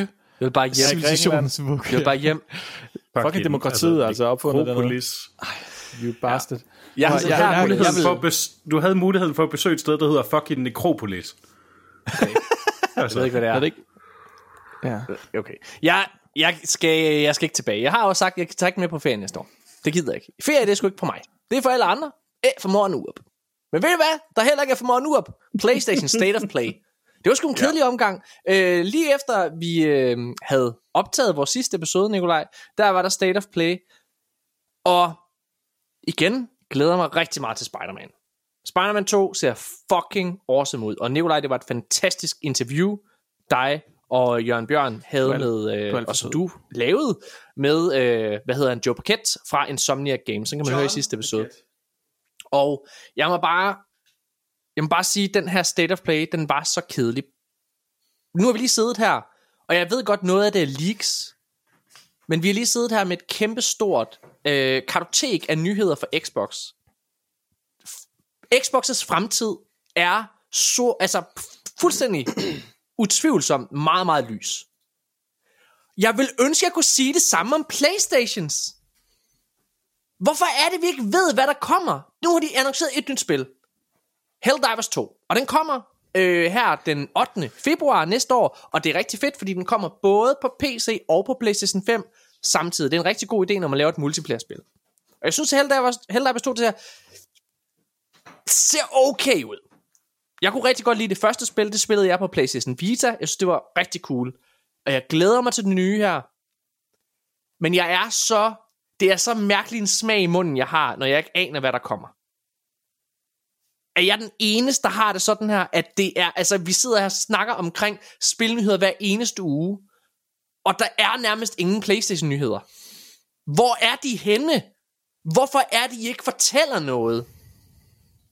Der, altså, Nikolaj, er du, al- altså, er jeg, er jeg helt på bare, altså, er jeg, er, taler jeg sort? altså, der er der noget at se frem til. Spider-Man 2 ser virkelig godt ud. Det bliver en succes. Det gør du da. Øh, Wolverine er der også på vej. okay. Hvornår kommer Wolverine? Det ved jeg ikke, men but it's coming, yo. Altså, det er Hvad, bare... hvad ellers, Nikolaj? Prøv at fortælle mig nogle af de andre Playstation-spil, du glæder dig til. Jamen, hvilke andre IP har de gang i? De har også, øh, hvad hedder det, øh, God of War jo. Øh, Hvad ved, vi- altså, hvem ved, hvad Naughty Dog sidder og arbejder på? Er Ja, hvem ved? studier? Det er jo lige præcis det, der er problemet. Ja, hvem jamen, ved, Nikolaj? Det er Naughty Dog. Du har, Hold nu de kæft, pumper, det er er ligesom den- Nintendo, de pumper, pumper kun kvalitet ud næsten, så det er bare... It's gonna be good. Ja, jeg synes, det er sindssygt, at der ikke er mere information. Mikkel, at, jeg, ved, du ved, jeg ved godt, det graver dig en par band, men er du, altså, Du har, du har svaret på dit eget spørgsmål. okay, Janus Hasseris par band. Um, ej, jeg synes, du har ret et eller andet sted hen, at uh, nu sidder jeg og kigger på de otte titler, som jeg, nej, 10 titler, som jeg kunne forstå, der blev annonceret der. Um, og det er ikke... Um, det er ikke noget, der sætter mit blod i kog. Altså, jeg har jo ikke engang spillet det første Spider-Man, men altså, I har hypet mig lidt op, så jeg, jeg glæder mig faktisk til Spider-Man 2 nu her. Mm. Men ellers Baby Steps, Ghostbusters, Resident Evil 4, Ghostbusters 2, Helldivers 2, Tales of Arise, Beyond the Dawn, Honkai, Star Rail, Foam Stars og Final Fantasy 7 Rebirth. Det var listen. Det er jo ikke... Foam øh, Stars. Nej. Altså, der er ikke mange, uh, udover Spider-Man, så er der sgu ikke mange heavy hitters der. Altså, det, den, den er, den er, det er svært. Til gengæld, altså igen, Spider-Man er et spil, vi alle sammen er enige om bliver fedt, og det er gået guld nu. Øh, hvem vil vide, om vi måske snart får koder til det spil? kunne det være en Game of the Year contender? Well, jeg måske? håber. Altså, det, Ja. det kommer jo til at blive det første spil, jeg spiller på PlayStation 5. Ja, Højst sandsynligt. Altså, hvis jeg får lov til at få en kode. det gør du ikke. Okay. Jamen, um, hvorfor, hvorfor står der en PlayStation og fylder inde i mine fucking Jamen, det er jo så, det er, at du kunne sidde og spille på den. Du kunne jo for eksempel gå ind på. PlayStation. Du kunne jo gå ind på Play... Ej, det er jo så, vi kan give dig koder til et spil, der kommer på PlayStation. Også i tredjeparts øh, titler, øh. Mikkel. Hvad hedder det? Men øh, jeg, Jeg tror, bruger mig bare for, for at trigger dig. jeg tror, Spider-Man 2... Øh, faktisk på, man kommer til at anmelde. Jeg skal anmelde det. Og hvorfor får du første ret? Det gør jeg bare. Okay, det er sådan, det fuck. Ja, fordi det er dig, der bestemmer. Ja, og hvad hedder Det det? er, det er også dig, der lægger mest arbejde i det, så det er sådan, det er egentlig fint. hvad hedder det? øh, Men jeg glæder mig rigtig meget til Spider-Man 2. Øhm, og den er Kommer det på Xbox? Nej. Nå, men så kommer, så kommer Nikolaj jo ikke til at spille det. Apropos, lad os lige tage den her nyhed. Det er altså ret spændende. Jim Ryan, han, øh, det her det er via det her gamle, øh, øh, den her retssag, hvor Jim Ryan han var inde og vidne i Activision Blizzard-sagen. Der er der noget, der er sluppet ud fra det her transcript. Og Jim Ryan, han mener, at købet af Bungie er mere værd, som de gav 4 milliarder dollars for, er mere værd end de 70 milliarder dollars, som Microsoft giver for Activision Blizzard. Jim Ryan, han sagde, sagde, hedder det. When you look at the 69 billion for Activision compared compared og den tager lige forfra. When you look at the 69 billion for Activision compared to the 3.6 billion for Bungie, we believe that Bungie can give us way more than a 69 billion acquisition of Activision. And that's before considering the relative value of that particular transaction. Og, og der må jeg sige, der, der er få ting, som jeg har en holdning om i alt det her med øh, acquisitions, og jeg skal komme efter dig. Men det må da næsten være en af de mest latterlige udtalelser nogensinde. Ja, yeah. altså jeg kan godt forstå ham en lille smule, fordi når han snakker om, at det er værdifuldt for dem og strategisk, han skal jo sige det her, men det er jo rigtigt, at Microsoft, eller hvad kan man sige, Sony får rigtig meget ud af købet af Bungie, fordi de går all in, og det ved vi, de går all in på Game as a Service titler. Bungie er en af de mest succesfulde firmaer på det her område gennem Destiny og Destiny 2, og de har lavet altså gjort sig en masse øh, fejltagelser og en masse succeser og alt den know-how. Den kan de give videre. og Derudover så er de nogle af, en af de allerbedste FPS-udviklere i industrien, og Sony mangler en FPS. Den know-how kan de også give videre. Så det er klart, hvis man... Jeg er faktisk tilbøjelig til at give Jim Ryan en smule ret. Xbox, de køber sig ret til at komme op på siden af, hvad kan man sige, PlayStation, men den value Bungie giver, hvis man vil den her vej som Game as a Service, og jeg er imod, at Jim Ryan går den retning, jeg synes, det er forfærdeligt, men rent business-wise, så kan jeg godt se, at det her er en virkelig, virkelig, virkelig god investering for PlayStation og Sony. Janus Asseris. ja, jeg, jeg, jeg, jeg, jeg, jeg, jeg nu også mere på, at det her det er en, det er en sindssyg udtalelse. Altså, det er Call of Duty, det mest sælgende spil i 14 år i træk, eller et eller andet, ikke? Som, som nu ligesom er på Microsofts hænder, som de kommer til at tjene penge på, og som det kommer på Sony. Kontra Bungie, som var rigtig fede til at lave Halo, har været rigtig fede til at lave Destiny, men, men altså, let's get real. Det er ved at være nogle år siden, at Destiny 2 ligesom var, var på alles læber, og selvom jeg er, er, er, er gammel Destiny-fan og alt det der, og jeg synes, at Jørgen Bjørn han er en frygtelig person, så, så hvad hedder det, så, altså, jeg har svært ved at, ligesom at se, hvordan at Bungie, de, du ved, at, at de, de på, på en eller anden måde synes jeg ikke, at de er sådan et golden child. De er sgu ikke øh, ligesom øh, Naughty Dog, eller et eller andet, der ligesom bare rammer den igen og igen og igen og igen. Ikke? Altså sådan, de, de, de har skabt en rigtig god ramme med Destiny, som de så ligesom har kørt på til Destiny 2, og så er bare er der bare er- gået mange år, ja. hvor at, at, at der, det er middelmådelige DLC'er, De har, middelmådelige de har DLC'er. meget suppe på den der. Ikke? Altså, det er jo ikke sådan, at de bare har ramt den i røven hver eneste gang, og hvor man bare tænker, fuck man, endnu en gang, hvor Destiny 2 bare er det fedeste spil forever. Altså, du ved, man er sådan, Ja. de har netop ikke ramt, øh, øh, fanget lynen i en flaske, eller hvad det hedder, ikke? Så jeg er sådan, hvad er det egentlig, de kan gøre, ikke? Og det der med lige præcis, når de skal hjælpe med at lave Last of Us factions ind til noget fedt, og bare sådan, uh, wow, wow, wow, wow, wow. Kan det overhovedet lade sig gøre, agtigt, ikke? Altså, så jeg, jeg, jeg, uh, jeg har godt nok svært ved at se det. Men Nikolaj, altså, hvad tænker du? Altså, jeg tænker også, der er også Mobile, altså, og, og King, og så videre. Altså, det, det, er, en, det kæmpe st- igen. Ja, Hvor, hvordan kan det være, at Jim Ryan, han, han lyder så dum, hver gang han åbner sin mund? Uh, hvor Spencer, han er det mindst, altså, både på gaming og på businessfronten, der, der lyder det som om, han, øh, han ved, hvad han snakker om. Så skulle man tro, at det her, det var, det var Jim Ryans, uh, det var her, han var stærk, fordi han er i hvert fald ikke så stærk med den anden gaming-del der, eller PR-delen. Men uh, så kommer han med sådan en kommentar her, det, ja, det er jo... Ved du hvad, jeg, jeg vil bare lige sige, jeg tror, jeg påtog mig lidt det andet postulat, bare lige for at få en samtale i gang. Jeg, jeg er altså ret enig i, at det her det er en virkelig, virkelig dum udtalelse. Og Nå, okay. nu, nu, to, nu tog du den fra mig, Nikolaj, men jeg vil, jeg vil have vendt den om før, så vil jeg have sagt, at det vi slet ikke snakker om i det her, det er mobilmarkedet. Når man sidder og kigger på den mest indtjenende, øh, hvad kan man sige, øh, den me, mest indtjenende platform for gamingindustrien, punktum, mm-hmm. så udgør mobilområdet, det gør udgør 50%, lidt mere faktisk, 50% af hele spilindustrien. Det vil sige, mm. vi snakker PC, vi snakker konsoller, vi snakker det hele. 50% af alt kommer fra mobil. Og så kan man jo mene om Candy Crush og, hvad man, øh, og så videre, hvad man vil. Men det er der pengene ligger. Og Zynga, som var Take-Two store mobil acquisition her sidste år, det udgjorde allerede sådan 50% også af Take-Two, du ved, Rockstar, GTA, 50% af fucking deres omsætning kom igen via mobil. Så når Microsoft køber det her, altså Activision Blizzard, så får de adgang til det mest indbringende område overhovedet i gaming, og de kommer ikke bare derind er lidt, de kommer derind massivt med den største IP overhovedet på spilfronten, altså mobilspilfronten, Candy Crush. Det kan man bare ikke... Altså, Jim Ryan... Det, det, det kan man ikke argumentere imod. Nej, Jim Ryan, du fatter jo ikke, hvad... Altså, du er idiot. Og jeg forstår godt, du jagter de her Fortnite-penge med Game as a Service, men det er også lidt som om, du er en gammel mand, der ikke helt fatter, hvad fanden der foregår. Altså, det er sådan, du har bare set, når Fortnite tjener penge, vi må hellere få nogle af dem. Det er den måde, vi Altså, igen, den, den vision, som Sean Layton havde for spilindustrien, den vision, Jack Trenton han havde for konsoller, altså, hvor, hvor er du henne? Okay, lad os gå videre hurtigt.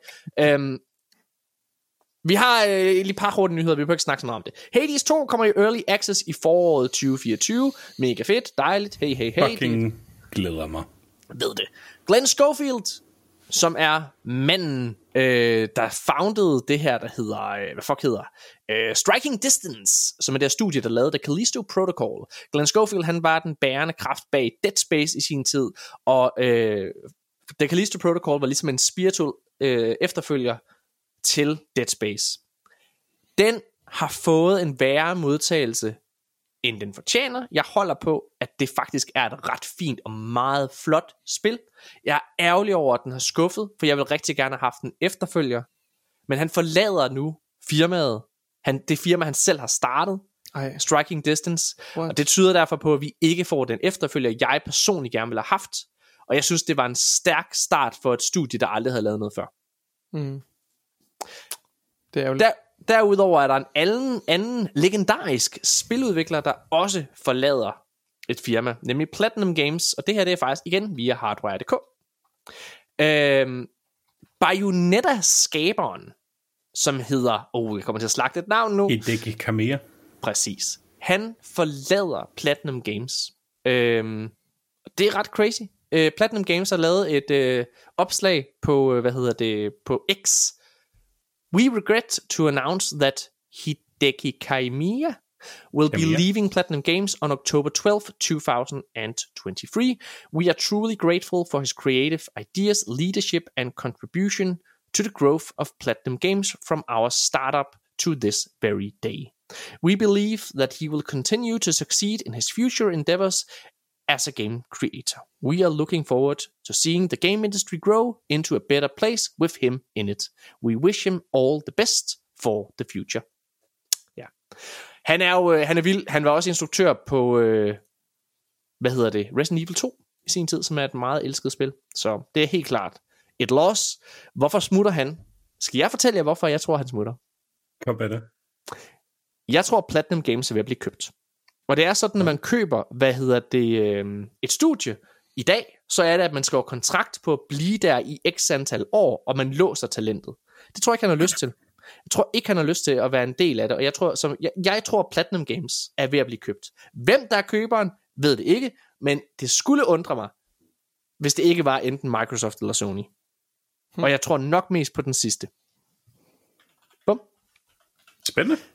Uh, hey, The Division 3 er blevet annonceret af Ubisoft. Det er Massive Entertainment, som også står bag Star Wars Outlaws og det kommende Avatar-spil, uh, der laver det. De vil lave en afdeling til det, og uh, det er en producer, der hedder Julian Giretti, som, uh, skal, som ligesom kommer til at både at ja, hvad hedder det, han kommer til at, øh, han er cre- creative director på Star Wars Outlaws, og nu skal han så også være executive producer på Division, The Division-serien.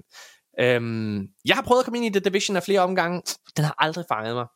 Øhm, Jeg, jeg kan sympatisere. ja. Janus, Jeg er glad for, at, øh, at det er en øh, succes. Jeg er sikker på, at der er rigtig mange mennesker, der, der nyder at spille øh, The Division. Og jeg glæder mig på deres vejen, og at de får Jamen, jeg har spillet dem begge to. opfølger. Hvad, hvad, hvad synes du om det? Er det en øh, franchise, der fortjener folks tid? Ja, det synes jeg egentlig. Altså, især toeren, synes jeg, at øh, den, den, den forbedrede ligesom øh, noget i det. Altså, etteren, det, det var meget sådan noget, bare sådan evige bullet sponges, øh, var lidt irriterende. Øh, etteren havde til gengæld en, den fedeste Battle Royale mode, jeg har spillet, øh, som, ja, jeg har glemt, hvad den hedder nu, Outbreak eller sådan noget der, men, men hvor man sådan styrter ned med en hel- helikopter i en snestorm i New York, og så skal man ligesom rundt og finde udstyr, inden man skal Sådan Dark Zones, hvad fanden det hedder? Ja, og den synes jeg var, øh, var super cool, ikke? fordi det var sådan en blanding af, af ja, Battle Royale, og så den der sådan mere sådan survival øh, mm. spil genre. Nå. Øh, toeren øh, var, var, var federe sådan, som grundspil, men har desværre ikke den der øh, mode med. Men der kommer jo Nå. sådan en, en, en, en- en free-to-play ting, som er den game mode, øh, og det hedder The Division et eller andet med noget med Midlands, eller sådan noget der, Ja, West, nå. et eller andet, som Det jo basically er den der game mode for Division 1, som så bliver til sådan en free-to-play uh, standalone spil her. Så det, det skal jeg faktisk spille.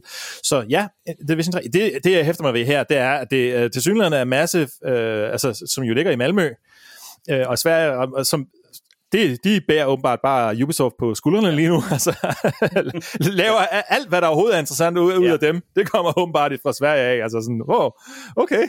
Jamen, det er 100% rigtigt. Jeg, jeg, jeg, øh, jeg hæfter mig lidt ved, apropos den snak, vi havde tidligere med store publishers, der bliver nødt til bare at satse på recognizable IP, ikke også? Jamen, The Division har jo klaret sig okay økonomisk, ikke også? Så man bliver nødt til bare at smide flere penge i det. Det er ligesom det samme med Horizon, Forbidden West og så videre, som jeg også, jeg føler det er ærgerligt. Jeg føler ikke, jeg har svært ved at se, at The Division-franchisen lige pludselig kommer til at tage fart. Det må jeg indrømme. Særligt med en træer, hvor, for, hvor folk i forvejen har det lidt, uh, kan jeg hoppe ind nu-agtigt. Ja, det mm. ved sgu ikke. Lad os se. Øhm, hey, næste nyhed. Jedi Survivors, eller Jedi Survivor får en efterfølger. Og det er hovedrollen, øh, der er ham, der spiller Cal Kestis, der siger det, det her igen via Hardware.dk. Hey. Øh, via, hvad hedder det, Comic Con, der har han været ude og, øh, og bekræfte, at de sidder og arbejder på, øh, på det her spil. Han siger, at det her det er oversat til dansk, fordi det er det inde på Hardware.dk. Vi er i gang med at lave det tredje spil lige nu, siger han. Det er, en, der, det er en stor opgave, og der har været en del samtaler allerede, men forhåbentlig kan vi, nå alt er på plads, gå ind og lave noget, der er virkelig cool. Og det håber jeg virkelig på, fordi jeg er meget spændt på det tredje spil. Ikke bare fordi jeg elskede både 1'eren og 2'eren, men fordi instruktøren bag det første og andet spil, og det andet spil er virkelig godt, har forladt, øh, hvad hedder det, øh, hvad fuck hedder udvikleren? Hjælp mig. Det er Stig Asmussen. Ja, Stig Asmussen, men, hvad, øh, men hvad, hvad, hvad hedder udvikleren? Hvad, Respawn Entertainment. Respawn Entertainment. Ja, uh, han har forladt Respawn Entertainment, og man kan sige, der var rigtig, rigtig der var helt klart en kreativ vision. Han havde selv sagt, Stig Asmussen der, at det var en, uh, hvad kan man kalde det, at han, at han havde en vision for en trilogi. Mm. Så det er altid spændende, når det, man Det- skal gå ind ja. og, og være en ny stemme i en eksisterende tone. Ja. Alt er godt. Så, men jeg håber, at jeg glæder mig stadigvæk til det næste Star Wars-spil. Det er virkelig, virkelig godt. Jedi Survivor er et af de bedste Det spil, der er udkommet i år. Det er et rigtig godt spil. Øh, I de der leakede oplysninger, der er der også øh, kommet frem, at øh, Bobby Kotick, han løg i retten. Fordi, øh, hey, i retssagen, der sagde han, at han ikke kendte noget som helst til hardwaren, eller noget som helst til Switchen, til Switch 2, altså den kommende Nintendo-platform. Men øh, det er faktisk kommet frem, at det gjorde han. Hvem skulle tro, at Bobby Kotick, han var lidt et røvhul? What? Er han sådan lidt en shady kind of gal? Hvem, skulle, hvem, hvem, hvem skulle have troet det? Var det alle de der seks anklager? Alle de der skandaler på Activision? Skulder, som han lidt havde ansvaret for? Er det det? Nej, hvad? Nå. Hey, uh, Switch 2. kommer åbenbart til at minde om PlayStation 4 og Xbox One i ydelse. Og det er via en mail skrevet til Bobby Kotick, øh, som er kommet frem, hvor øh, der står, at øh, det kommer til at minde ret meget om Gen 8 i ydelse. Så Du var ikke helt galt, da du sagde, at Switchen er 10 år gammel, Nikolaj. nej, Nej, nej, det er også Det er faktisk, det, er det var faktisk positivt sat, hvis jeg lige min hovedregning. Ja, Uh, det... Øh. ja. jeg, jeg ved sgu ikke, jeg, jeg, øh, jeg må indrømme med Nintendo, og jeg er virkelig blevet en Nintendo-fan her på det sidste. Sea of Stars anmelder jeg, eller har jeg siddet og anmeldt via min Switch, og ikke gennem Game Pass, og hvad det ellers er henne. Jeg, jeg, øh, altså, okay, jeg har ikke købt det, der fik en kode til det, ikke? Men, men jeg valgte specifikt at gøre det på, på, på Switch. Jeg er virkelig blevet en Nintendo-fan. Og jeg må indrømme, hvis der er noget, Nintendo har bevist med alle deres titler, jeg har siddet og spillet i år, så er det, jamen, de får magi til at ske på gammel hardware. Det er lige meget, for der er en, og der er, de har så mange spil. Der er ikke content drought derover, som der er nogle gange på Xbox og nogle gange på Playstation. Det er virkelig, virkelig høj kvalitet, de spytter ud. Så mm. jeg prøver, jeg er ligeglad med, hvor mange hestekræfter den kommende Switch 2 har. Jeg tror på Nintendo. Ja. Og så sidste nyhed. Unity. Det var en stor samtale i sidste episode. Der har været en stor skandale, at de begyndte at tage et installationsfee for, øh, hvad hedder det, øh, for ligesom, øh, når du havde passeret 200.000 solgte eksemplarer, så skulle du betale x antal kroner for hvert installeret spil. Og det er jo et kæmpe problem i en tid, hvor mange spil eller, har brugt Unity, og aller værst i en tid, hvor hvad kan man sige, Game Pass, PlayStation Plus og sådan nogle ting eksisterer, jamen, hvad, altså, der er jo mange, der hurtigt kan downloade et spil og installere det på deres platform, og så skal du lige pludselig betale penge for det. Det sat Unity ud i stormvær. Og nu har de altså været ude at trække i land. Øhm, de har faktisk været ude at sige undskyld. Øh, ja. Too little, too late. Ja, Men det er lidt altså, det. De har lavet nogle Man, man, ændringer. de har jo ikke gjort det for sjov. Altså, de har også gjort det, fordi de var i alvorlige finansielle problemer. Altså, at det ikke kunne løbe rundt projektet. Jeg ved ikke. hvad er Der, det? der, er også, der er også noget med, at der er en person, der har taget over, eller en, en chef, der har taget over, mm. og ligesom prøv, forsøgt at malke det lidt. Uh, ja. right. Altså, du de har hvad jo ham der, den tidligere EA-chef, øh, Mm. er jo hos Unity nu, ikke? Og, og, Ja. og, og folk på internettet, de hader ham der, Str- Stracciatella, hvad han hedder, fra. EA, fordi at øh, han, han var vist øh, en af dem, der sådan var, var lige præcis på, på Ja. EA, der hvor det var aller værst med, med microtransactions for dem. Det, det, Mm. det skal jeg ikke lige kunne sige. Og han, Men- han er en kontroversiel figur. Ja. Og så, så folk går jo helt amok over det der, og mener, det er hans øh, fortjeneste, eller hvad man skal kalde det. Mm. Øhm, Mm. ja, men, jeg, men jeg stiller alligevel lidt spørgsmålstegn ved det der med, de finansielle problemer. Hvorfor? Mm. Ja, altså, er, hvorfor? er det rigtigt? Er, er, er, har de virkelig røde tal, og uh, her er det bare sådan et problem for Unity, for jeg er sådan, hvad, hvad, hvad, hvor, hvorfor, hvorfor tjener I ikke penge? Altså, om der er øh, 10.000 game developers mm. i verden, eller, eller 100.000 game developers i verden, der installerer Unity, det, det, det øh, gør jo ikke så meget for deres bundlinje. Jeg er med på, at der følger lidt support med og sådan noget, men i princippet, så bliver det jo ikke dyrere for dem, at der er flere, der bruger Unity. Så hvorfor er det, de ikke kan tjene penge? Altså, en af deres måder, de tjener penge på, det er jo det her med, at man kan ligesom have øh, reklamer, hvis man, mm. i alle spil, mobilspil, ikke, men altså typisk selvfølgelig i sin free-to-play-spil, der kan man have reklamer, og det kan så Unity ligesom stå for, og det tager de selvfølgelig en, en, en bid af for en. Mm. Så jeg, det, jeg tror, og det her selvfølgelig er ren spekulation, jeg tror, at det er fordi, at Unity er publicly traded, de er blevet så store, de er kommet ind i den her moderne øh, kapitalistiske verden, hvor der sidder nogle shareholders, som mm. bare er sådan lidt, Yep. jamen vi vil ikke apropos med med Capcom, vi vil ikke bare have en, en, et godt firma, der laver et godt produkt, og, og så er vi glade. Nej, vi vil, vi, vil have, vi vil have så meget ud som muligt. Vi vil malke den her. Vi, når vi sidder og kigger på, at vi er den største spil-engine i verden, det kan, vi, det kan vi ikke have siddende på os, uden at vi også uh, bliver stinkende rige af det. Så hvordan kan vi gå i gang med at malke det her system? Og så siger man, hov, jamen vi, vi er jo dem, der har allerflest uh, game installs uh, i verden. Det skal vi da have noget for. Det skal jeg da have. Og så, uh, så finder de på sådan en scheme her, med, hvor, mm. hvor, hvor, hvor de så finder på nogle grænser, og så kan man sige, så har de så ændret det nu fra 200.000 dollars og 200.000 installationer til 1 million og 1 million, men de har jo signaleret deres intention om, mm. at de har tænkt sig at gå i gang med at stikke ja. snablen ned i det, og der er jo mistet noget tillid til dem nu, basically for evigt. Og der er, der er jo de vildeste reaktioner, ikke? Der er nogle spil, der bare med det samme, fra den ene dag til den anden, så porter de bare til en anden spil engine. Og, Ja, ja, og hvad hedder det, Terraria-udviklerne, Terraria, som præcis, ja. Gik ud og donerede penge til Godot ja. og en eller anden open Ja. source engine. Altså sådan, du ved, der har bare været sådan en kæmpe reaktion i industrien på Ø- det. ødelæggende kommentar fra de der Terraria-udviklere der, må man sige. Jeg, øh, jeg har faktisk, øh, og jeg vil ikke, øh, jeg har lovet ikke at sige vedkommendes navn, eller noget som helst, men jeg har faktisk været i dialog med en fra Unity. For jeg håbede på, at vi kunne få vedkommende med i podcasten. Og det kan også være, at vi får det på et tidspunkt. Ikke lige nu. Men vedkommende har sagt, øh, og det er jo altså en person, som ikke er oppe i hierarkiet, men som er en almindelig medarbejder. Det vil sige, det her vedkommende har sagt, er jo mere en tendens, eller hvad man skal kalde det, i forhold til den øh, stemning, der er i firmaet for en ansat generelt. Og nu, jeg, jeg, jeg citerer her, øh, altså, øh, at vedkommende siger her, at det er skammeligt og utroligt demotiverende at være medarbejder i Unity lige nu. øhm, og vedkommende går også ind på bagefter det der med, at de jo er bekymrede for, hvis der ikke bliver truffet nogle beslutninger, altså nogle nødvendige nye tiltag, jamen så kan de jo teknisk set miste deres arbejde. Så der er også en masse mennesker, som står her med en fod i begge lejre, som kan se, jamen, hvad det er, aktionærerne gerne vil have. Altså, de vil gerne have, hvad kan man sige, at de tjener nogle flere penge, fordi ellers så er der en masse mennesker, der skal fyres. Og det er jo heller ikke fedt. Altså, Unity er et dansk firma. Altså, det, Mhm. det er altså en virkelig hård, fin balance, det her, ikke? Øh, men jeg, nu er jeg meget hård, nu er det mig, der snakker. Jeg tror, at Unity er færdig nu. Nu skal jeg fortælle jer hvorfor. Og jeg er rigtig ked af at sige det her.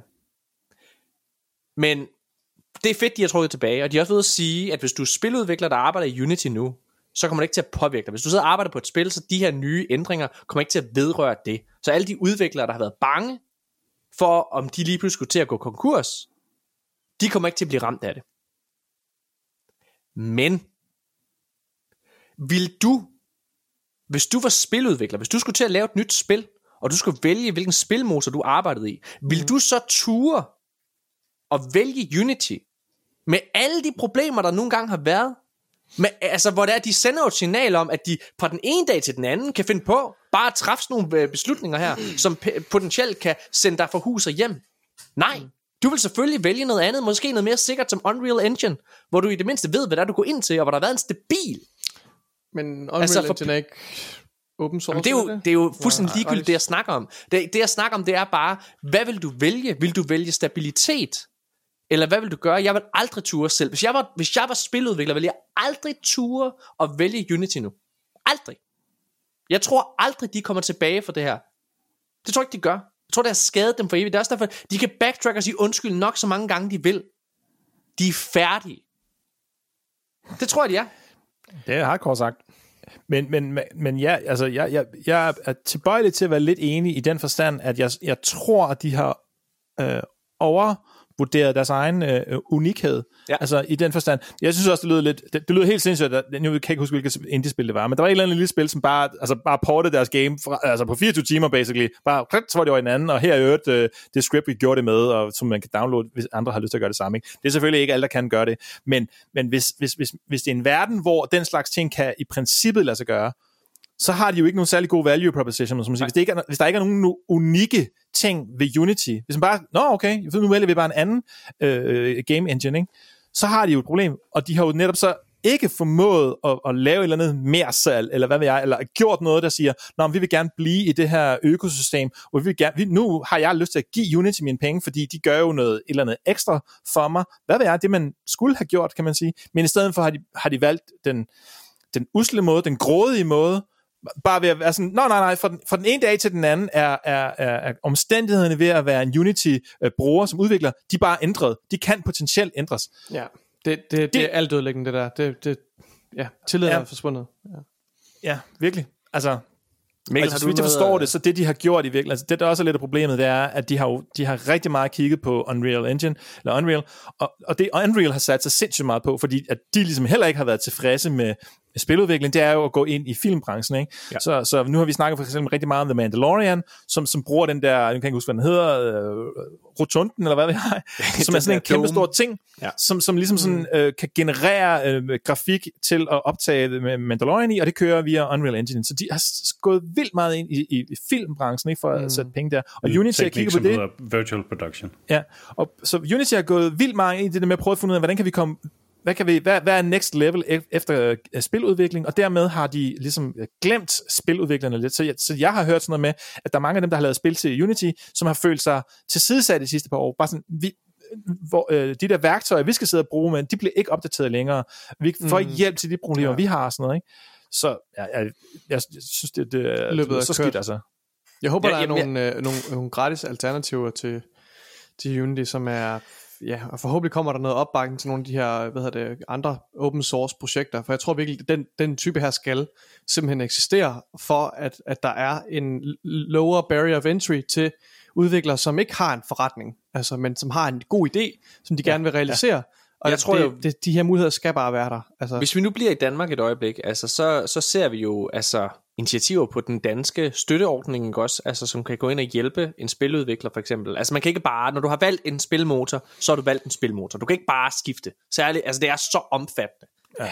Så hvad hedder det? Men ja, okay. Mi- Mikkel, har du noget at sige, inden vi uh, slutter af? Det, jeg synes, der er øh, interessant ved det her, det er, at Unity altså, har taget et gigantisk hit i deres trust, selvfølgelig. Øhm, jeg læste nogen, der citerede, hvad fanden var det, øh, NCIS eller sådan noget, med sådan, at, at, at trust er ikke en boomerang. Trust kommer ikke tilbage, når du smider den. Og jeg kan godt lide det citat. Øhm, jeg synes også, det, det er super interessant i forhold til øhm, sådan support i forhold til øhm, øh, undervisningssektoren. Fordi mm. at øhm, der var et øh, der var et skide godt sådan Twitter thread fra Rami Ismail øh, den dag hvor de hvor Unity øh, offentliggjorde det, deres første ændringer. Øhm, hvor han talte rigtig meget om at øh, at Unity har en, en meget unik position i spil, at øh, cirka 70% af alle releases er i Unity. Men hvad det hedder, i- hvilket, hvilket betyder, at der er et øh, brug for øh, rigtig meget personale, der ligesom er trænet i Unity, og det bliver gjort på universiteterne. Mm. Fordi Unity har øh, aggressivt satset på at komme ind i de her undervisningsprogrammer. det er smart. De, de fattede den samme ting, som Adobe fattede ja. øh, for et par år siden med, øh, med Premiere og Photoshop, og jeg skal komme efter dig. At hvis du, hvis du kan blive den ting, som bliver, bliver lært i skolerne, så bliver du generelt set også den ting, som bliver brugt ude i verden. Ja. Og så sker der jo det, at man, når man så får sig et job, Yep. så siger man, hey, jeg kan Photoshop, øh, arbejdsgiver, du skal købe Photoshop til mig, og have en Adobe Cloud-konto, som koster penge. Øhm, og og, og det, det han helt kon- konkret skrev jo også, at han faktisk var blevet henvendt til af adskillige af sådan nogle skoler rundt omkring i verden, som har, som har spurgt ham ad, skal vi fortsætte med at lære vores elever Unity, eller skal vi øh, gøre den bredere? Skal, vi, ligesom, skal Unity være et af de forskellige tilbud? Mm. Øh, Ja, eller på skal vi baggrund gøre af det den, de spil, ændringer? spil engine agnostisk i stedet? Ja, ikke? Altså, og det ville jo være et kæmpe hit, øh, altså et, et tilbageslag for Unity, hvis det ligesom holdt op med at og, altså, Ja, ske, ikke? og, og et resultat, vi, vi først vil se, altså ude i fremtiden.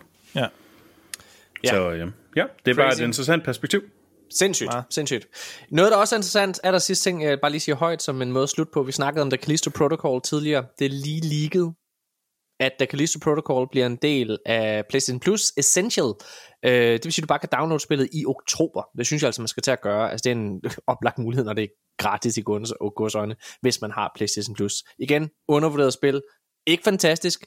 Øh, og med fantastisk er det ikke sådan fem stjerner, men jeg vil give det en rigtig fin fire stjerner. Øh, og altså, øh, hvis man godt kan lide horror, så bør spil, spil det. det. Det er skide godt.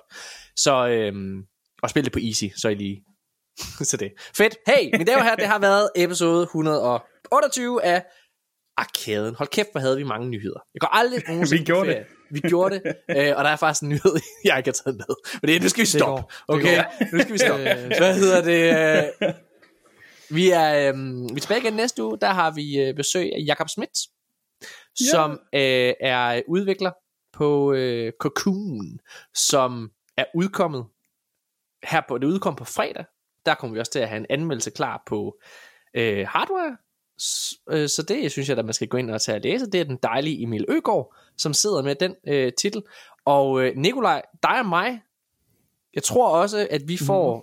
Vi kommer ikke til at lave en konkret anmeldelse, men jeg tror, vi kommer til at gøre det noget, der igen kan være meget akavet. For at gøre det så skidt for Jakob som overhovedet muligt. Så tænker jeg, at vi to, vi får det spillet os. Jeg beder om to koder til Xbox mm. selvfølgelig, fordi hey, fordi vi er nogle ja, fucking shells åbenbart. Øh, og du nægter at spille på Playstation. Nej, nej. Okay, Den er bare ikke sat du, til endnu, så jeg kan ikke... Øh... Du får, du får det på Playstation så. Jeg har lånt den ud. Jeg har solgt. Kæft, hvad, hedder det? Jeg får, øh, jeg får en øh, kode til Skal jeg købe Cocoon. en Playstation 5? Hvis der er nogen, der ligger så inde med en Playstation 5, så jeg gerne. Det, det har jeg. jeg. Jeg bruger den ikke, så du, Vi skal I du I tage skal fucking stoppe. Vi er stakkes Vindvikkel. Ej, hvad hedder det? Nej, øh, til Xbox. Vi får, vi får spillet til... vi, får, vi får spillet vi får spillet Cocoon inden, øh, så vi kan anmelde det til hans fucking ansigt. Damn, Morten. Ej, det kan man Er det altså ikke fedt? Det Ej, det bliver Nej, akavet. han kommer aldrig tilbage. det kan man altså ikke. Ej, prøv at hvis det her det er Det er stinker, ikke også? Det kommer til at være så synd for ham. Igen, det tror jeg ikke, det er. Jeg tror, det er fucking godt. Jeg, alle, jeg har, det er derfor, jeg tør gøre det. Fordi alle, jeg har hørt, der har spillet det her spil, det er et dansk spil. Gå ind og støt det, fucking, når det kommer her på fredag. Det skulle altså være rigtig godt. Øhm, Udover det, så i næste uge, Spil, så... spil øh, dansk. Hvad hedder det, stemt dansk.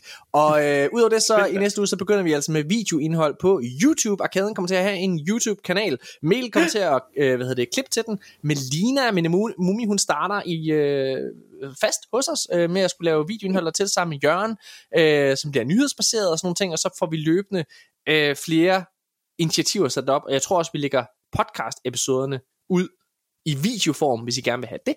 Øh, Mikkel kommer til at klippe det, så det, det er ham, I skal skælde ud, hvis det er dårligt. Jeg får masser at se til. Du får fucking masser I at se får så meget content, kære lyttere. Ej, det bliver godt. Ej, ej og tak igen, fordi I støtter os. Hey, fedt. Fuck Giv os ja. lige et like. Giv os en anmeldelse på iTunes. Giv, giv os lige de her top karakterer. Øhm, Øhm, specifikt, hvis I anmelder os, og I har muligheden for at skrive noget, det tror jeg, man kan på iTunes, kan det passe? ja, det kan man Ja. vist. Så øh, fortæl os, hvad I har lyst til at se på vores YouTube-kanal. Mm. Så kan vi Giv bruge også det gøre i sådan- kommentarerne inde på YouTube, jo. Ja, ja, men altså sådan... Der kan I det sige, være- Mikkel, du gør det fint at have dårligt. lidt af det på forhånd, jo. Du gør det, Mikkel, Mikkel. Du gør, er det Shadow Mikkel, der har klippet det her? For det er Shadow virkelig Mikkel. mørkt. Fuck snakker virkelig mørkt. Shadow is at it again. Hvad? Mine damer og herrer, det har du, du, du været- kan ikke bare summon ham. Det var, Han det har været episode 128. Tusind, tusind tak, fordi I har lyttet med. Tusind tak til den dejlige Nikolaj Jyde, til den fantastiske, af os alle sammen, Janus Hasris, og et oh, menneske, der er en person, der indånder ilt. Mikkel Juhl Gregersen. Og producerer CO2. Vi er tilbage igen næste uge.